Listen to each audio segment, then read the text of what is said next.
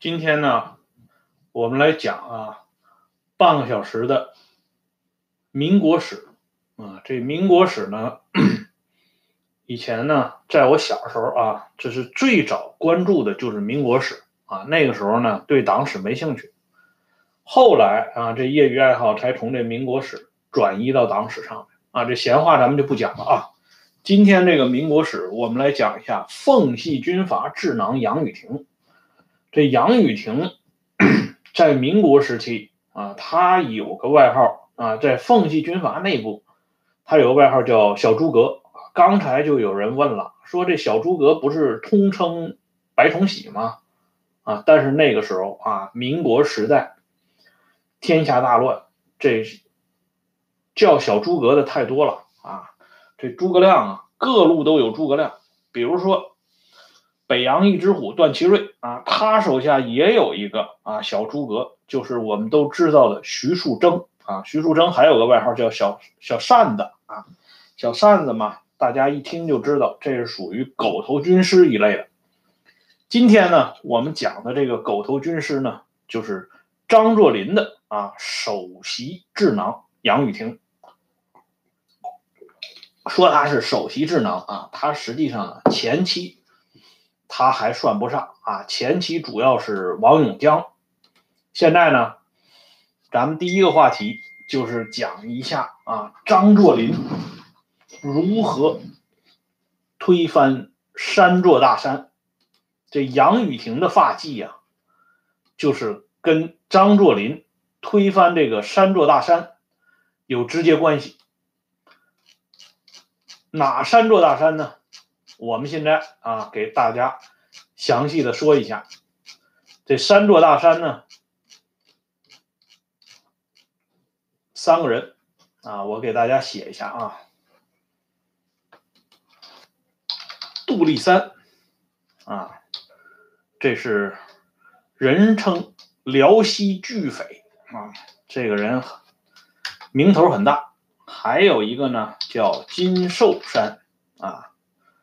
金寿山，这是张作霖的拜把子兄弟啊，还有一个啊叫冯德山。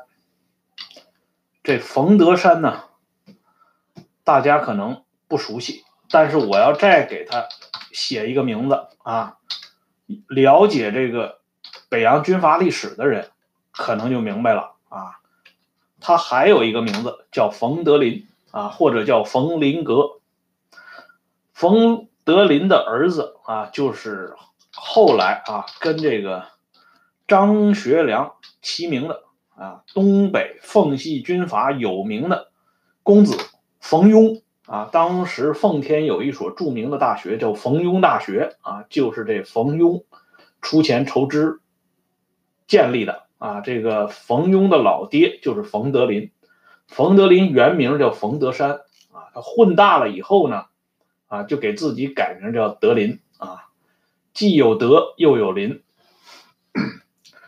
这杜立山和金寿山呢，这两个人啊，如果了解这个张作霖的，都知道，这杜立山是张作霖投靠东三省总督赵尔巽啊。赵尔巽这个人有点名气啊，这是《清史稿》的编撰者之一。赵尔巽还有一个宝贝弟弟啊，叫赵尔丰。赵尔丰是干嘛的？咱们都知道啊，清朝灭亡起是来源于这武昌起义，开了第一枪。可是武昌起义的源头在哪儿呢？在保路运动。为什么会有保路运动啊？就是这赵尔巽的老弟赵尔丰给惹出来的祸端啊。四川总督赵尔丰，后来这赵尔丰让这个他手下的人啊，这也是说他的这个小老弟儿吧，啊，给搞掉了。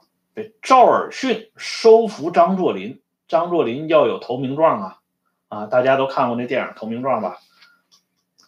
张作霖的投名状就是辽西巨匪杜立三的项上人头。金寿山呢，原本是张作霖的拜把子兄弟啊，甚至啊还救过张作霖一命啊，因为张作霖的这个贴身保镖梁二虎啊，是杜立三手下的一个亲信啊，因为有汉于杜立山被张作霖给搞掉了啊，张作霖是用阴招搞死的杜立山嘛，所以这梁二虎啊，就是一直要报答杜立山的知遇之恩。因此呢，就潜伏到张作霖身边啊，这有点像这春秋战国时期的那个豫让啊，为主子报仇，要杀这个赵国的这个主公啊，跟这个有点相似。这梁二虎要摸枪的这一当口，让这个金寿山啊，通过这穿衣镜啊，那镜子，这他通过那镜子一下就看到这个梁二虎的手往这个裤腰上摸啊。所以呢，金寿山抢先一步把这梁二虎给击毙了，救了张作霖。可是张作霖的想法可跟这个金寿山不一样啊，他认为你连个招呼都没打，一枪就把我亲信的马便给打死了，你这个啊心思肯定不在于救我。所以呢，后来张作霖呢就把这个金寿山给搞掉了啊，这是搬掉了两座大山。唯独这个冯德林比较摇手啊，一个是呢，冯德林同张作霖的渊源很深啊。论起江湖的行辈，冯德林是居长。再一个呢，冯德林后边那靠山也不一般，那是日本人。哎，一九零四年夏啊，主持旅顺大屠杀的啊，日本的高级将领啊，大山岩。专门邀请这冯德林参加大日本帝国讨陆国军满洲义勇兵，这个武装呢，俗称啊叫东亚义勇军。这是当时这个日本人啊准备收拾这个德国人搞的这个啊游击武装，这冯德林呢就参加这个武装了。战后呢，冯德林获日本天皇颁发的宝兴勋章一枚。等到辛亥革命这把烈火烧到东北的时候啊，这东北的保皇派啊要负隅顽抗。赵尔巽这老头子呢，当时靠的就是张作霖和冯德林这二林啊。冯德林这个时候的。职务呢是左路巡防营统领，他这个左路巡防营啊，死守辽西，堵住了山海关的咽喉啊，因此呢，在日后啊，保皇派站稳脚跟以后，论功行赏，封这个冯德林为陆军第二十八师师长，张作霖呢任。二十七师师长，两个人平起平坐。这样呢，在张作霖看来啊，这冯德林就不好对付了啊，因为两个人都掌握一个师啊，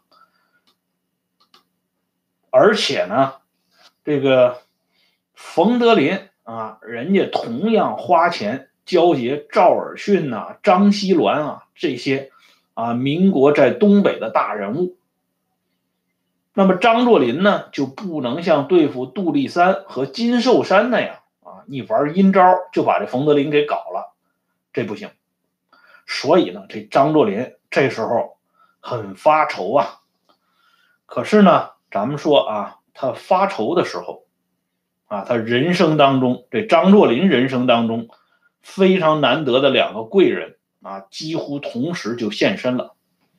这两个贵人都是谁呢？啊，我给大家打一下这个字啊，一个是这个，我们都知道这个袁世凯，号称是袁世凯的干儿子段芝贵啊，一个呢就是我们今天要讲到的主人公杨雨婷啊，这两个人都出现了。先来说一下这段之贵啊，这段之贵呢是安徽合肥人，他是李鸿章的同乡。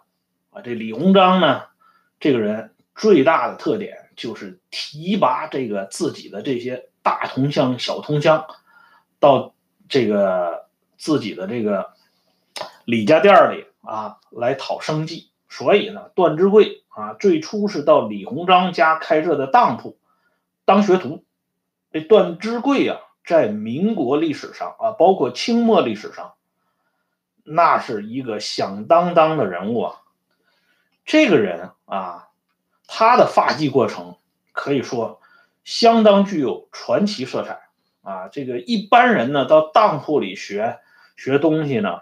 啊，都是学这个，主要看这个物件啊，就是说很多这个真正的宝贝，最后都被这个人家啊，因为穷困潦倒送到了当铺里，所以呢，这个这里边很多有一些很有一些好东西啊，这学徒呢，多数时候是练这方面的眼色，可是人家段之贵呢，不是这样啊。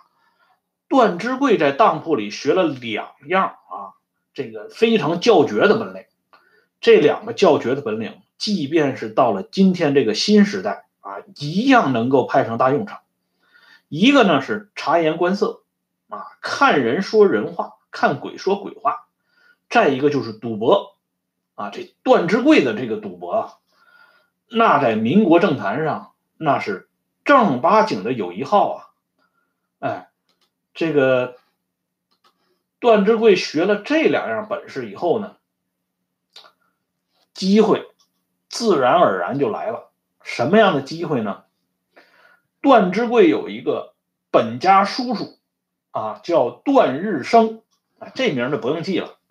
他是这个淮军，这个淮军下边有个盛军啊，这个盛军。起家的人物是周胜波和周胜传这兄弟俩。这圣军是当年啊，这个李鸿章镇压捻军五大主力啊，五大主力之一啊。这圣军，这段之贵的老叔啊，这段日生就是圣军里边的后营帮带，就是一个副头啊，一个。这个中级军官，这人呢腰上啊长一个这个大脓包啊，这个老是不好。后来呢，人家这段之贵就听人家讲了，说他这个大包啊要想好，必须得把里边的脓血给弄出来。这段之贵啊，人家就用嘴啊把他老叔这腰上的那脓包里的脓血。一口一口给吸了出来，这个招法，我跟大家讲啊，这个招法在历史上有记载的，就是汉文帝的啊身边的宁姓邓通啊曾经干过，这不是一般人啊能够做得出来的。你想想，那脓血，谁知道里边有没有毒啊？对不对？但是人段之贵就做到了。所以他这老叔段日升啊，就把这段之贵看成自己的亲儿子啊，说这个你放心吧，你的日后的前程都包在叔叔我身上了。所以呢，送段之贵先去天津武备学堂学习啊。从那个时候呢，就讲究学历了。哎，这天津武备学堂在当时那也是不得了的地方啊。有了这个资历呢。这段之贵就跟上了李鸿章的儿子李经方，东渡日本，又进入到了日本士官学校学习啊。当时啊，中国的陆军那是把日本看成是祖宗一样的啊，能够进入日本士官学校学习，放出来那就不是一般人物了。所以段芝贵出来以后呢，很快就到袁世凯创建的新建陆军左翼第二营担任管带和随营学堂教习。利用这个位置啊，段芝贵呢巴结上了袁世凯，甚至做了袁世凯的干儿子啊。这个段之贵实际上啊，他比袁世凯就小九岁多那么一丁点儿，可是呢，人家段之贵啊对袁世凯。那真是当爹一样来看待，他又把啊对付他老老老叔啊段日生的那套这个本领呢，用在了对袁世凯的身上。清光绪三十三年，就是公元一九零七年，清末政坛上发生了一场啊非常重要的绯闻案件啊。这个绯闻事件的主角叫杨翠喜啊，这个杨翠喜相当于今天的啊大型电视台啊综艺节目的女主持人，就是这规格啊。杨翠喜呢，是那时候是咱们天津电视台的女主持人啊，这个被谁给看上了呢？被这个庆亲王奕匡的儿子啊，贝子载振，这载振呢是贝勒弦的贝子啊，载振呢就想方设法的杨想要把这个主持人啊杨翠喜弄到身边来，这段之贵。具体负责操办这件事儿，啊，整个这件事做的非常匀乎啊，所以呢，投桃报李，在载振的策划和干预下，段之贵一跃成为代理黑龙江巡抚啊，名义上是代理啊，实际上呢，那就是啊，实缺啊。你想想，他这么一个啊啊。四五品的官员，没有军功啊，没有救过驾啊，甚至也没有镇过灾，就是凭着啊把女主持人送到镇贝子怀里的这么一个勾当啊，一跃而成为封疆大吏，戴上了红顶子啊，这可不是一般的位置啊，黑龙江巡抚啊，就跟这个黑龙江省委书记这位置差不多呀。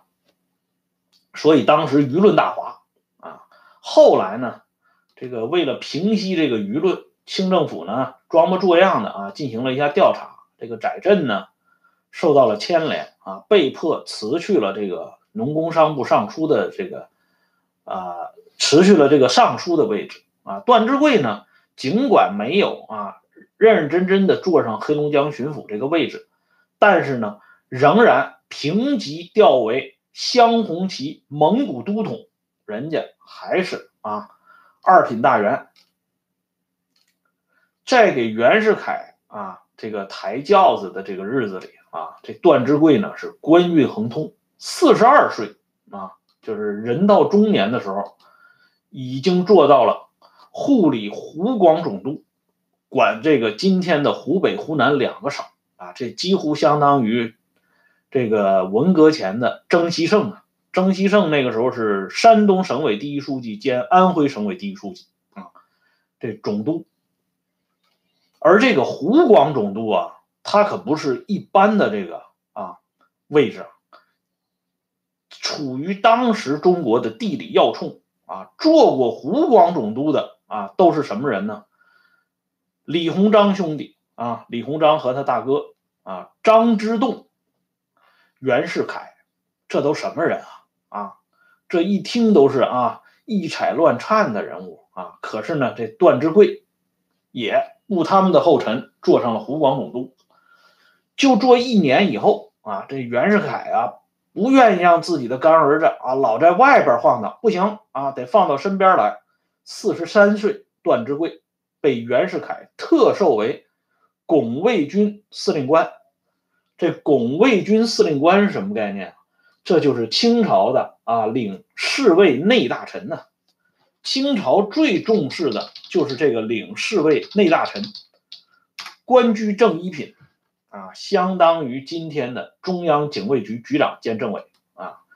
这个位置那是气焰非常嚣张啊，连民国首任的国务总理唐绍仪，那见到段芝贵都要为之逊避三分呢。四十五岁，两年以后啊，段之贵受封张武上将军、湖北都督兼巡按使。这已经就是说啊，到达他这个政治巅峰状态了。哎，但是呢，这个时候啊，段之贵有不满足的地方啊，他呢有遗憾。啊，这个袁世凯呢就问他啊，你有什么想法呢？段志贵说：“我当年啊，好悬当上这黑龙江巡抚，可是让这帮人给我搅黄了啊，我能不能啊重温旧梦？”这袁世凯说：“这没问题呀，因为这个时候袁世凯呢正在紧锣密鼓的筹划他这个红线地质啊，东北的形势在袁世凯看来相当之重要，他特别需要这么一个亲信啊坐镇东北。”这样呢，对这个京畿的安稳起到决定性的作用。段志贵一提出这个要求啊，袁世凯马上就答应了。所以呢，这段志贵啊，在一九一五年八月被袁世凯任命为镇安上将军，督理奉天军务兼巡按使，节制吉林、黑龙江两省军政。这个位置就是相当于张作霖。啊，恩师赵尔巽当年的位置，甚至说是徐世昌的那个位置啊，钦差大臣兼东三省总督啊，这个段芝贵啊，就这么一个当铺的学徒啊，居然爬到了这个位置上。这段芝贵呢，到了这东北啊，有一个人特别生气啊。谁呢？就是张作霖。张作霖呢，一听说段芝贵要来东北，嘿，这张作霖心里啊就开始窜火了。因为这个张作霖是千方百计的啊，要把这奉天城抓在自己的手里啊啊！刚刚把这些难缠的家伙一个一个都给弄出去了啊，可是呢。现在这段芝贵啊，居然一屁股坐在了这个奉天的一把手的位置上啊！张作霖一看，成什么了？这是啊啊！因为当时张作霖已经是奉天城的灵魂了啊！奉天下边的县长啊、局长啊，哪怕是一个税捐所的所长，这税捐所相当于今天这个税务所所长啊。他的任免都要张作霖来点头，哎，我们都知道啊，这个伪满洲国时候有一个响当当的这个汉奸啊，叫西洽啊，这个人很有名啊啊，这西洽呢，那个时候正深得啊当时东北的名义上的一把手张锡銮的器重啊，这个张锡銮呢就想让这西洽。担任上将军公署军务科科长啊，当时叫科啊，军务科科长。本来呢，张锡銮以为这是上将军公署内部的这个人事调动，没有必要跟张作霖打个招呼啊。这个张锡銮呢，我给大家打一下啊，这张锡銮是继这个赵尔巽之后啊，管理东北的方面大员。张作霖呢，对他相当尊重啊，而且两个人因为都姓张，所以张作霖管这张锡銮呢，有的时候啊，就按照干爹的规格来处理啊，所以这张锡銮对张作霖呢，那也是有求必应啊。可是人家张锡銮毕竟是上将军，我安排一个我自己啊这个夹带中的人物，这我还需要跟你张作霖打招呼吗？所以张锡銮就没没跟张作霖打招呼，但是张作霖知道以后就不满意了，啊，然后呢，人家张作霖会办事儿啊？为什么说他会办事儿呢？他不能直接跟张锡銮开火啊，那以下犯上，张作霖不会干这种亏本的买卖，他呢就直接把西洽给找去了啊，他就跟这个西洽说，他说老弟呀，啊叫的很亲热啊，这个。西洽一听啊，张作霖管他叫老弟，就知道那夜猫子上门啊，不是什么好事儿。果然呢，张作霖就说：“老弟，你当上了军务科科长啊，以后呢，老哥我那就得听你的招呼了。”这西洽一听，好嘛，这是夹枪带棒的，暗示我呢。所以这西洽赶紧去找张锡銮，啊，说我干不了，这军务科科长啊，您老还是请别人吧，我做不来。这张锡鸾还没明白怎么回事呢，这西洽就撂挑子走了，张锡鸾就无可奈何了，啊，这样呢，张锡鸾就去征求张作霖的意见，啊，说那个雨婷啊，这个军务科科长现在有缺，你看你有什么好推荐的呢？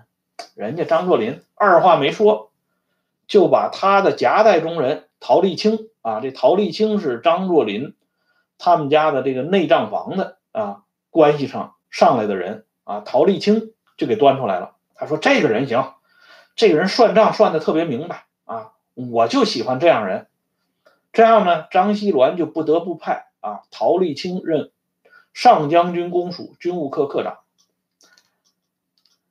这陶立清啊，跟张作霖什么关系呢？我给大家举个例子啊，这是陶立清的儿子啊写的回忆回忆录里边提到的。这陶立清是张作霖的总会计师啊，我把这人名写一下啊，陶立清。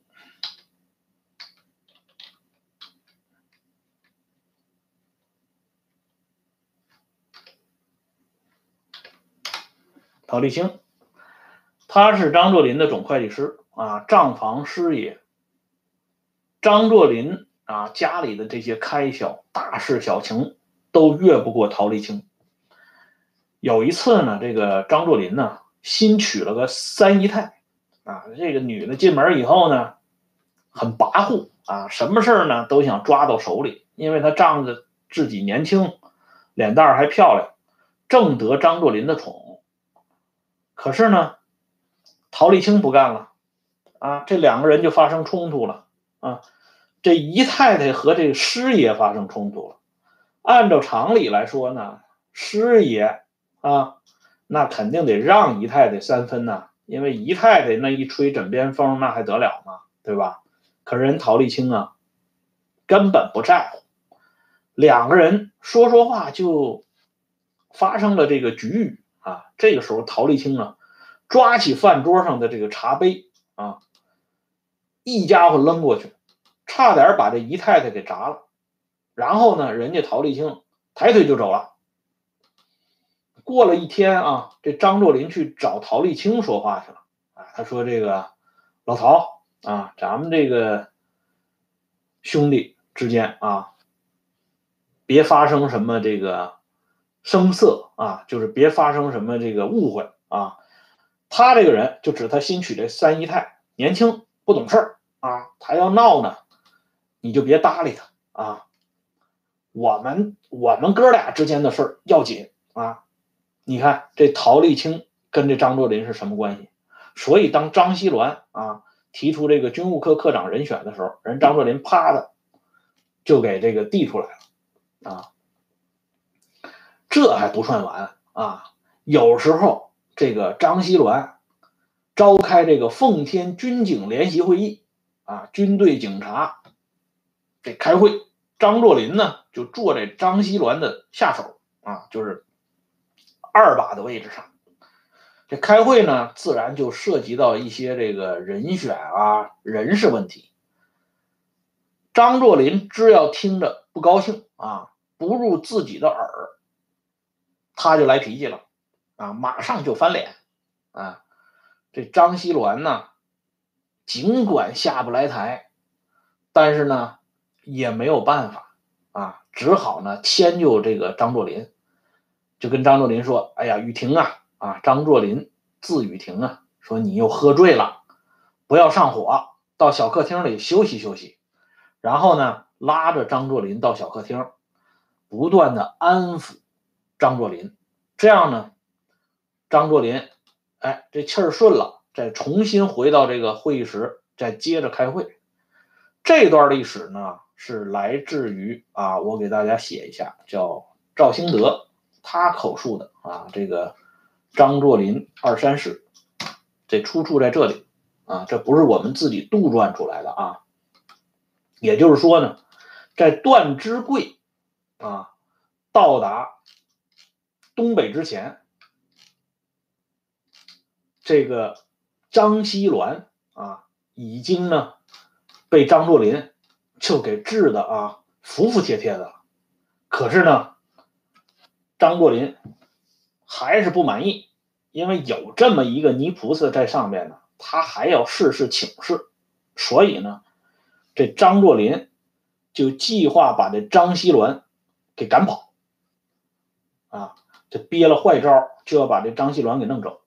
那么张作霖通过什么招啊，把他这干爹张锡銮赶跑呢？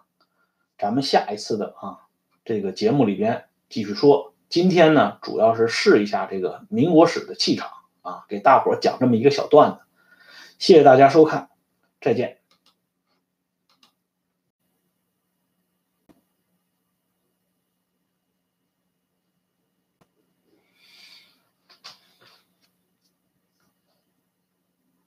啊，现在呢，我们来继续讲啊，上一次上周没有结束的话题，就是奉系军阀智囊杨雨婷第二集啊。这个在讲之前呢，我先说几句闲言碎语啊。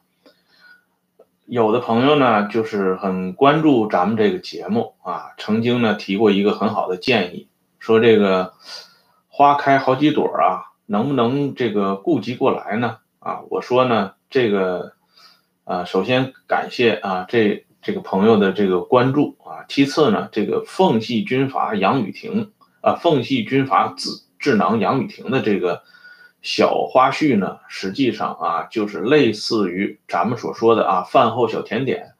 啊，时不时呢就来上这么一段啊，大家呢全当是这个。听完了党史之后的一种调剂啊，这不是作为咱们这个温相说党史的主流话题，但是呢，这个温相说党史啊，这个节目它的关键在什么呢？关键就是希望大家能够用常识啊来判断历史，啊用常识来解读历史。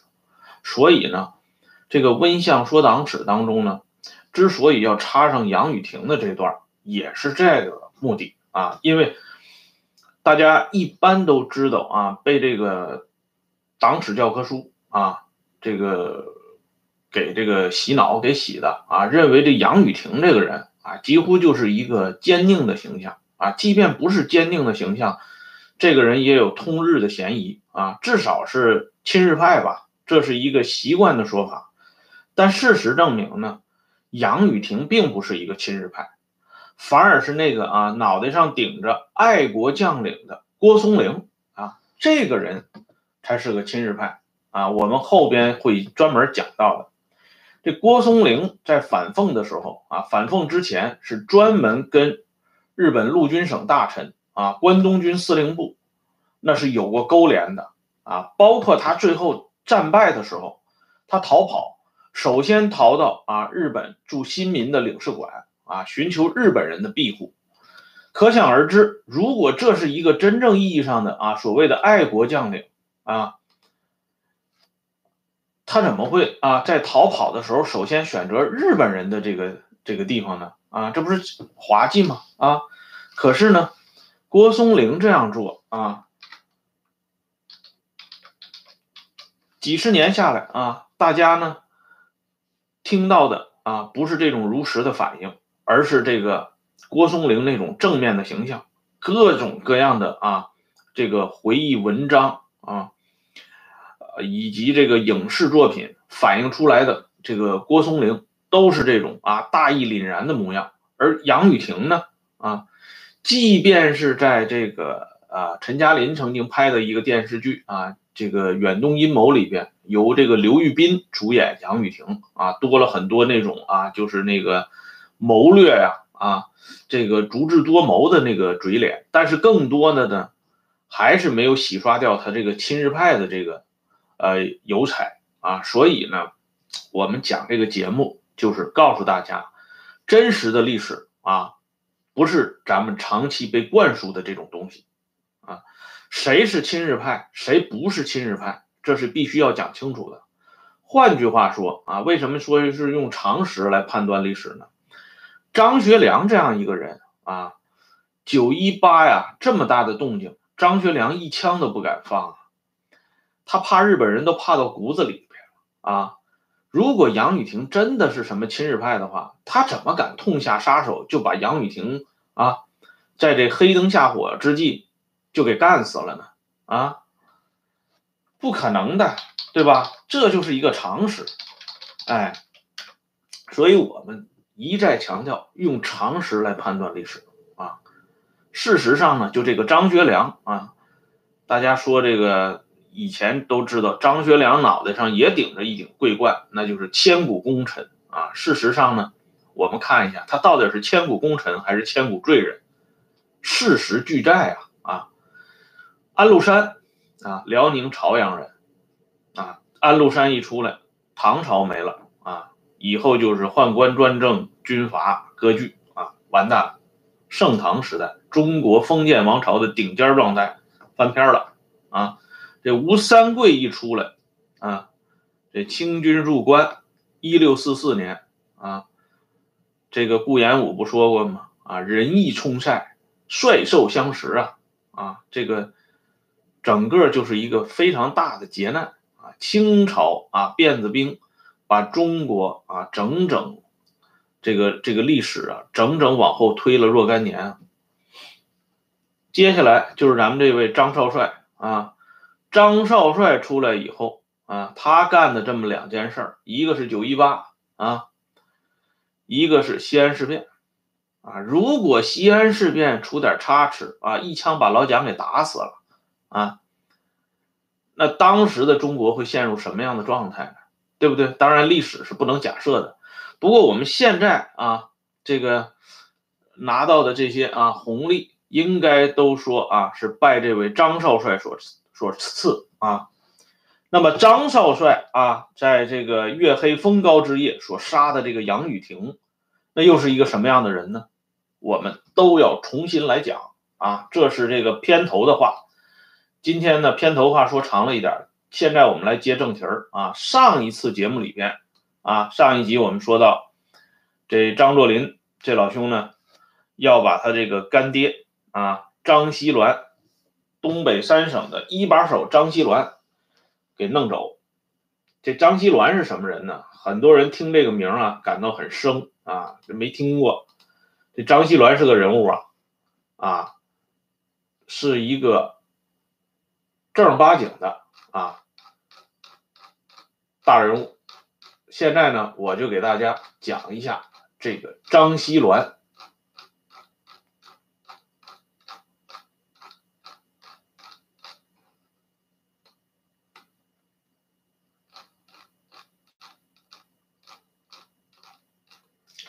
张锡銮呢，说起来也不是一般战士啊。甲午陆战时期，清军一败涂地，张锡銮与区区一千余号人组织了一支定边军，专门跟日本人较劲啊。这一支一千多人的这个非这个王牌武装啊，居然这样让日军呢这个劲旅啊，在宽甸一带连续遇挫。啊，成为这个甲午陆战大败之际难得一见的些许亮点之一啊！他和当时另外一个这个将领徐邦道是属于一路的人物啊，敢于孤军奋战，这是挺了不起的一段历史啊！等到这个袁世凯呢，意欲称帝，顾盼自雄啊，征求这些老朋友们的意见，首先呢，就征求到了张锡銮的门下。张锡銮这个人不含糊啊啊，因为你想想，那个时候袁大总统都已经是如日中天了啊，人家问你话不是让你说真话啊，是让你迎合着大总统的心思来讲。张锡銮混迹官场几十年，他能不知道这个情况吗？但是即便是这样啊，张锡銮一方面是出于啊自己对这个时局的判断，另外一方面也出于这个好朋友。的这个关系啊，张锡銮就说了，这称帝呀，啊，张锡銮的话说的很委婉啊，他说这个称帝实际上啊，就相当于作死啊。这袁世凯一听就不高兴了啊。这张锡銮应该说这是一个纯爷们儿啊，可是呢，现在就被这土匪的张作霖活活的困在了奉天城里，玩弄于股掌之间，还不能有半点的脾气啊。道理非常简单，因为刀枪入库，马放南山呢。大伙都看过那个电影《大浪淘沙》吧？啊，老电影《大浪淘沙》啊，那个最后的时候啊，那个咱们那收发室的老大爷张老大爷啊，临死前对金公寿说的一句话，说：“哎呀，啥时候也不能放下枪啊！”啊，说的多好啊！就是张锡鸾因为放下了枪啊，没戏了。三十六计走为上啊，惹不起躲得起。张锡鸾呢？就向张作霖透露了啊自己要离开奉天的意思，张作霖当然不干了。张作霖这戏演的很足啊，说干爹，您可不能走啊！您一走，我们不成了这个猪八戒照镜子里外不是人了吗？啊，你不能走啊！啊，这个张锡鸾呢就说，我呢已给已经给大总统递了推荐函了啊。早晚让你当奉天之主啊！实际上呢，张锡銮也是忽悠张作霖啊。说完以后呢，张锡銮啊还怕张作霖不信，翻出了两首诗啊，两句诗给张作霖看。这两句诗是哪两句呢？是“庭前古树老于我啊，窗外霞阳红满楼”啊。这个诗写的很悲怆啊，我给大家打上去啊。这个张锡銮啊，文武各有一套啊，还能作诗。张作霖哪懂诗啊？他就把这诗啊给身边这哥几个看。汤玉麟、汤二虎这样的，那还不如张作霖呢啊！这个时候呢，张作霖身边有一个啊智囊，这个人送外号老诸葛啊。这相较于这个杨雨婷来说啊，这属于老诸葛了啊。是谁呢？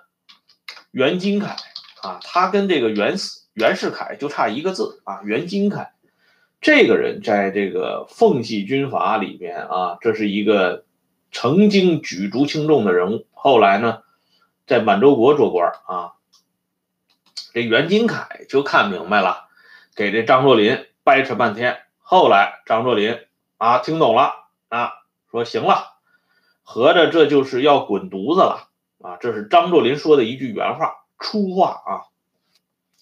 可是呢，滚了一个啊老梆子张锡銮，却来了一个生瓜蛋的段芝贵啊。张锡銮在奉天是捞了不少钱的，可是呢，段芝贵啊初来乍到，这是属于恶狼啊，还没开始捞呢啊。而且最让张作霖感到气愤的是啊，这个。张锡銮捞的是钱呐，啊，那你要银子，这个可以满足。可是段芝贵来了以后呢，是既要权也要钱，尤其是伸手要权，这是张作霖万万不能容忍的啊。同时呢，段芝贵还有一项任务，就是负责专门监视张作霖和冯德林这哥俩，这样呢就惹翻了啊张作霖和冯德林。我们前面提到一个事儿啊，就是这个在张锡銮任命上将军公署军务课课长时候的这个起的风波啊。这上将军公署呢，一共有四个课啊。这个我给大家打上去啊，这个很关键的一段话啊，这个说着有点费劲，一打就明白了。这四个课里边啊，最重要的就是这军务课。号称公署的管家，相当于秘书长吧，啊，这个课呢，段之贵没敢动啊，因为他知道这军务课课长陶立清那是张作霖的班底啊，管家呀不敢动。可是呢，他把冯德林派去的人白运昌，他的位置给动了啊。这冯德林一看气坏了，就跟张作霖讲说：“这段之贵这个啊，瘪犊子。”他一来，好嘛，把我的人给换下来了。张作霖就拱火啊，说五哥呀，他这是做损呐啊，做损，这应该是一句这个老话，就是缺德啊。他为什么管冯德林叫五哥呢？张作霖，因为呢，在一九零七年啊，我给大家发一下啊，这个出处啊，咱们这个讲都得有出处。这一念起来有点长啊！一九零七年，张作霖等人啊是八拜结交，其中这冯德林呢是排行老五啊，吴俊升排行老二，张作霖啊他是排老七啊，所以呢张作霖管冯德林叫五哥啊，是这么来的。段芝贵呢之所以没敢动张作霖的人啊，并不是。因为张作霖的骄横啊，并不完全是啊，这里边还有一层人情关系，就是我们前面讲过，段芝贵的本家老叔段日升啊，他呢是提携段芝贵的恩人啊，段日升本人呢受过张作霖的不少的好处啊，吃人家的嘴短，拿人家的手短啊，所以呢，段芝贵呢一时半会儿碍着他老叔的情分啊，抹不开这个面子。说来也巧呢，啊，这个因为汤玉麟的一时冲动，竟让主动收拾张作霖的机会啊，跑到了段志贵这跟前了，啊，这事情呢起起因很有意思啊，就是有一天，山西省的商号叫龙泉美钱庄，他这伙计啊。这钱庄的名得打上去啊！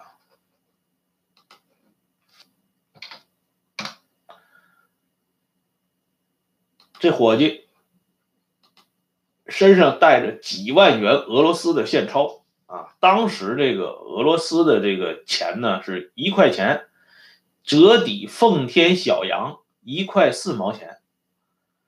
身上带这么多外汇啊，在街面上就让人给抢了，伙计呢就报警了。啊，警察呢把抢钱的人就给逮着了，一问呢是这个二十七师五十三旅旅长汤玉麟手下的兵，啊，还没审讯完呢，汤玉麟就急了，带着人就把这兵给抢走了。这个时候呢，这奉天省会的警察厅厅长宋文玉，宋文玉是张作霖的连襟儿啊，啊，人家叫一担挑啊。打电话就给张汤玉麟要人，因为宋文玉人家背后站着这个张作霖呢。汤玉麟说：“人已经毙了啊，这个兵不是抢人钱吗？我已经给毙了，爱咋咋地吧。”啊，这件事呢传到了段芝贵的耳朵里，段芝贵食指大动啊。为什么呢？因为段芝贵很早就想把奉天的警务大权抓到手里啊，这一点呢。你得说啊，段芝贵是跟他干爹袁世凯学的。袁世凯对这个警务大权啊，一直就很重视啊。当年曾经派过亲信赵秉钧主管这个事儿，所以段芝贵呢，现在是一样画葫芦啊，一定要先把奉天省的这个警务权抓到手里。就着这个汤玉麟的这件事儿啊，做文章一石二鸟。随即呢。段芝贵召开全省的治安警务会议，在会上啊，就把宋文玉给骂了一顿，然后呢，准备把自己带来的亲信张洪洲推到前台去当这个奉天省警务厅厅长啊，奉天省会警务厅厅长。张作霖不干了啊！张作霖一拍桌子起来了，他跟段芝贵说：“我告诉你啊，抢钱是常有的事儿。”别说是一个省会的警察厅厅长管不了啊，就是我张作霖也管不了。哎，你看段芝贵这个人啊，实际上已经就是够不要脸的了啊！咱们之前讲他那个拍马屁的那个啊，那那那个状态啊，但是张作霖比他还厉害。张作霖人家是土匪出身啊，那走江湖什么没见过呀？到这个时候，就是图穷匕现了啊！就要把牌亮出来，把旗号打出来。段芝贵呢，没想到张作霖来了这么一手啊，面子上过不去，还想硬撑，然后就将了张作霖一军儿啊，说雨婷，那你看怎么办呢？张作霖勃然大怒啊，抬屁股就走啊，一边走一边骂，骂的当然都是粗话、难听的话。周围的人一看，哦呀，不得了了，张作霖走了，那我们还在会议厅坐着干嘛呀？立马全都散了。结果这个会议大厅就剩下段志贵啊这么一个孤家寡人了。这下段志贵瘪茄子了，他一没想到张作霖啊居然甩袖子不干了，他赶紧找人去同张作霖疏通关系啊，还亲自这个关照我。这个一定要请这个雨婷啊来坐一坐，吃个饭。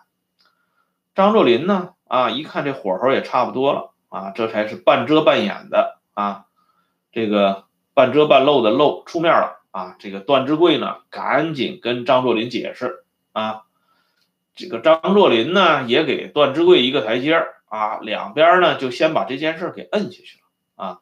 回家以后呢，张作霖就告诉这个宋文玉啊。说我告诉你，你回去安心的干啊！段志贵这小子，这把让我给治住了啊！段志贵原来的打算呢，啊，他是想把这个省会的这个警务大权抓到手里。他的亲信张洪洲呢，虽然是奉天省警务处处长啊，但是没有实权。他只有兼奉天省会警察厅厅长，才能把大权抓到手里，所以他打宋文玉的主意。可是呢，他没想到张作霖一眼就识破了他这个这个小伎俩啊，一下子就把他给摁住了，刚伸出的手就给摁这了。张作霖呢，虽然暂时打了段基呃段志贵一个小伏击啊，可是背后的冷风呢，却嗖嗖的啊。一年多以前，也就是公元一九一四年八月。袁世凯那个时候啊，就准备让张作霖挪挪窝，啊，那个时候出主意的是段段祺瑞啊，不是这段志贵了啊。段祺瑞当时给袁世凯出个主意啊，准备用护军使这种头衔把张作霖调到内蒙古。当时呢，这个地方这个军阀呢啊，这个官阶首推这个都督。啊，大省的一般都叫都督啊，小一点的省，像贵州省啊，这个不太起眼的，他的这个主管军队的啊，就叫护军使啊，简易等。所以这个时候呢，段祺瑞给老袁出的主意，就是把张作霖用护军使这种头衔给他弄走啊，因为张作霖毕竟不是北洋的嫡系啊。可是张作霖是什么人啊？张作霖找来老诸葛袁金凯，两个人一商量啊，当时就直接给段祺瑞发了一封措辞强硬的电报。这张作霖做事儿确实是有这个有一套的这个做法啊，为什么呢？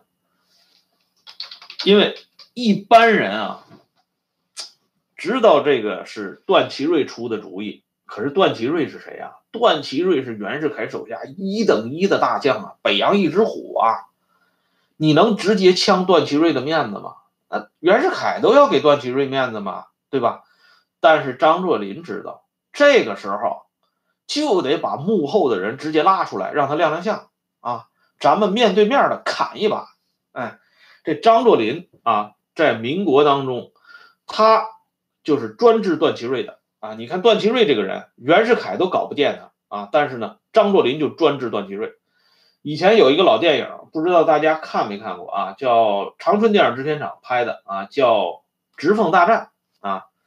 这个电影拍上下集啊，原来呢，这个电影的名字叫《北京政变》，后来呢，因为这个名字容易产生歧义，所以改名叫《直奉大战》啊。这个主要是讲冯玉祥在第二次啊直奉战争中倒戈的事情。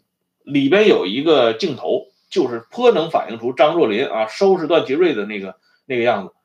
当时在饭桌上啊，张作霖含沙射影的骂这个冯玉祥，骂够了以后呢，起身就走。这个时候呢，段祺瑞啊，这段祺瑞演段祺瑞的是老演员啊，是这个仁义的老演员，叫郑荣啊，不是那个火腿肠的郑州郑荣啊，跟那个没关系啊。这个老演员叫郑荣。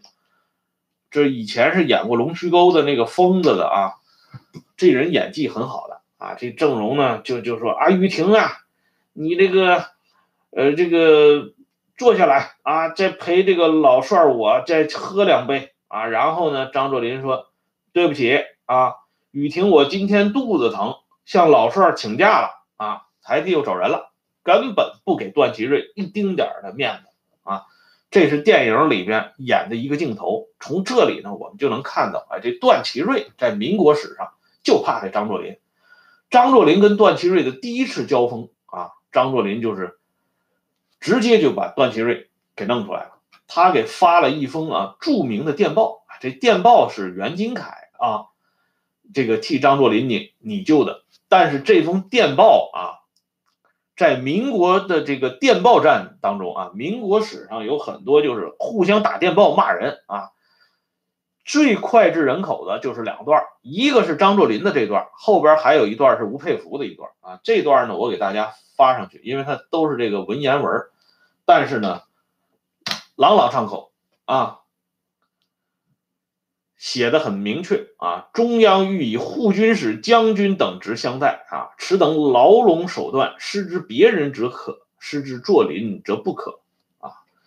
张作霖这句话是直戳。袁世凯、段祺瑞的肺管子啊，这样呢，这个用护军使调张作霖的这个事儿就放下了。一九一五年八到九月份，这个时候呢，北京城就闹上了帝制了啊，筹安会最关键的时候，张作霖呢就一再上书表忠心，甚至呢说出什么话呢？若帝制不成，誓不再生啊！就是如果。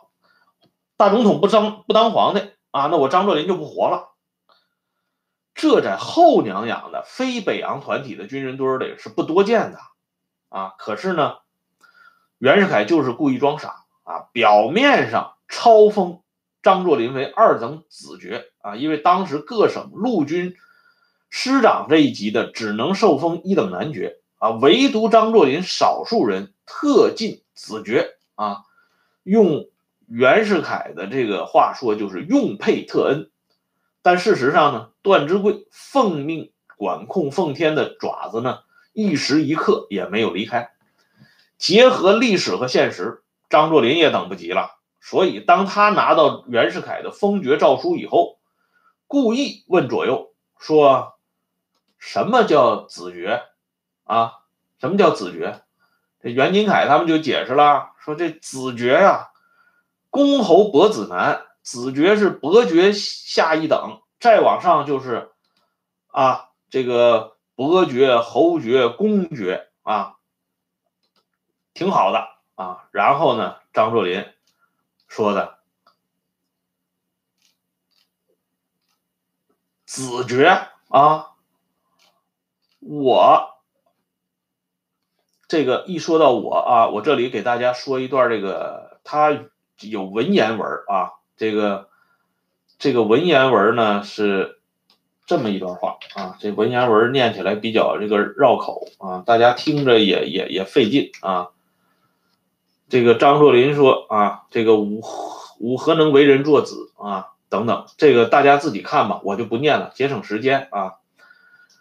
但是呢，袁金凯在伪满时期啊，他有过一个回忆，他说张作霖那个时候是破口大骂。原话说的是妈了个巴子的啊！咱们爷们儿辛辛苦苦打下了奉天，他们这帮瘪犊子想弯腰捡现成的，别说他妈的子爵，就是封爷们儿一字并肩王也他妈的不稀罕啊！这是张作霖说的原话，这个才符合张作霖的人物性格啊！所以呢，张作霖称病闭门谢客，段芝贵也一律挡驾啊！袁世凯呢？还准备与这个水远都统啊，这回不整护军使了，改为水远都统相邀。张作霖一口回绝，关起门来的张作霖呢，干了两件事啊，这就是咱们伟大领袖毛泽东同志经常讲的啊，或策划于密室，或点火于基层啊。可是呢，咱们张大帅这两件事都干了。策划于密室，他就找了两个人，一个是袁金凯啊。一个是杨雨婷啊，这个小诸葛杨雨婷出山了。说起啊，张作霖同杨雨婷的相识，还有一番曲折。辛亥革命期间啊，张作霖为虎作伥，帮着赵尔巽除掉了进步人士张荣等人啊！一时间呢，在奉天城里，凡是留过洋的学生，都成了官方捕杀的第一对象。一九一二年四月份，参加南北军界统一会议的成员刘德全途经奉天的时候，哎，他没想到啊，这杀人如麻的张作霖专门去上门去看他了啊。在张作霖来之前呢，这刘德全他有个同学就是杨雨婷，刚好也在座，俩人正聊着呢，人家就说这张作霖来了啊。杨雨婷知道张作霖是这个专门恨这些留洋的学生啊，他一听说张作霖来了，他拔脚就要走啊，赶紧躲呀，这人得躲呀，对吧？可是呢。他正要走的这个档口，与这个进门的张作霖碰上了，啊，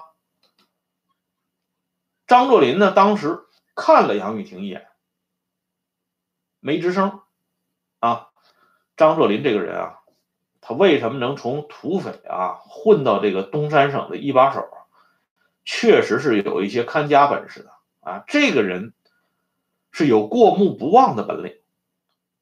尤其呢，他这个看人呢，啊，咱不说他是相面吧，啊，就是说他看人一下子就能看个大概，啊，他看了一眼杨雨婷，就把杨雨婷给记到心里了。进门以后呢，他就跟刘德全说：“他说这不都是你同学吗？啊，你告诉他们不要担心，不要走啊，咱们这个奉天讲武堂就要开办了，都要用他们。”啊，军队没有教育哪能行啊？这刘德全啊，素来就是看不起这个张作霖，因为张作霖是土匪出身啊。可是今天听到张作霖一进门说了这番话，啊，这个刘德全就是大感惊讶啊。晚年的刘德全写这个回忆录的时候啊，我把刘德全写的这回忆录给大家发上去啊。看一下，咱们这个不是演绎啊，这是历史啊，这是每一段话都是有出处的啊。他写的这个回忆文章，辛亥革命发动时，张作霖进入奉天这么一段啊，专门提到了啊，张作霖和杨雨婷见的第一面的这个事啊。张作霖统治东北十年啊，所谓大治。啊，不过是这个混战一场，这不必多说啊。但七人对于一般不危害到他根本利益的知识分子，还都是采取了相对比较客气的态度。至少在他的统治期间，知识分子受到的残杀和祸害，都被控制在啊有限的程度之内。啊，对比那些满口仁义道德。啊，实则一肚子男盗女娼，专门挂羊头卖狗肉，以焚书坑儒为己任，试图只手掩进天下人耳目的政治婊子们啊！张作霖的匪性实在是浅得多了啊！这段话呢，算是我对张作霖的这一个啊评价，我专门打上来啊，大家可以看一下。有了这一次。啊，见面的深刻的印象，一转眼，三年过去了。有一天，张作霖在街上看到一支部队，啊，这个部队呢就是衣着整洁，啊，军纪严明。一开始，张作霖以为是日本人的人，呃，军队，因为张作霖他们都知道啊，这奉天城里经常有日军呢出现，而且只有日本人的军队啊，这个是。才会这么这个立立正正的啊，他就派人去打听，啊，一打听才知道，这是谁的部队呢？是当时担任了奉天军械局局长兼军械厂厂长杨雨婷的卫队呀。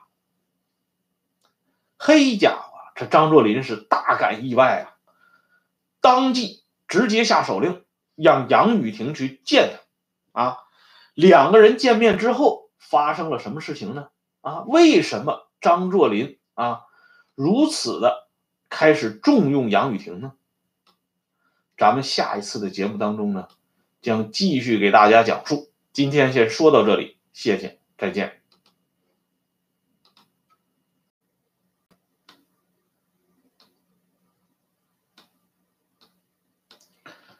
大家好今天呢我们来直播一期节目啊。昨天在直播的时候呢，已经说过了。今天讲的呢，就是民国的啊，主要是讲奉系军阀智囊啊，杨雨婷，就是还是接着我们啊前两次啊讲的关于杨雨婷的。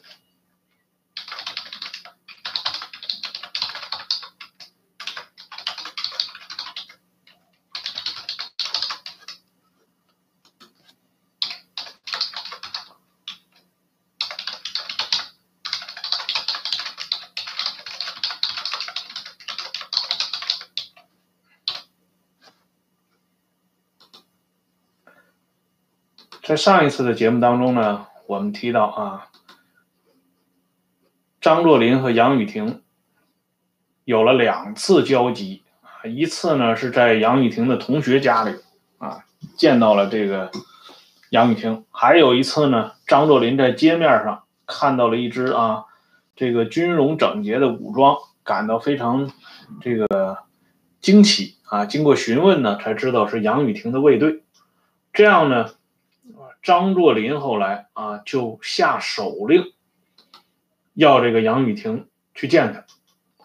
两个人一见面啊，在一起一聊啊，大有这个相见恨晚之感。这个呢，出处呢是在这个，我给大家发一下啊，这是杨雨婷老家啊，辽宁省法库县政协。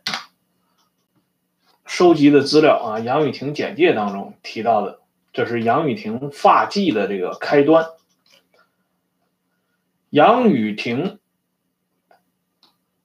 跟定张作霖以后啊，自然要为张作霖排忧解难。这个时候呢，张作霖身边啊就多了这一一个智囊人物。原来呢，张作霖身边只有这个袁金凯啊，这一次呢。又有了杨雨婷，哼哈二将，而张作霖眼下最感到挠头的就是这个骑在他脖子上的段芝贵啊，怎么才能把这个段芝贵，这袁世凯的啊派到东三省的这么个亲信头子啊，把他给踢出奉天去？所以呢，张作霖就问计于袁金凯和杨雨婷。袁金凯和杨雨婷呢，在驱逐段芝贵这个大方向上没有分歧，可是呢，杨雨婷啊，比这个袁金凯高明的地方是在于哪儿呢？他献了一条计策啊，就是借刀杀人之计啊，他就点出来了，非常隐晦的点了出来，就是说，如果要搞掉这个段芝贵啊。咱们二十七师啊，张作霖所在的这个陆军二十七师，咱们不能出面啊，应该让冯德林冯大爷的二十八师出面去做这件事情。我们这是后边啊，借冯德林之手把段芝贵搞掉，这样呢，我们一方面啊不露形迹，另外一方面呢，把这桃子。就摘到手了。张作霖啊，听到这个计策以后啊，非常高兴啊，称赞这个杨雨婷高明。而这个时候呢，冯德林啊，也在积极的准备把这段芝贵弄下去，因为段芝贵呢换掉了冯德林的亲信啊，这让这个冯德林心里啊非常憋闷。如鲠在喉啊！一九一六年，冯德林在陆军二十八师办公处请客，名义上是吃饭，实际上是密谋。吃饭呢，就是主角就是他冯德林和张作霖这哥俩。冯德林首先提出来要把段芝贵轰出奉天，而张作霖呢就装傻，请教冯德林办法。冯德林呢，就把自己已经盘算好的计划和盘托出，而且呢，这冯德林的计划可以说基本没有出张作霖和杨雨婷之前的这个记忆。最妙的是，冯德林自己主动提出来，由他的陆军二十八师唱黑脸，然后再由张作霖的二十七师唱白脸，一个是打，一个是下，啊，双管齐下，保证段芝贵滚出奉天城。张作霖啊，一听正中下怀，啊，满口答应。之后呢，张作霖就去见段芝贵去了，啊，他说呢。这个上将军啊，现在外界盛传，冯德林啊，这老小子他勾结我，我二十七师部分啊不明真相的官兵，准备合伙干一场不利于上将军的勾当，请上将军定夺。这个时候啊，就是说，这个时候国内护国运动已经是风起云涌了啊。袁世凯在一九一六年三月，迫于各方压力，不得不宣布啊取消这个帝制。那么，作为袁世凯的铁杆亲信的段芝贵呢，也已经是惊弓之鸟了。如今听到这样的消息呢，如同雪上加霜。那还定夺什么呀？赶紧向张作霖请教啊办法，怎么办？张作霖呢，用这个茶水啊。站了一下，在桌子上写了一个大大的“走”字啊，三十六计，走为上。哎，这段芝贵一看，好嘛，赶紧走吧。段芝贵就把自己啊在奉天主持工作以来收刮的现金，用京奉铁路局专车挂了一列专车呀，拉回北京。张作霖呢，还额外的。赠送了段芝贵一份厚礼，并且呢，派自己的亲信孙烈臣专门护送。段芝贵前脚走，张作霖后脚就通知二十八师冯德林动手。当这个专列行至沟帮子车站的时候，啊，冯德林所部吉金纯旅邱恩荣团长啊，这个姓邱的团长。拿着吉金纯的这个旅长的名片上车，向段芝贵递交奉天各界人民团体控诉段芝贵的电报，而且电报中呢指明要求把段芝贵极刑扣押。专门负责护送段芝贵的张作霖的亲信孙烈臣不干了，不是孙烈臣见义勇为啊，这是张作霖事先安排好的。孙烈臣就是装成红脸啊，表示义愤填膺，跑下车去啊，同这个吉金纯两个人假装的在一起啊，两个人进行争吵，实际上呢，就是做给段芝贵看的。而这个争吵的结果呢，就是专列可以放行，但是现金必须留下。段芝贵哪敢讨价还价呀？那能保一条命就不得了了。所以呢，他对孙烈臣那是千恩万谢呀。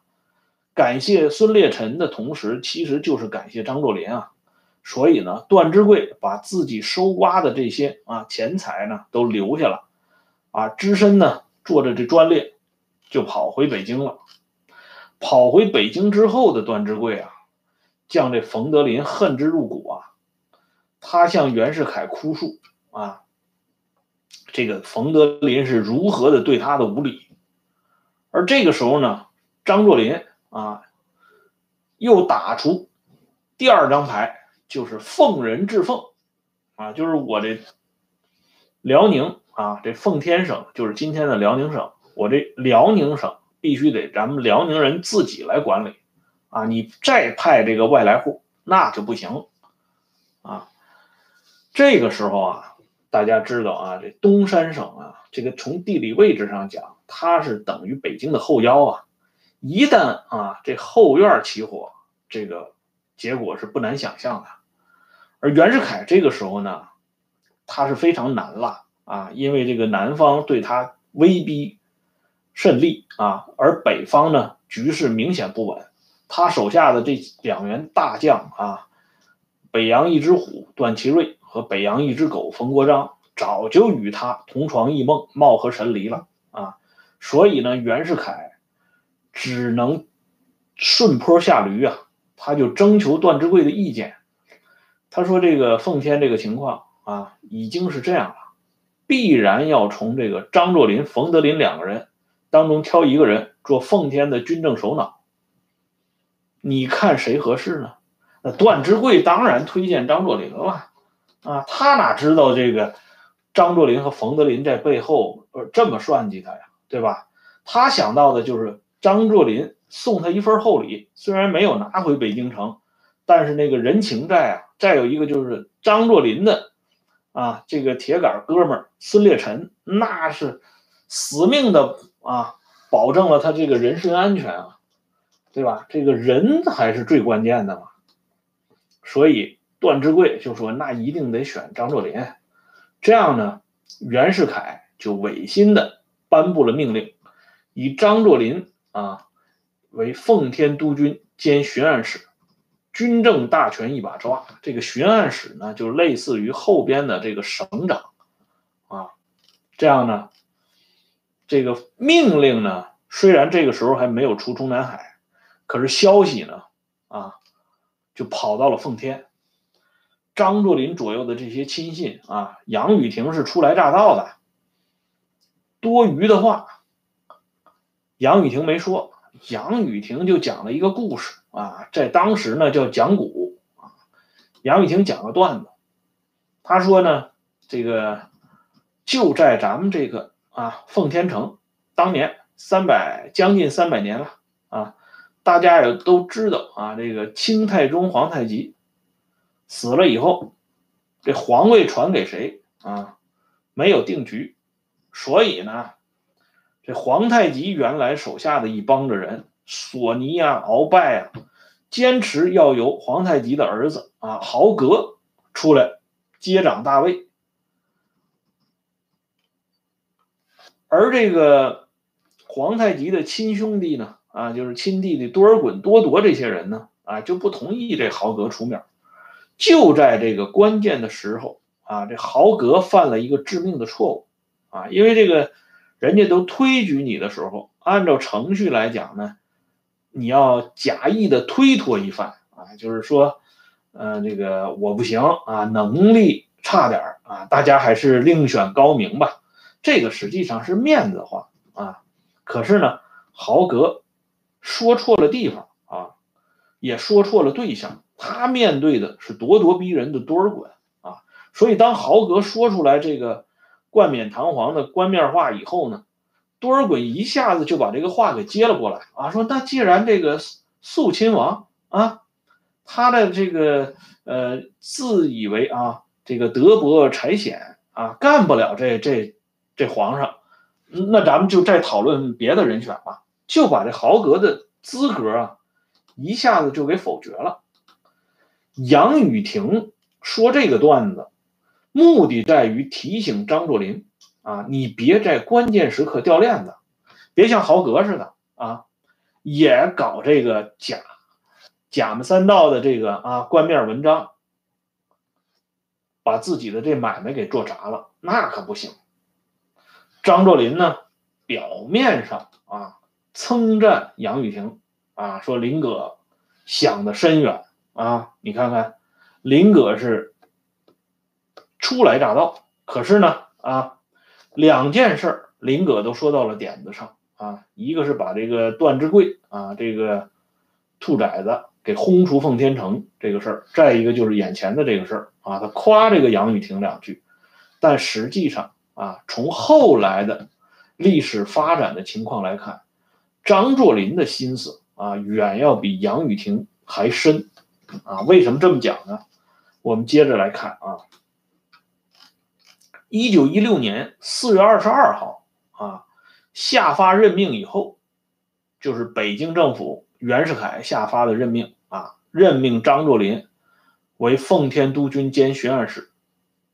张作霖拿到这个任命书以后呢，啊，委任状以后，召集奉天军界头面人物开碰头会，在会上呢，张作霖就把这个任命直接拍到了桌子上，他说：“大家伙看看吧。”啊，拿个主张，都是老哥们儿了啊，谁干谁不干的，今天咱们就定下来。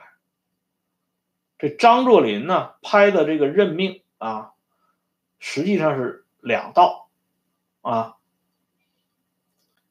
这也是袁世凯玩的最后的一个小把戏啊，就是为了牵制张作霖啊。一个呢是给张作霖当这个督军兼巡按使啊，军政大权一把抓；再一个呢就是给冯德林，冯德林为奉天军务帮办啊，就是第一副手吧啊。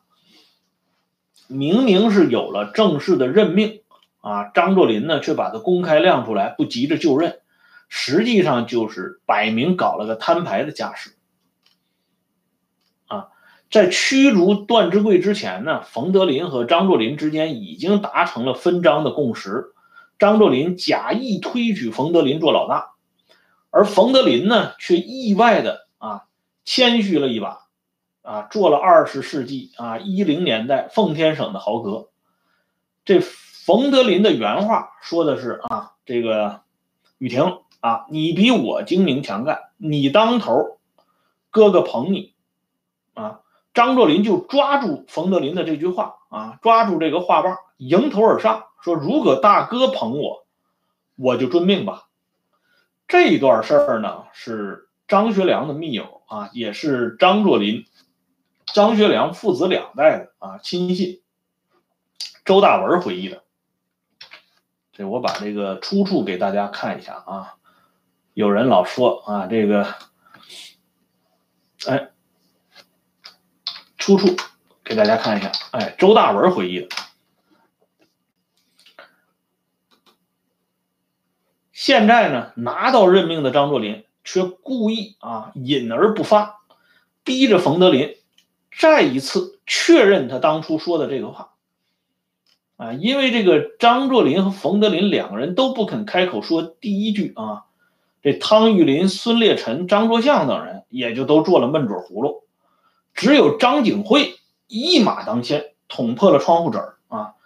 张景惠的原话是：之前都是记忆好了的，由雨婷出来干，冯大爷在后边撑腰，现在北京来了命令，就顺着章程办吧。还犹豫个啥呢？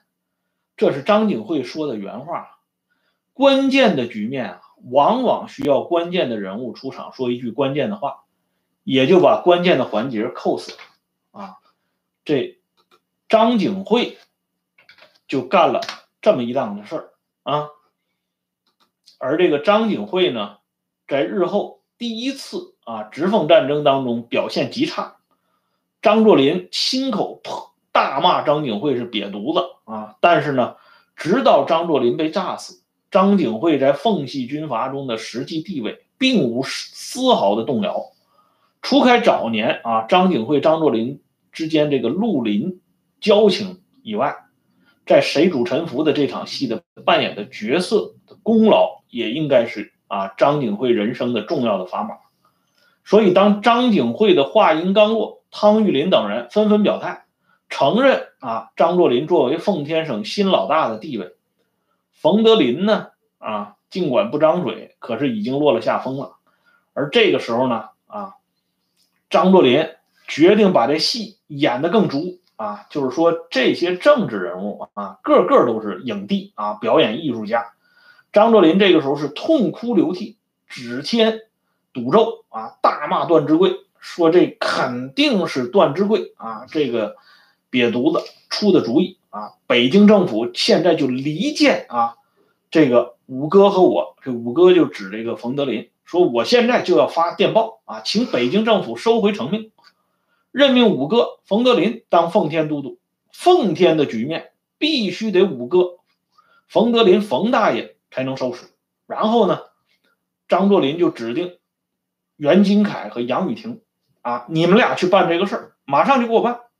北京当天就回电不准啊，然后呢，张作霖又故意的跳脚大骂，啊，骂这个袁金凯和杨雨婷，说你们两个人办事不力啊，你一定要继续给我拍电报，拍到北京同意我的这个要求为止。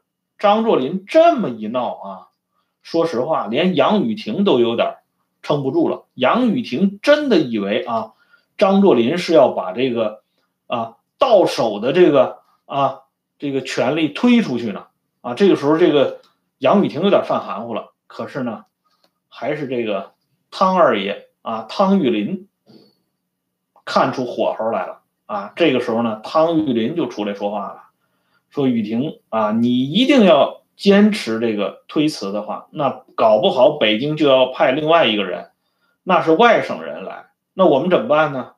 我看就这么办吧，就还是按照原来北京政府的意思啊。这汤玉麟这么一说呢，哎，大家也都同意了。这汤玉麟实际上也是扮演了跟张景惠一样的角色啊。最后大家说不要再推来推去了，咱们冯大爷呢啊，咱们自己人啊，肉烂在锅里。咱们怎么不好办啊？对不对？你说帮办不好听，咱们再想个更好听的名儿。反正奉天的事儿啊，就是你们二老定局了，我们都跟着跑了啊。这张作霖一看啊，戏演的差不多了啊，这样呢，张作霖才勉强的接受了啊这奉天督军兼巡按使的这个位置。日后呢？这汤玉麟自己啊有过一个回忆啊，他说什么呢？他说雨婷就这样把冯大爷给干掉了。哎，这是这个张作霖玩的一手啊非常好的这个小戏啊，这戏演的非常明白啊，比赵本山那演的还吓人。刚才有个朋友啊，因为我正在讲这个没法中断啊，这个有个叫李武的朋友问了一下鲁迅和左联的恩怨。这个事情呢，说实话，我本来呢，这个一直就想讲一个这个胡风和这个周扬的这个恩怨纠缠啊。我当年甚至曾经动过念头，想写这么一本啊关于周扬的书啊。所以呢，呃，这个话题说的啊，正好就是骚到这个痒处了啊。但是呢，这个。烧到痒处归烧到痒处啊，这个一一旦这个说起来的话啊，那可能就说的太太久了。简单的说吧，左联啊这帮人啊，左联实际上就是周扬、夏衍他们控制的。左联这个组织啊，是喝鲁迅、抽鲁迅的筋啊，扒鲁迅的皮，就是这么一帮东西啊。这些人呢，当年可以说是。呃，浪迹上海滩，居无定处啊，居无定所，吃的是饥一顿饱一顿，很大一程度呢都是靠鲁迅在接济他们，而且呢，周扬这些人没什么名气。你看周扬，他的号称这个文艺界的主管啊，但是这个人自己的著述啊没什么正经东西，他就翻译过啊，那是硬译啊，这个生硬的硬啊。硬译过这个《安娜·卡列尼娜》啊，这个这个东西呢，说实话质量也很一般啊。当年呢，这个贬低周扬的人曾经说过啊，说是这安娜·卡列尼娜，这安娜·卡列尼娜不就是个婊子吗？啊，你翻译这个东西有什么用呢？把周扬气的还不得了啊！周扬还要跟人理论理论啊，就是说呢，周扬本人的业务能力很一般啊，他没写过什么这个重量级的东西。但是这个人呢，很会玩弄权术。他当时在上海滩的时候很年轻啊，是鲁迅的这个后学呀、后辈啊。可是呢，他却试图啊玩弄鲁迅于股掌之间。而这个时候呢，穿梭于鲁迅与左联、周扬之间的有几个关键人物，一个是冯雪峰，一个是胡风啊，然后呢，还有一个人就是徐茂庸啊。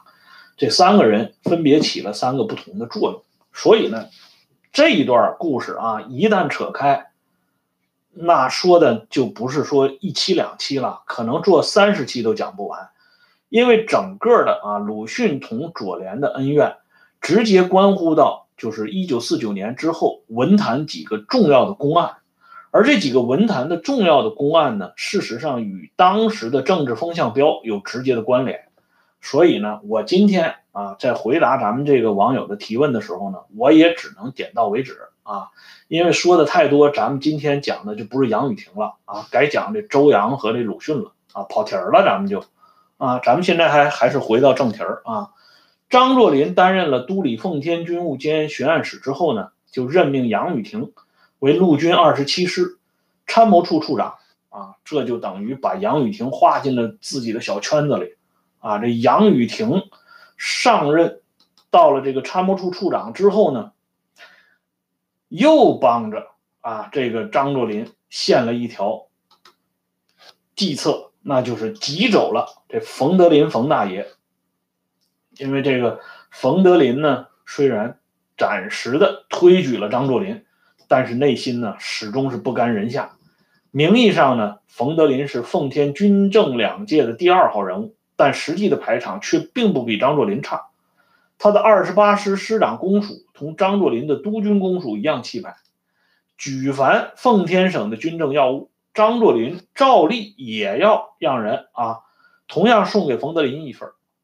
但是时间长了，冯德林就受不住了，因为他是个绿林出身啊，这些繁琐细密的文字材料，每天都要集中过目一大批，先不说能不能看懂啊，就这个数量他也扛不住了。最后他就服了，他就跟张作霖说：“哎呀，有什么事儿啊？只要雨婷你看着对，你就放手去做了，不必再问我了。”这样呢，张作霖就拿到了，再一次拿到了冯德林的这个口实啊。很多事情呢，人家自己就放开手脚去做了。不过呢，即便如此呢，有一些公文还是照旧送到冯德林的府上。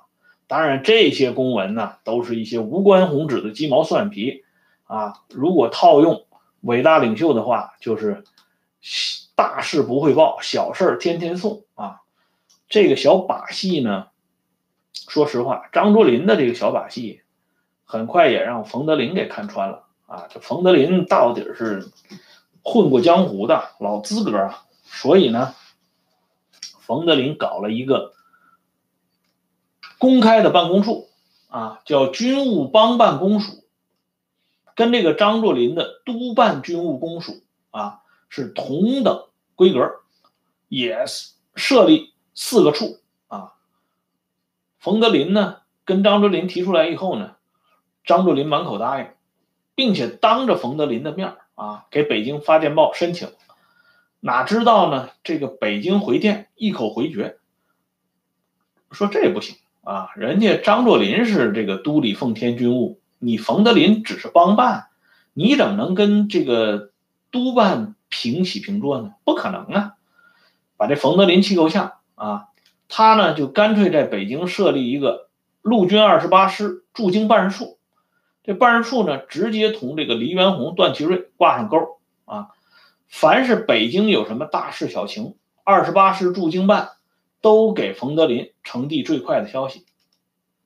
张作霖一看这事儿不行啊，啊，这么时间长了，那冯德林这个羽毛就越来越丰满了，这对付不了了，他就问计于杨雨婷，杨雨婷就来了个釜底抽薪的主意，啊，他说冯德林驻扎北镇，啊，北京来的电报都要通过奉天电报局拍转给拍转。给这个北镇电报局，只要把奉天电报局，咱们把它拿下来，那么冯德林他这个老底儿就能摸清了。于是呢，张作霖就按照杨雨婷出的这个主意，派自己的亲信吕永恩担任奉天电报局督办，轻而易举地获悉了冯德林与北京之间的联络内容。可见呢，这个说实话啊，搞这个通信啊手段。这是最重要的啊！你看，张作霖那个时候就已经做这方面的工作了，而且呢，张作霖通过自己的亲信吕永恩，他还发现了冯德林和黎元洪之间的啊来往非常密切。张作霖呢就开始打主意了，因为呢这个时候段祺瑞死了之后，黎元洪表面上出任了大总统，但是呢，他与这个身为国务总理的。段祺瑞之间关系非常不协调，以至于后来发生了著名的府院之争，就是总统府和国务院之间的这个争执而张作霖呢，恰恰就是要利用这个府院之争，啊，把这个冯德林给拱跑。而这个时候呢，出现了一个导火索，啊，这导火索呢，就是因为张作霖啊，经杨雨婷推荐，准备啊再提拔一个。亲信人物上台，这个亲信人物是谁呢？啊，他的上台又引发了张作霖与冯德林之间什么样的新的纠纷呢？我们将在下一次的节目里给大家继续解说。啊，今天呢，咱们就先说到这里啊。明天上午呢，就是多伦多的时间啊，早晨，如果可能的话。我将继续讲这个杨雨婷的这个段子啊，如果没有时间的话，那就咱们下周再见了啊。今天呢，很感谢大家上来啊听我这个奉系军阀智囊的这个小段子啊，谢谢，我们再见。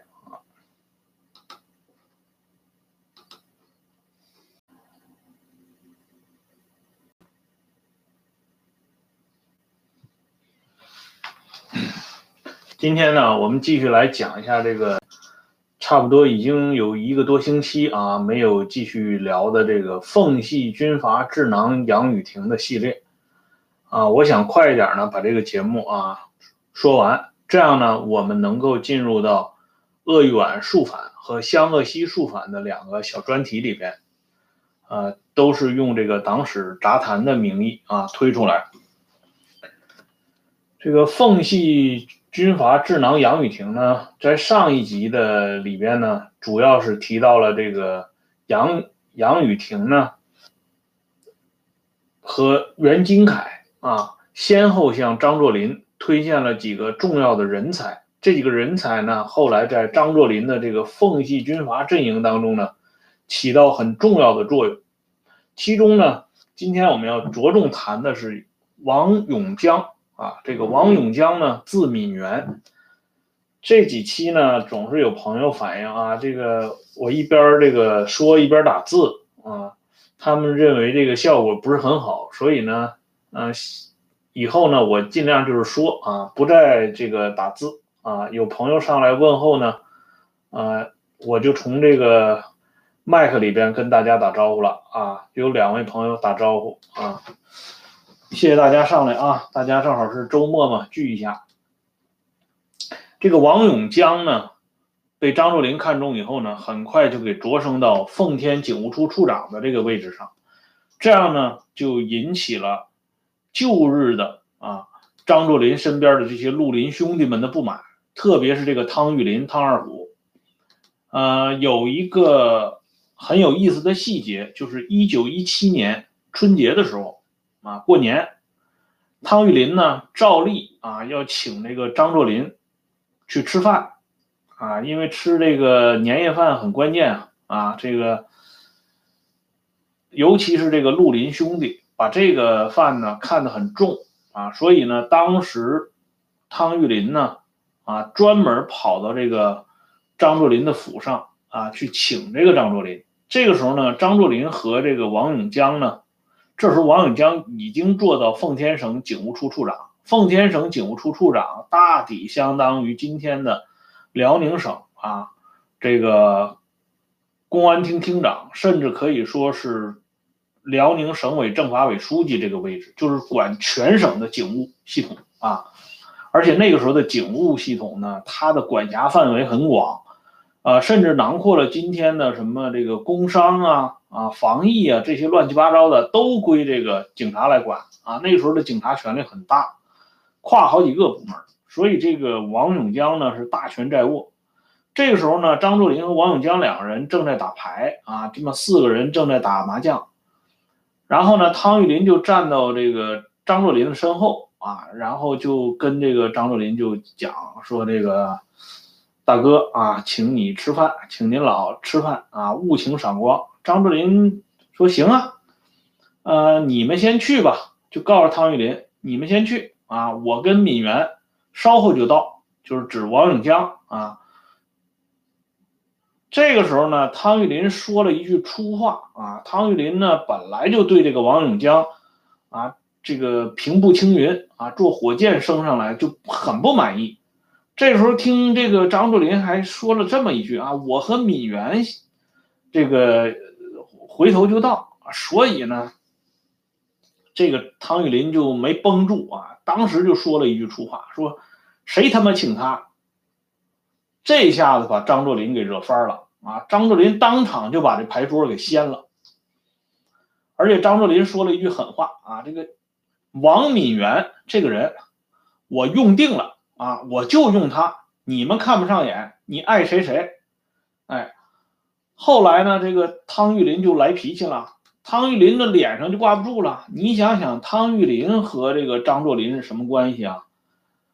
当年张作霖是一度投靠过汤玉麟的啊，当着大家的面儿，张作霖这么让这个汤玉麟汤二虎下不来台，这汤玉麟这个这股恶气就窝在心里啊，他就出不来，所以回去以后呢，他就专门递了一个辞职啊，不干了，撂挑子不干了。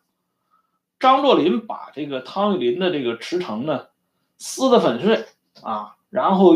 张作霖也回骂了汤玉麟一句话，说：“这个没你这个臭鸡子啊，照照样能做槽子糕。”这个话呢，就是说，好像就是说，用翻译成今天的话呢，就是说，没有你这个臭鸡蛋啊，一样能够做蛋糕。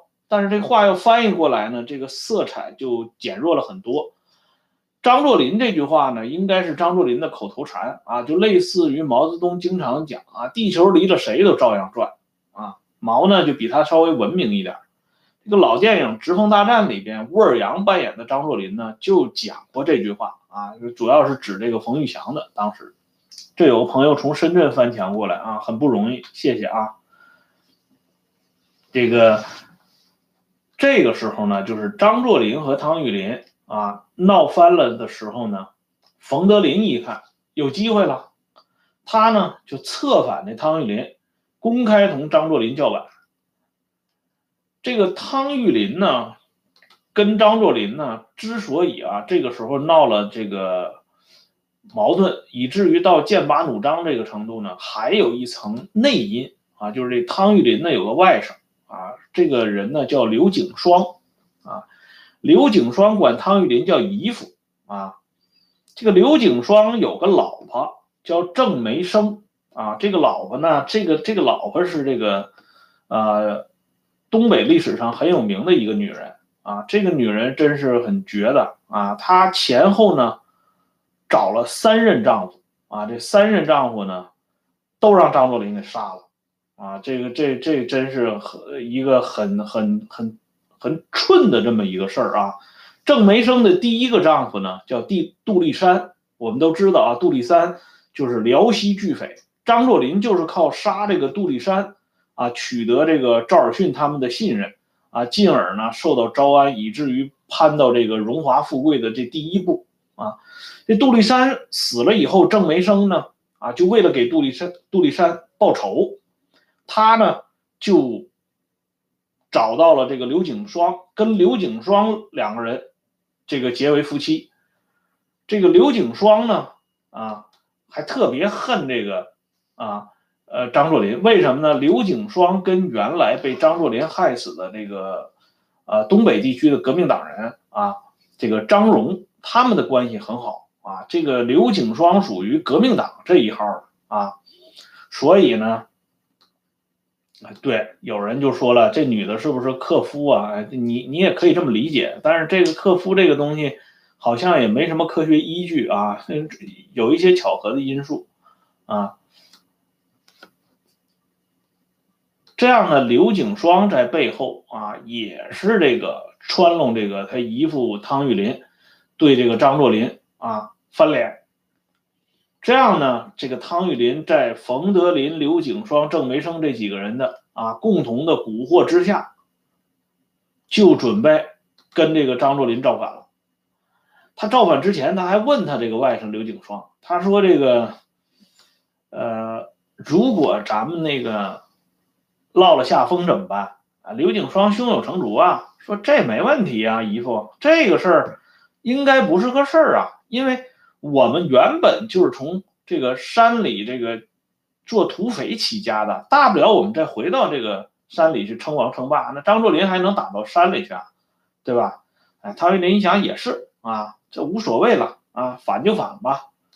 汤玉麟一反呢，这个消息被杨雨婷给弄到了，所以杨雨婷呢马上去见这个张作霖，主动提出来一个啊非常硬的关系啊。杨雨婷说：“我啊在日本这个士官学校的时候，有一个非常要好的同学，他呢就是徐树铮。”张作霖一听徐树铮呢，张作霖当然知道他是谁了。此公呢是段祺瑞身边一等一的红人啊，号称皖段手下四大金刚之首啊啊，这个徐树铮、敬云鹏啊、屈同峰，还有傅良佐这四个人啊，这个徐树铮呢是排老大，张作霖呢高兴的直拍大腿，连说一句啊，这个双保险，这是双保险。为什么张作霖说双保险呢？张作霖手下有一个幕僚啊，叫曾有义，他是当时的国会议员，他在国会内部呢搞了一个小团体，这个团体呢就是说白了都是东北出身的这些国会议员，这个议员的平常的这些吃喝玩乐的费用啊都由张作霖来负责，这个曾曾有义呢和段祺瑞手下的这个。另外一员大将啊，就是敬云鹏，后来做过北洋政府的国务总理。敬云鹏，他们俩关系很好。也就是说呢，在张作霖啊得到段祺瑞的这个徐树铮和他是同学的这个关系之前呢，人家张作霖已经通过张友义搭上了敬云鹏，进而搭上了段祺瑞的这个关系。而现在呢，杨雨婷锦上添花，又送来了这徐树铮。所以张作霖啊连连叫好，说这是双保险。事实上呢，这个张作霖啊真的是老奸巨猾啊，因为他还有一个第三道保险，这个他跟杨雨婷也没说，跟谁都没说啊，因为这是张作霖自己私下里干的一件事儿啊。用这个他们当地人讲的话叫掏底沟啊。什么叫掏底沟呢？因为这冯德林这个师啊，手下有两个旅。一个是五十五旅旅长叫张海鹏啊，这个人后来落水啊，在满洲国当了汉奸了。还有一个呢是五十六旅旅长吉金纯，张作霖呢专门就做通了这个吉金纯的工作。这样呢，吉金纯跟张作霖拍了胸脯子了啊，说这个大帅啊，一旦有了这个需求的话，我吉金纯这个旅。啊，为大帅马首是瞻，也就是说，冯德林真的要跟张作霖掰腕子的话，他最多也只能调动张海鹏一个旅，他有一个旅他就调不动了啊。这样呢，人家张作霖在整体这个数量上就处在压倒性的这个优势方面。而这个时候呢，号称吴大舌头的吴俊生呢，也给张作霖送来了一道保险杠啊，他跟张作霖说了啊，一定站在大帅这边。我不会站在干岸上看风景，啊！就在这个时候，北京段祺瑞啊，段总理的电报也到了，要求张作霖、冯德林两部务求安静，各回房地，不得轻动。表面上呢是各打五十大板，实际上是向着张作霖。这样呢，冯德林不得不败下阵来，因为这个力量对比太悬殊了。汤玉麟呢，这回也不用辞职了，这旅长的职务直接就让这个张作霖给开销了啊，挂了个闲差。这个较量呢，前后不到两个月啊，冯德林呢就跌了一个重重的大跟头。紧接着呢，冯德林又跌了一个更更惨的这个跟头啊。这个什么呢？就是这个我们都知道，张勋这个辫子兵啊，搞过一场这个几十天的复辟活动。啊，把这个溥仪呢从这紫禁城里又捞出来啊，又重新坐到前台。冯德林呢也跟着凑热闹，结果呢没捞到什么大官儿啊，就说什么赏紫禁城骑马这种，赏朝马这种这个小待遇啊。结果呢，最后这帝制一失败呢，他呢本人在天津车站让人家给抓着了啊。他手下这二十八师呢，顿时就乱了套了。张作霖呢，就是啊，就把这二十八师给正式纳入到自己的管辖范围内。但是呢，张作霖这个人啊，这个人做人还是有有点啊，比较有点底线，比较讲究的这么一个人啊。他亲自发电报给段祺瑞，说要求释放冯德林。而这个时候呢，杨雨婷得到消息了，杨雨婷就不干了。杨雨婷说：“这咱们正好借这个借刀杀人呐，多好啊！这这机会啊！”这杨雨婷刚上来的时候，我上一集不就讲过吗？他上来就开始献这个借刀杀人的这个计策嘛，所以这个这个借刀杀人这个啊，他很高兴啊。所以呢，他私下里给徐树铮拍了一张电报啊，讲这个羽帅去电适逢。非其本意，这个羽帅指的是张作霖，张作霖字雨亭嘛，啊，说这个张大帅那个电报啊，说是这个释放这冯德林，这不是大帅的本意啊，这是大帅做个样子，你们别当真。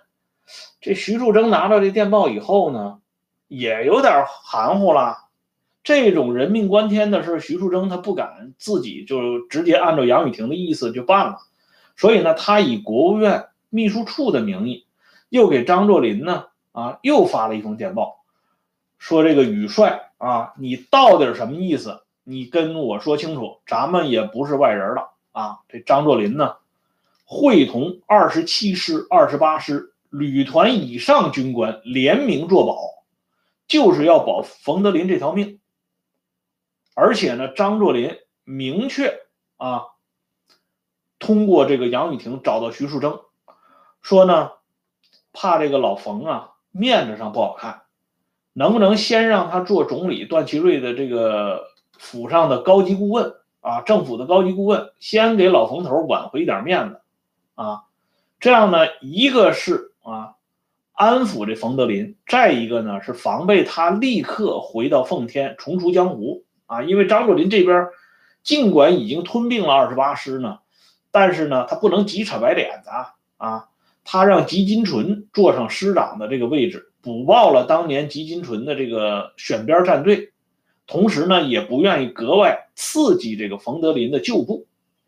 这样呢，在一九二零年六月，张作霖的种种疏通之下，北京政府任命冯德林为三陵承办盛京副都统兼荆州副都统，负责掌管前清的福陵、昭陵和永陵。啊，因为这三块领地呢，占地面积很宏大，啊，租税丰厚，所以冯德林虽然在政治上不可能再有任何东山再起的空间，但是在经济上呢，却获得双倍的补偿。而那个被撤了职的这个啊汤玉麟呢，也被张作霖重新给召回了，都是老哥们嘛，啊，不要意气用事啊。在处理冯德林和汤玉麟这件事上。颇能反映出张作霖整合奉系军阀内部的原则和手段，啊，像刘景双、汤玉麟的这个外甥，张作霖格杀勿论啊。后来刘景双被张作霖到底是千方百计给抓到了，抓到以后呢，就是就地处决啊，根本就不要审了。而类似这个冯德林和汤玉麟呢，这种起于微细之间的老战老战友，那就是安抚啊，必须安抚。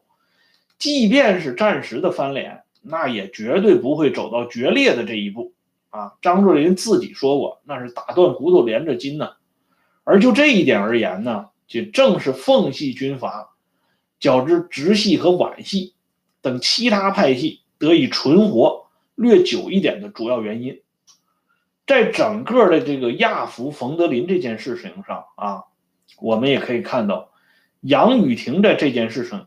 上的态度手段，或多或少折射出其人日后的命运。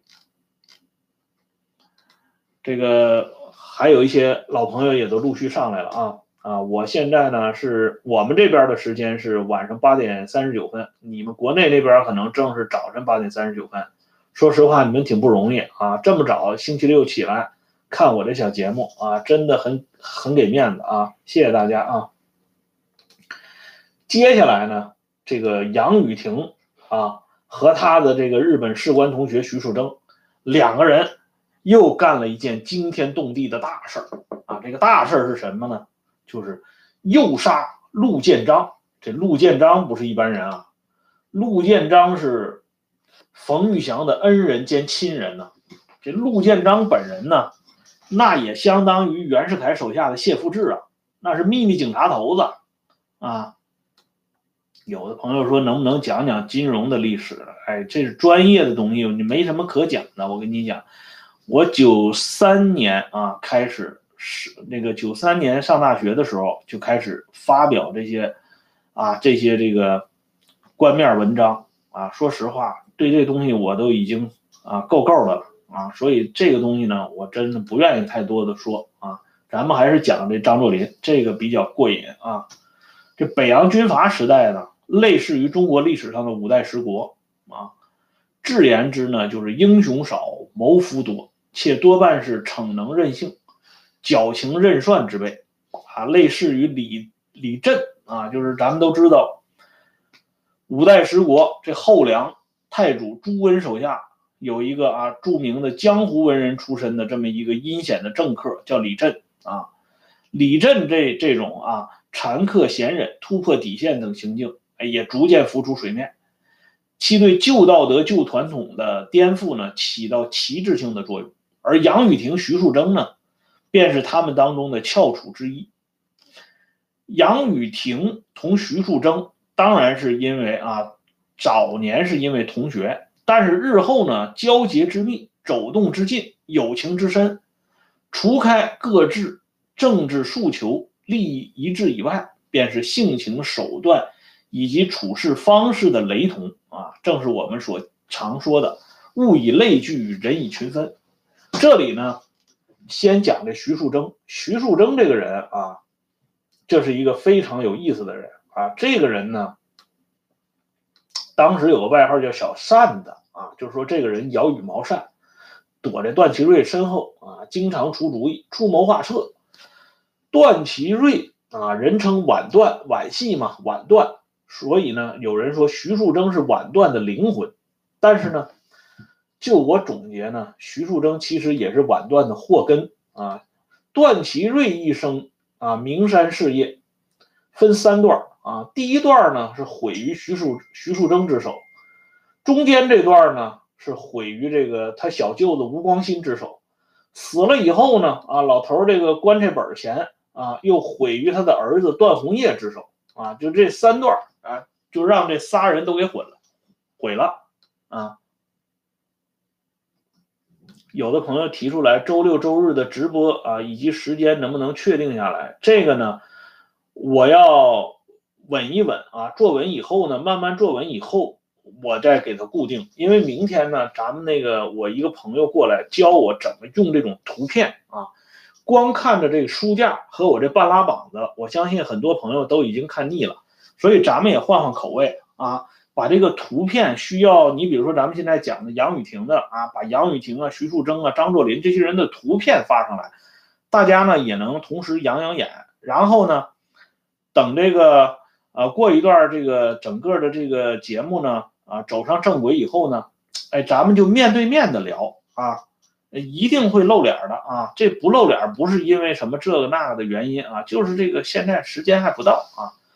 等这个我对这个节目啊慢慢熟悉以后，咱们就慢慢的啊，哎，先用图片来过渡啊。这四十多岁人了，其实露不露脸都不重要啊。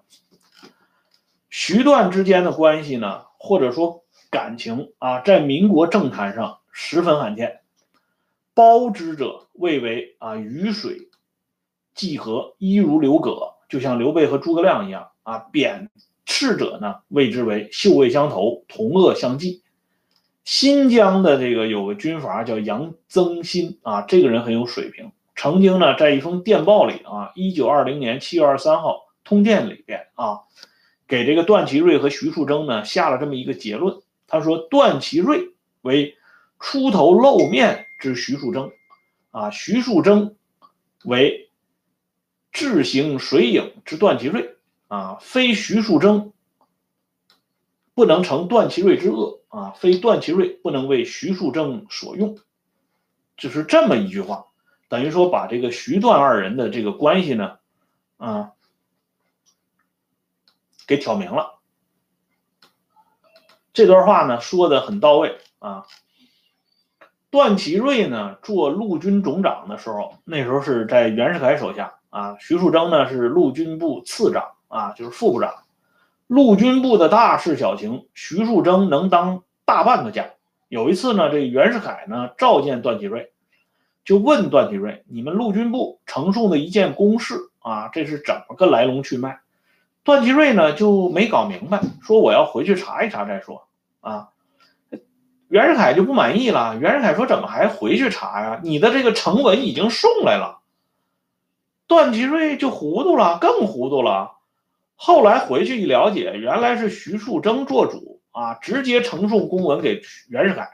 段祺瑞本人是蒙在鼓里的。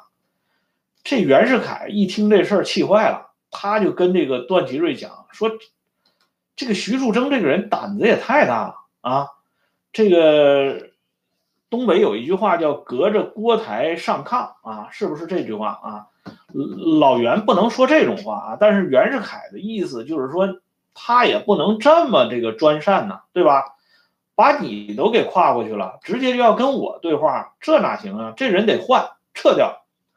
可是他哪知道啊？这段祺瑞啊，当时就直个脖子啊，跟这袁世凯讲说：“很好，请总统先免我的职。”随后要怎么办就怎么办吧，啊，这段话呢出自于河南人民出版社编辑出版的《段祺瑞与皖系军阀》的第三十四和三十五页。这本书呢挺有意思啊，大伙儿可以找来看一看。我手头有这本书，我就不给大家展示了啊。今天要抓紧时间讲这些，讲咱们这系列。这个系列呢早一点结束，咱们就进入到这个许继慎、徐向前他们这个肃反，进入到贺龙下西那个湘鄂西肃反。那两个小专题呢，同这个李瑞老人这个系列呢是相得益彰啊。因为前两天有人就讲说这个讲到贺龙，能不能再多讲一点？我是想这么讲的，我是想把这个贺龙一出来，马上同这个湘鄂西的肃反连上。但是那样一讲的话，又要讲五到八讲才能讲完，就像讲草地密电似的。我就怕有些朋友呢。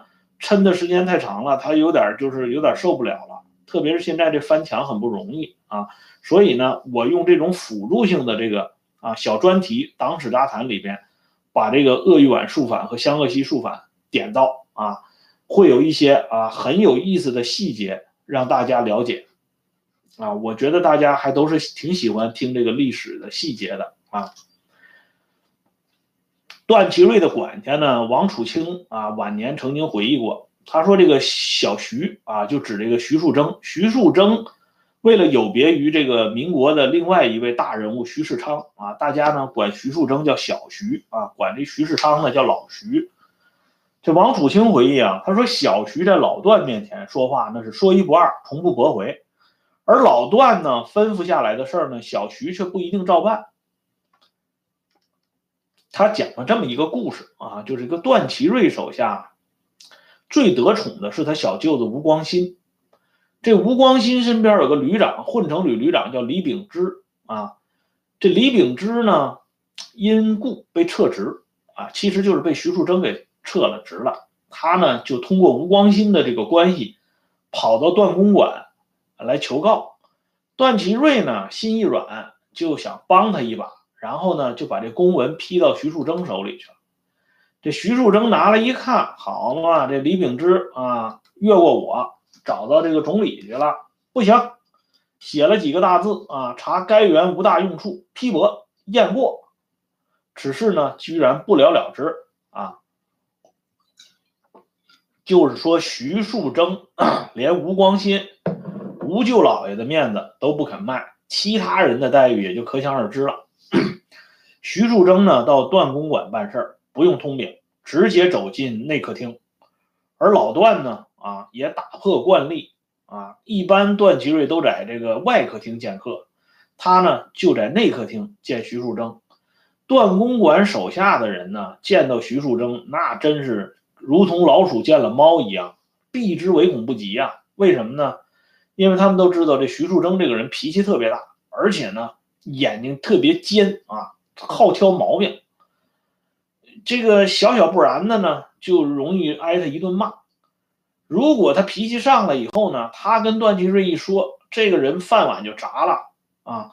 而且呢，这个别人呢，你你你说了坏话以后呢，你还可以找人疏通疏通。这徐树铮呢是言无二价，那绝对不允许疏通。而且呢，咱们说啊，不光是段祺瑞身边的这些这个底下这些打杂的这些人恨这个徐树铮啊，就跟这个段祺瑞多年共事的啊，他手下的这些老部下们。那对徐树铮那也是啊，敬谢不敏啊，敬谢不敏都是打引号的啊。这个当年同为皖段十大祸首，就是直皖战争失败以后，徐树昌啊，徐世昌通缉皖段十个人啊，十大祸首之一的啊，长期给段祺瑞把持钱袋子的啊，总会计师吧，北洋政府的财政总长李思浩。晚年这么评价过徐树铮，啊，他就讲了这徐树铮这个人啊，有才气，啊，但是喜欢用权术，心地还偏狭，目空一切，啊，凡是财力跟他差不多的，妨碍他独揽一切的，都不能相容。由于这个徐树铮这个心地偏狭，不能容物，有不少人呢因此背离了这个段祺瑞。段祺瑞手下这四大金刚呢。我们刚才讲过，徐树铮、敬云鹏、屈同峰、傅良佐，只有这屈同峰呢跟这个徐树铮关系挺好，剩下这个敬云鹏和傅良佐，那对这个徐树铮简直是恨之入骨啊！这敬云鹏就因为徐树铮的原因啊，脱离了老老首长段祺瑞啊，最后呢，跑到这个段祺瑞的对立面去了，而且呢，终身呢不回头啊，这就是徐树铮给段祺瑞。带来的恶果，要怎么说他是祸根呢？而这个傅良佐呢，原来跟这个徐树铮关系还可以啊，后来他当了湖南督军了，把这湖南呢给丢了啊。回到北京以后呢，本来呢这已经够没面子了，可是徐树铮每次见了傅良佐呢，还一定当面说这傅良佐不中用，太丢人。咱都是知道啊，这个这个打人不打脸啊。这个揭人不揭短，这徐树铮这是专门打脸，专门揭短，所以这傅良佐恨死了徐树铮。但是这个徐徐树铮呢，在段祺瑞心目中那是不是一般的位置啊？一九二五年十二月二十三号，徐树铮当时是冒险回到天津，因为那个时候呢，冯玉祥到处派人要杀这个徐树铮，他去转到北京去。见了段祺瑞这一面，说实话呢，他当时去的时候，段祺瑞都不同意他来，因为他知道这个冯玉祥这个人啊，杀人不眨眼，他要盯上徐树铮，这徐树铮可能就是凶多吉少。段祺瑞还专门托人告诉徐树铮，你千万不要来北京，你赶紧就从天津就走了吧，啊！但是呢，徐树铮专门要回来拜见一下老首长。这两个人的见面呢，有目击者讲啊，十个字。相对跪拜，抱头痛哭多时啊！这简直就跟爷俩一样啊！其实爷俩都做不到这点。这个刚才我们讲，这个段祺瑞不是三个祸根吗？他第三个祸根就是他大儿子段宏业啊。这段宏业跟老段两个人下棋啊。段祺瑞我们都知道啊，他扶植过一个非常有名的围棋国手，就是吴清泉啊啊吴吴清源啊吴清源，他原名叫吴权啊吴清源啊。这个段祺瑞下这个围棋，那是瘾特别大啊。他和他儿子段宏业下呢，其实段宏业的水平在他老爹之上啊，但是呢，他不想让他老爹这个下不来台，所以呢，他就处处让着他老爹。这不一下子这个段祺瑞就赢了。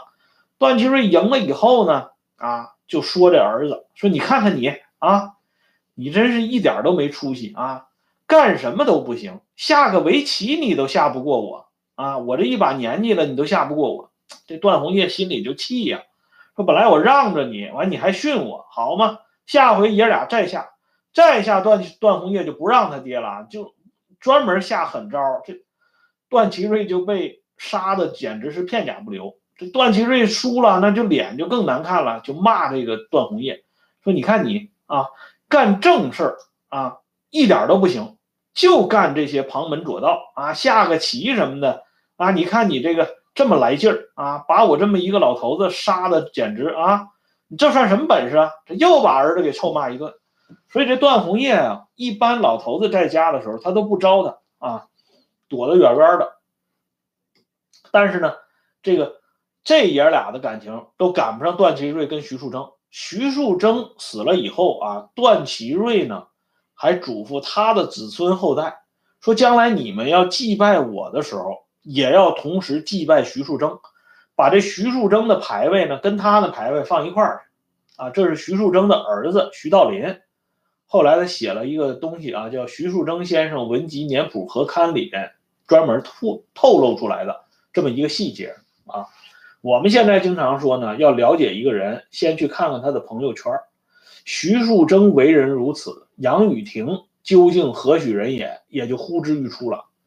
这徐树铮和杨雨婷两个人的共性啊，就是我总结就是十个字啊：热衷、心高、量狭、手长、财大。啊，这我认为这十个字啊，基本上是总结出了这两个人的特点。这徐树铮这个人的能力啊，非常之强啊。段祺瑞身边的人印象很深刻，徐树铮他能够做到什么呢？他在见客的时候，一手接电话，一手批公文，两不耽误，大小公事过目不忘。段祺瑞何时何地询问何事，他都能对答如流，即便是核对也丝毫不爽啊！段公馆的人称徐树铮为特才啊，特是特务的特啊，就是特殊的人才。而杨雨婷呢，这个人也是一个了不得的人物啊。他死了以后呢，于冲汉啊，就是这老汉奸于冲汉呢，曾经送过一道挽联儿啊，叫“吉门坝上无儿戏”。啊！我是将军未遇时啊，这个写的简直就是把这个杨雨婷夸的跟周亚夫这个细柳营一样啊。当初呢，张作霖手下啊，空有三万余人的编制，军纪废弛，军力偏弱。杨雨婷由二十七师参谋处处长升都署参谋长，啊，纠之以猛，令奉军上下焕然一新。政务方面，他和王永江一道多方开创，夯实了张作霖在东北的基业。后人传记当中啊，写杨雨婷别传的金玉福曾经说过这句话：说杨雨婷一则整军备械，一则治民理财，如作霖之左右手啊，因而奉省大治。杨雨婷自己创办的实业，像平治学校、法库电灯厂等，虽然呢。因啊有跟他这个夸官故里的这种旧有的思想有关，但是在客观上呢也做到了惠及地方、泽披后代，可以说遍观奉系内部，张氏父子麾下的高级官员中，如杨雨婷这样的啊军政两手都很硬的这样的人，真是寥寥无几啊。徐树铮呢，这两个人啊。徐树铮和杨雨婷这两个人的合作啊，实际上早在陆军部时期啊就已经开始了，但那个时候是小打小闹啊。等到啊这个张作霖的屁股坐稳以后呢，这徐树铮和杨雨婷两个人再一次在政治上啊第一次的合合作了，而这次呢闹出来的是一等一的大地震。徐树铮、杨雨婷的两次合作啊，一次呢是明抢，一次呢叫暗杀。开启了这民国政坛的新常态。开启什么样的新常态呢？就是轰动一时的秦皇岛劫械案，这叫明抢！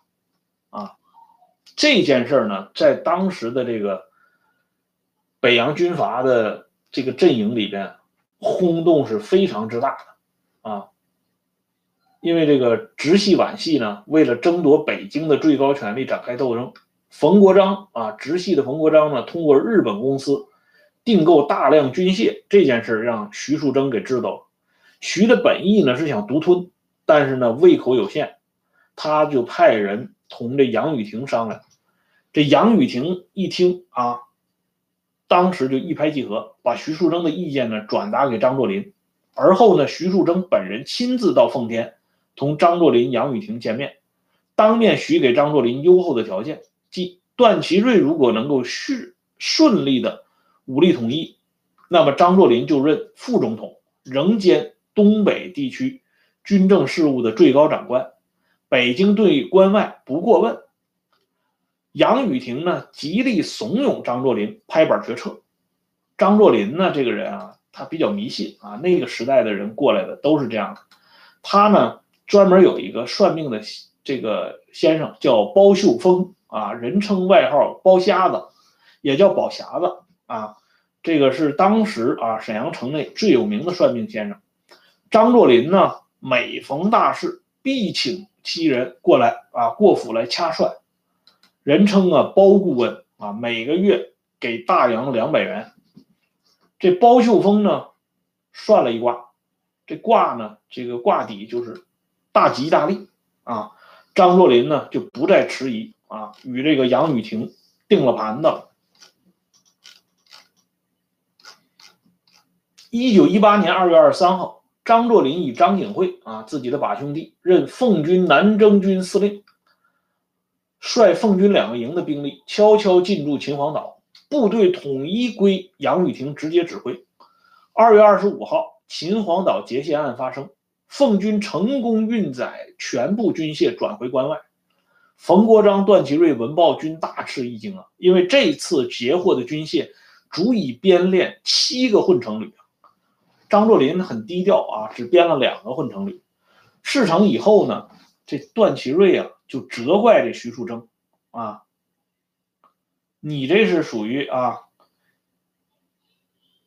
教挠生木啊，这个什么意思呢？你就是这个这个是个成语啊，就是说你教会这个猿挠啊，爬这个木杆子啊，教挠生木。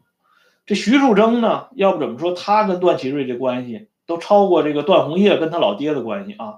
徐树铮是反唇相讥啊，说长江三都之圣木，谁交之？啊，这长江三都呢，指的是江苏督军李纯、江西督军陈光远、湖北督军王占元，这三个人呢，实际上都是段祺瑞扶植起来的。结果呢，这三个人呢，最后都是人家直系的老老本家啊。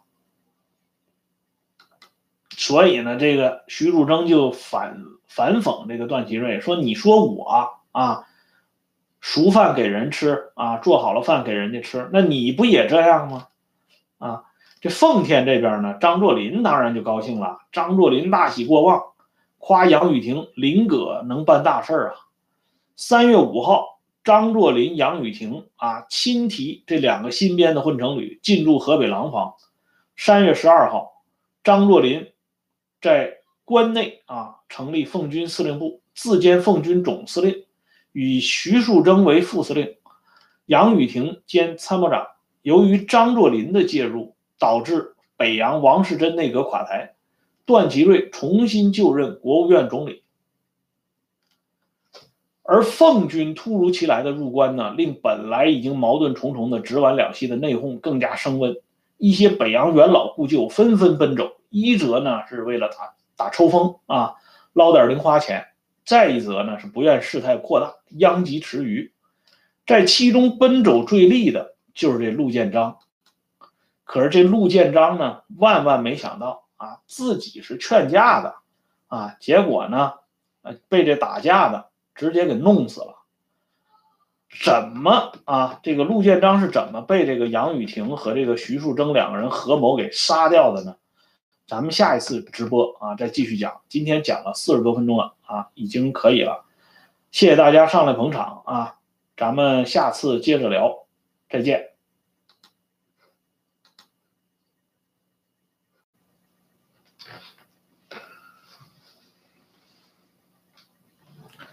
大家好，今天呢，我们继续直播这个《奉系军阀智囊杨雨婷》的第五集。题目呢叫杨雨婷击杀陆建章，这个击呢是激将法的激啊，因为是杨雨婷鼓动徐树铮杀掉这个陆建章。陆建章呢这个人啊，有必要做一下简单的介绍啊。此人呢，在民国历史上，特别是北洋军阀历史上，是有一号的啊。他一生呢有三个外号，一个叫秀才伙夫啊，一个叫屠户，一个叫刺史啊。陆建章出头五位右军，这个五位右军是什么概念呢？就是荣禄后来啊，这个领领袖国家军队，这个当时的这支军队呢啊，起名叫五位军。而五位右军的统领呢，就是袁世凯。袁世凯当年小战啊，训练新建陆军，但是呢，他没有被纳入到国家常备军队。等到有了五位右军这个头衔以后呢，这支军队啊就明显不一样了。可以说，五位右军啊是北洋系统这个北洋军的发轫。这个陆建章呢，在五位右军的时候呢，初通文墨。经常替这些小兵们啊写家书，所以呢有秀才伙夫的称号。日后呢随袁世凯到山东任职啊，镇压民众，杀人很多，又送外号叫陆屠户啊。袁世凯主政北京以后呢，陆建章奉命执掌军法执行处啊，这相当于是老袁的这个啊锦衣卫啊，专门为袁世凯拔去眼中钉、肉中刺啊，杀害方面大员。刺探方方面面的情况，所以呢，又有刺史的这个美誉。这美誉当然是打引号了。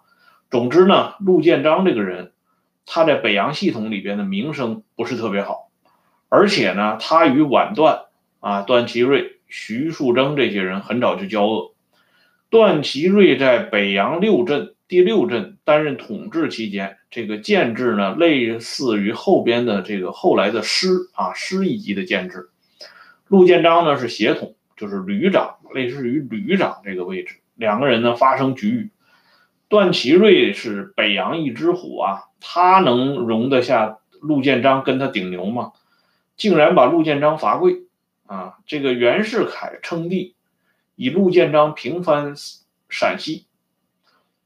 段祺瑞二度出山，重掌国务国务院，这样呢，他就让这个徐树铮呢搅局。徐树铮策动陈树藩捣蛋，这个陈树藩呢是其实相当于这个段祺瑞的学生啊，因为这个冯树藩呢，呃，陈树藩呢，他是这个保定啊树成学堂的啊陆军树成学堂第二期啊，这个保定陆军速成学堂呢起源于北洋武备学堂，这个北洋武备学堂的这个总。办呢，就是段祺瑞，所以呢，陈树藩对段祺瑞终身啊，只以师礼，就是终身管这个段祺瑞叫老师。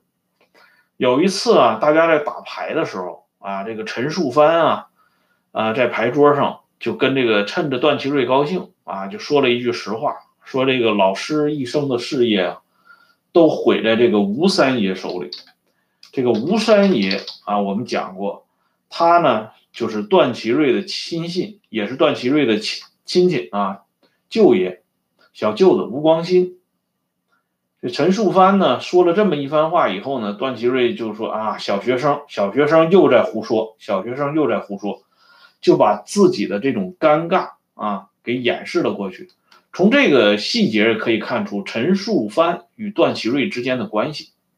这样呢，在徐树铮策动陈树藩捣蛋以后呢，这个陈树藩当然是不遗余力的要拱跑这个陆建章。可是陆建章呢，誓死誓死保皇啊，就是要保袁世凯啊，自然也就成了这个段祺瑞、徐树铮和陈树藩这个绊脚石。陆建章有一个内侄女婿啊，就是大名鼎鼎的冯玉祥。一九一八年二月，冯玉祥通电主和，给老段以难堪。有人当时就说这是起源于陆建章背后的支持。而且呢，在这个 直皖这个斗争起来以后，陆建章奔走调和啊，此公呢不改往日的臭脾气，四处大骂老段和小徐啊，与直直系打得火热，时而讨伐安徽的倪世冲啊，时而呢又传出将要就任征皖军的总司令啊，如此甚嚣尘上的这种风声啊，这种高频率的露脸儿，终于给自己引来杀身之祸。一九一八年六月十四号，应徐树铮的邀请，这邀请要打引号的啊，这陆建章呢来到天津奉军司令部，准备与之晤谈。结果徐树铮嘛是到了，可同时呢，这个徐树铮还领个人，谁呢？阎王爷啊！这诱杀陆建章的经过呢？北洋财政总长李思浩生前有过回忆啊，据李思浩本人说，这是徐树铮亲口讲的。考虑到李思浩在皖段墓中的地位啊，与以及他与徐树铮之间的交情，他的回忆呢，无疑带有一定的权威性。这个李思浩的回忆呢，有别于其他人在回忆这个陆建章被害的过程，因为李思浩提到了一个关键的人物。就是我们今天讲的这个主人公杨雨婷，他说呢，徐树铮跟他讲，他说陆建章当时看他的时候呢，徐树铮正在和杨雨婷一起吃饭，杨雨婷听说这个陆建章来请求这个拜见的时候呢，就说了这么一句话，他说此人十分可恶，把他杀掉算了啊，所以呢，陆建章和徐树铮谈话没几句啊，徐树铮就是说咱们到花园去转转。啊，到了花园以后，陆建章看到形势不妙，对徐树铮的左右说：“右增要收拾我。”右增呢是徐树铮的字号啊，徐树铮字右增啊，所以陆建章说右增要收拾我啊。然后呢，他又很坦然的说：“那他既然要收拾我，就收拾我吧。”果然呢，徐树铮就在花园里让人啊把这个陆建章给打死了。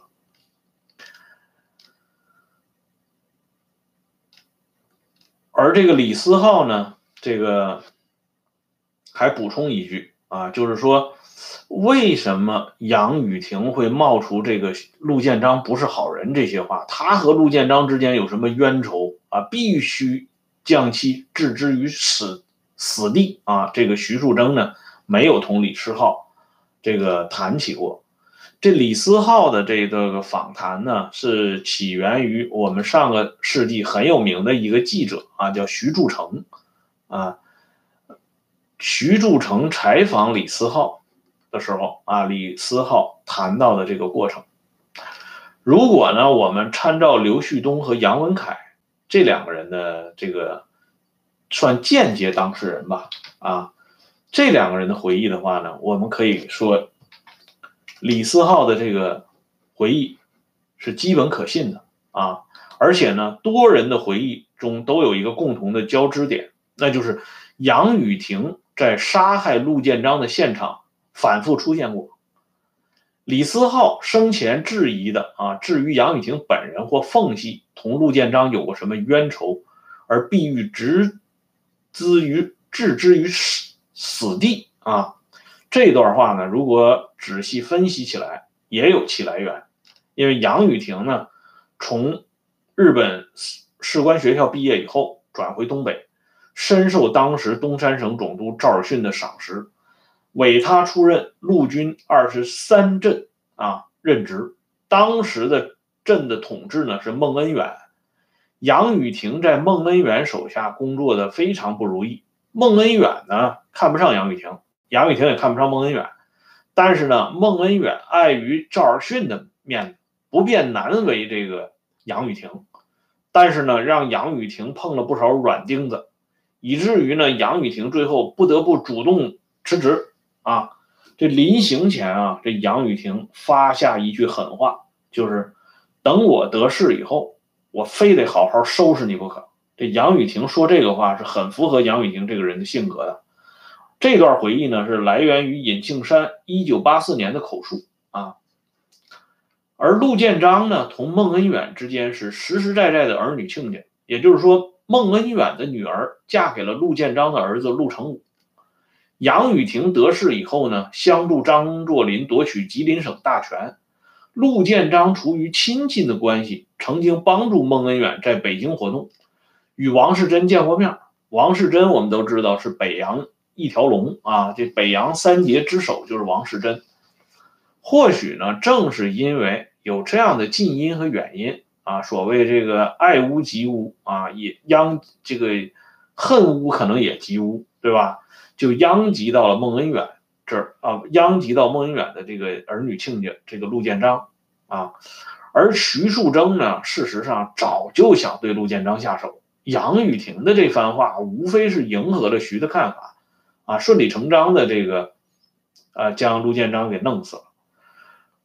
张作霖、张学良父子两代的亲信周大文生前也回忆啊，认为这个陆建章的死呢，与。杨雨婷和这个徐树铮之间的这个合谋啊，有直接的关系。这是周大文在写《杨雨婷读书纪略》这篇文章当中呢透露出来的。此外呢，曾经被这个贺龙俘虏过的这个张振汉，他也有过一个回忆。他说，一九一八年四月二十五号，段祺瑞乘坐的楚柴舰。啊，与江宽轮相撞，造成楚柴舰受受损。市面上呢就出现了段总理遇难的谎言。经徐树铮调查，知道这是陆建章背后策划，并说呢，段祺瑞因此给小徐下令要缉拿陆建章，就地处决。但张振汉同时也回忆说，段祺瑞后来取消了这个命令啊，但是这个取消的打算呢，被段芝贵给瞒下了啊。事实上呢，如果陆建章，我们分析一下啊，如果陆建章真的有过策划、密谋杀害段祺瑞的做法，那么陆建章死了以后，在宣布陆建章的罪状的时候，不会不隆重提到的，因为毕竟这是属于刺杀元首的头号罪名啊，不论是从国法还是从北洋团体的家法，陆建章呢都难辞其咎。然而呢，徐树铮等人在事后啊拼凑的陆建章的罪名中，漫天虚言，东拉西扯，没有一条实质性的罪名。可见呢，张振汉的这个回忆属于孤证啊，并不成立。徐树铮和杨雨婷合伙作案，诱杀陆建章，固然呢，在陆建章而言，以其双手沾满他人鲜血的罪恶，本在该杀之列。但就其被杀的背景来说，啊，徐树铮和杨雨婷的做法令人侧目，且直接导致了皖段在道义上先失一招。据段祺瑞的亲信曾玉俊的回忆，啊，段祺瑞被杀，这个陆建章被杀以后的消息传开后，连八面玲珑的啊徐东海、徐世昌都忍不住了，他指责徐树铮荒唐、为所欲为，而一贯包庇这个段这个。段祺瑞麾下头号大将的这个徐树铮的晚段啊，就是段祺瑞本人也不得不承认，又增闯下了大祸。北洋团体的老人们都说啊，过去雷震春、冯德林参加复辟，是交付军法审判，按军法来判罪的。陆朗斋啊，就是陆建章的别号啊，陆朗斋是五位右军的老人啊，曾经做过陕西督军。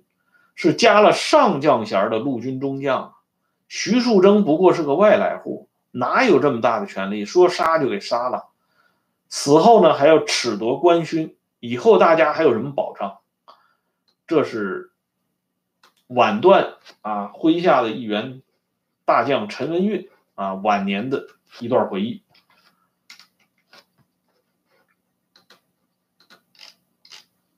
这篇牢骚话呢？说的也是实情啊！北洋军阀脱胎于前清，虽然这个在中国的政治舞台上呢留下了斑斑劣迹，但这个团体在行进过程中还或多或少的固守了一点点旧道德、旧传统。八个字啊，不说绝话，不做绝事，留有一定程度的底线。这里呢，我给大家举一个非常有意思的小例子。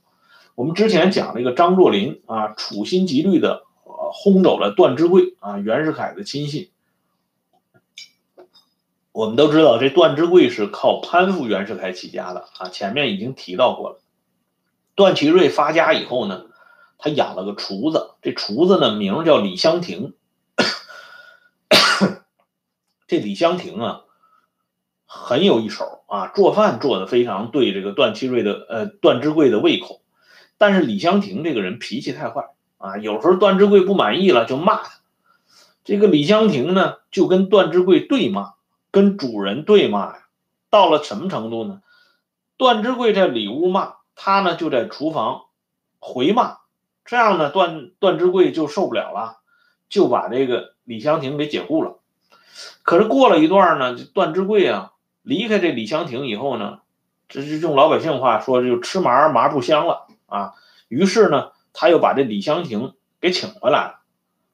这请回来以后，这李香亭这脾气就更大了。啊，以后凡是有冲突，这段芝贵呢不能再像以前了，在里屋破口大骂，他就在里屋呢小声的、低声的骂。可是这李香亭耳朵好啊，听到了以后，他就在外间大声回骂段志贵。你想想，以段之贵啊受之于袁世凯、段祺瑞两朝啊，他的地位和能量，弄死一个厨子，那还不是易如反掌啊？但是两个人呢，终于相安无事。说起来呢，这也是旧传统、旧道德中的一部分。而北洋老派军人们强调的雷震春、冯德林复辟一事呢，也是很能说明问题的。雷震春、冯德林参与复辟，图谋颠覆共和。按照一般说法，这已经是大逆呀，就是按清朝的说，这叫大逆律，按大逆律来承办。但是呢，仍然要交付军法审判，要走程序的。陆建章，说实话呀，说破大天句，他也不过是内讧群体中的一条丧家之犬啊，何至于不经审判就一枪毙命呢？所以呢，徐树铮、杨宇霆他们所突破的不仅仅是北洋团体内部的政治规矩，更是当时社会的一般原则，而他们自己最终。也是葬身于此啊，可谓做法自毙。值得一提的是呢，徐树铮当日啊，以暗杀起家，就是暗杀这个吴禄贞啊，受之于袁世凯和段祺瑞，最后呢，也是被暗杀结束其啊喧嚣的一生。陆建章死于徐树铮之手啊，他是身中两枪。无独有偶的是，陆建章死后七年。徐树铮被冯玉祥击毙啊，也是身中两枪，一枪是打在太阳穴上，一枪呢是击中脑后。这个呢是段祺瑞的侄子段洪刚啊，在徐树铮死后，曾经在现场亲自啊这个目睹过啊徐树铮的这个死状。这个杨雨婷呢啊，因为这个秦皇岛劫械案，因为这个合谋杀掉陆建章。可以说是风光了一段，但是呢，不过是半年的光景，啊，就被张作霖一脚给踢开了。为什么这个杨雨婷正在得宠的时候啊，就被张作霖给踢开了呢？这个起因呢，一般是两个说法。一种说法呢是徐树铮和杨雨婷冒领陆军部的三百七十万银元军费，招募了四个旅，由徐树铮操控，啊。还有一个原因呢，是指这个张作霖编练的那个六个旅，他不是秦皇岛结了军械了吗？编练的六个旅当中呢，有两个旅啊交由这个参战陆军办事处统辖，而徐树铮呢借机染指。这两种说法呢，不管是哪一个啊，都有个共同点，就是徐树铮挖缝隙的墙角。这是张作霖绝对不能容忍的，所以呢，张景惠啊，就这个后来担任满洲国的啊国务总理大臣张景惠，他是张作霖陆林兄弟啊。张景惠就在张作霖面前参了这个杨雨婷一本啊，告了杨雨婷一状。张作霖知道以后呢，马上就把杨雨婷啊逐出门户，派兵看押。这徐树铮知道信儿以后啊，知道不妙了啊！万一张作霖发起火来，杨雨婷命就保不住了。这杨雨婷办这些事儿都跟他自己有关系啊，所以徐树铮呢，请段祺瑞出面啊，写信求情。这样呢，张作霖就算卖啊段段祺瑞一个面子，但是徐树铮的奉军副司令的职务呢，也被张作霖就事免去。这是杨雨婷政治生涯中的第一次的大挫折啊！闲下来的杨雨婷呢，没有闭门思过，反而比之前呢更积极的奔走，为自己的付出营造机会。两年多以后，机会终于来了。什么机会呢？因为直皖战争以后呢，获胜的一方直系不断做大，而奉系呢就看着眼热啊，两方面的这个矛盾开始激化。奉系内部老派这一派。张作相新派这一派，王永江都是抱着息事宁人的态度啊，劝说张作霖，你不能跟这直系闹翻，也没必要。曹锟呢，啊，跟咱们还是亲家啊，更没有必要搞得这么紧张。可是张作霖呢，自恃啊，在这个直皖战争中分得的厚利，反而将张作相这些人看成是胆小啊，这样这个张作霖就不满意了，说你们这些人啊。办事都不如林格啊，就说都不如杨雨婷。一九二零年十一月啊，闲居半年多以后的杨雨婷呢，复出，任东三省巡阅使总参议，取代张作相，成为张作霖的第一助手。这一次出山呢，说实话啊，杨雨婷身边的一些亲信啊，包括他的一些这个亲朋故旧们，都摇脑袋啊。不同意，认为呢，目前这个形势前途莫测啊，还是静观待变比较好。但是杨雨婷这个人不这么看，他认为正是风云际会、大展雄图的好机会，怎么能错过呢？杨这个人啊，杨雨婷这个人负性非常自负啊，这个人本性非常自负，而且他还有点迷信啊。他们家乡法库。蛇山沟后山石洞里边有一个石佛，据说这个石佛的相貌同杨雨婷非常接近啊。有人呢就是附会说杨雨婷是石佛转世。杨雨婷本人呢对这个石佛呢也格外礼敬啊，他专门写过这么一个十六个字的这个啊文字啊，表达自己对这个石佛的这个亲近啊。他说什么呢？他说：“佛之洞天，吾之乡里，唯佛与我彼此相依。”啊，这个话说的非常大啊。所以每逢回了回老家呢，他是先拜父母，再拜石佛，终年不改。这个材料呢是来源于法固县政协杨雨婷简介里边提到的。这杨雨婷走前呢还算了一卦啊，这卦辞是潜龙在渊啊。于是呢，杨雨婷就更加意气非凡。这法库当地这些老人哈，后来留下这么一个口碑资料。曾经有一个这个混迹于江湖多年的一个老先生啊，这个人跟这个杨雨婷关系很好。这个老先生叫什么名大家已经记不得了。就是说，当时有这么个老头，他呢是出于好意劝阻杨雨婷不要急于应招上路。杨雨婷呢很尊敬这个老先生啊，对老先生说的话呢也没有进行这个反驳。好言安抚啊，把这个老头给送走了。接第二天呢，这杨雨婷就坐着这个派来的轿车，就又去了奉天了。老头子知道杨雨婷走赶出来的时候，这车已经绝尘而去啊。这老头啊，望着这个杨雨婷远去的轿车，说了一句话啊：“将军去得归不得。”这句话让家乡人记了很久，所以后来。在征这个征选这个口碑资料的时候，这个资料入选了，因为这太有这个典型意义了啊！说了这么一句话：“将军去得归不得，日后呢一语成谶。”啊，就是这个以前这个社会上哈，很有一些这个江湖上有一些隐士，他们呢就是见过很多世面啊，也接触过很多人，所以呢，有时候说出来的这些话呢。啊，很有一些带有预言性质的啊。你说它是迷信也好，说它是什么啊，这个梨园附会啊也好，总之呢，它是很有意思的，很值得让人琢磨的。这一次复出的杨雨婷呢，确实迎来了她政治生涯的第二春，甚至可以说走上她事业的巅峰。但同时呢，也埋下他后来走向悲剧结局的伏笔。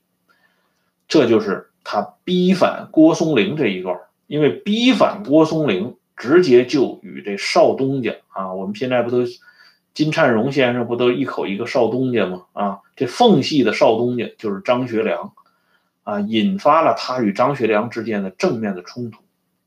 咱这儿有个朋友说啊，说我这记人的名字这个事儿上。啊，是不是有点特殊？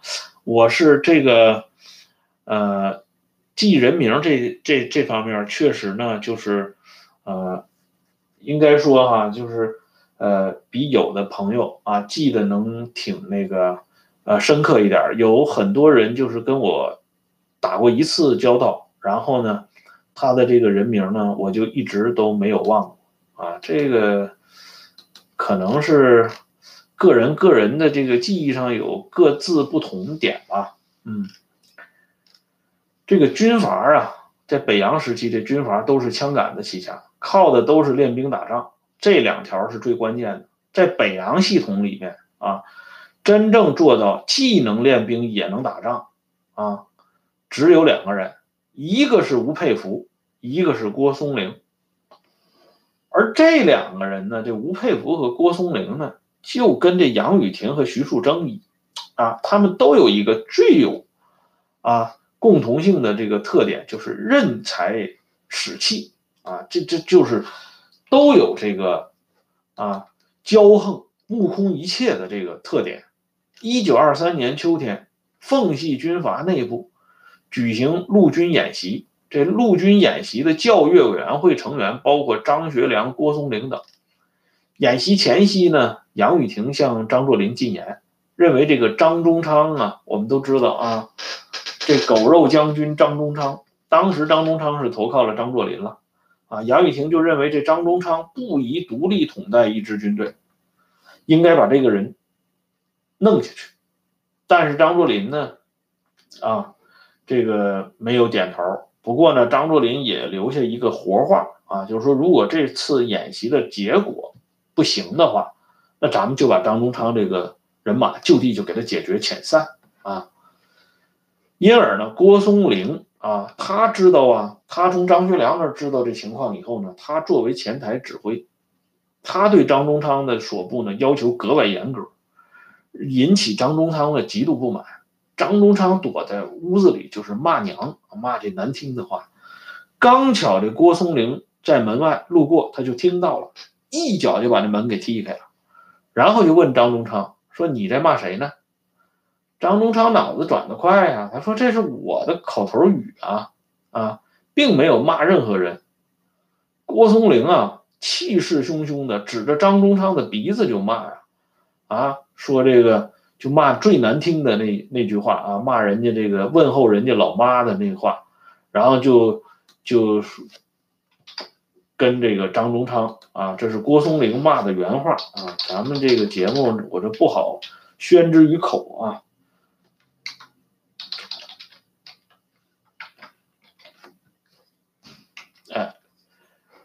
然后呢，郭松龄说，这也是我的口头语儿啊。这张宗昌这脸子一下子也变了啊，从这炕上一跃而起，这底下人都懵了，以为这俩人要火拼呢。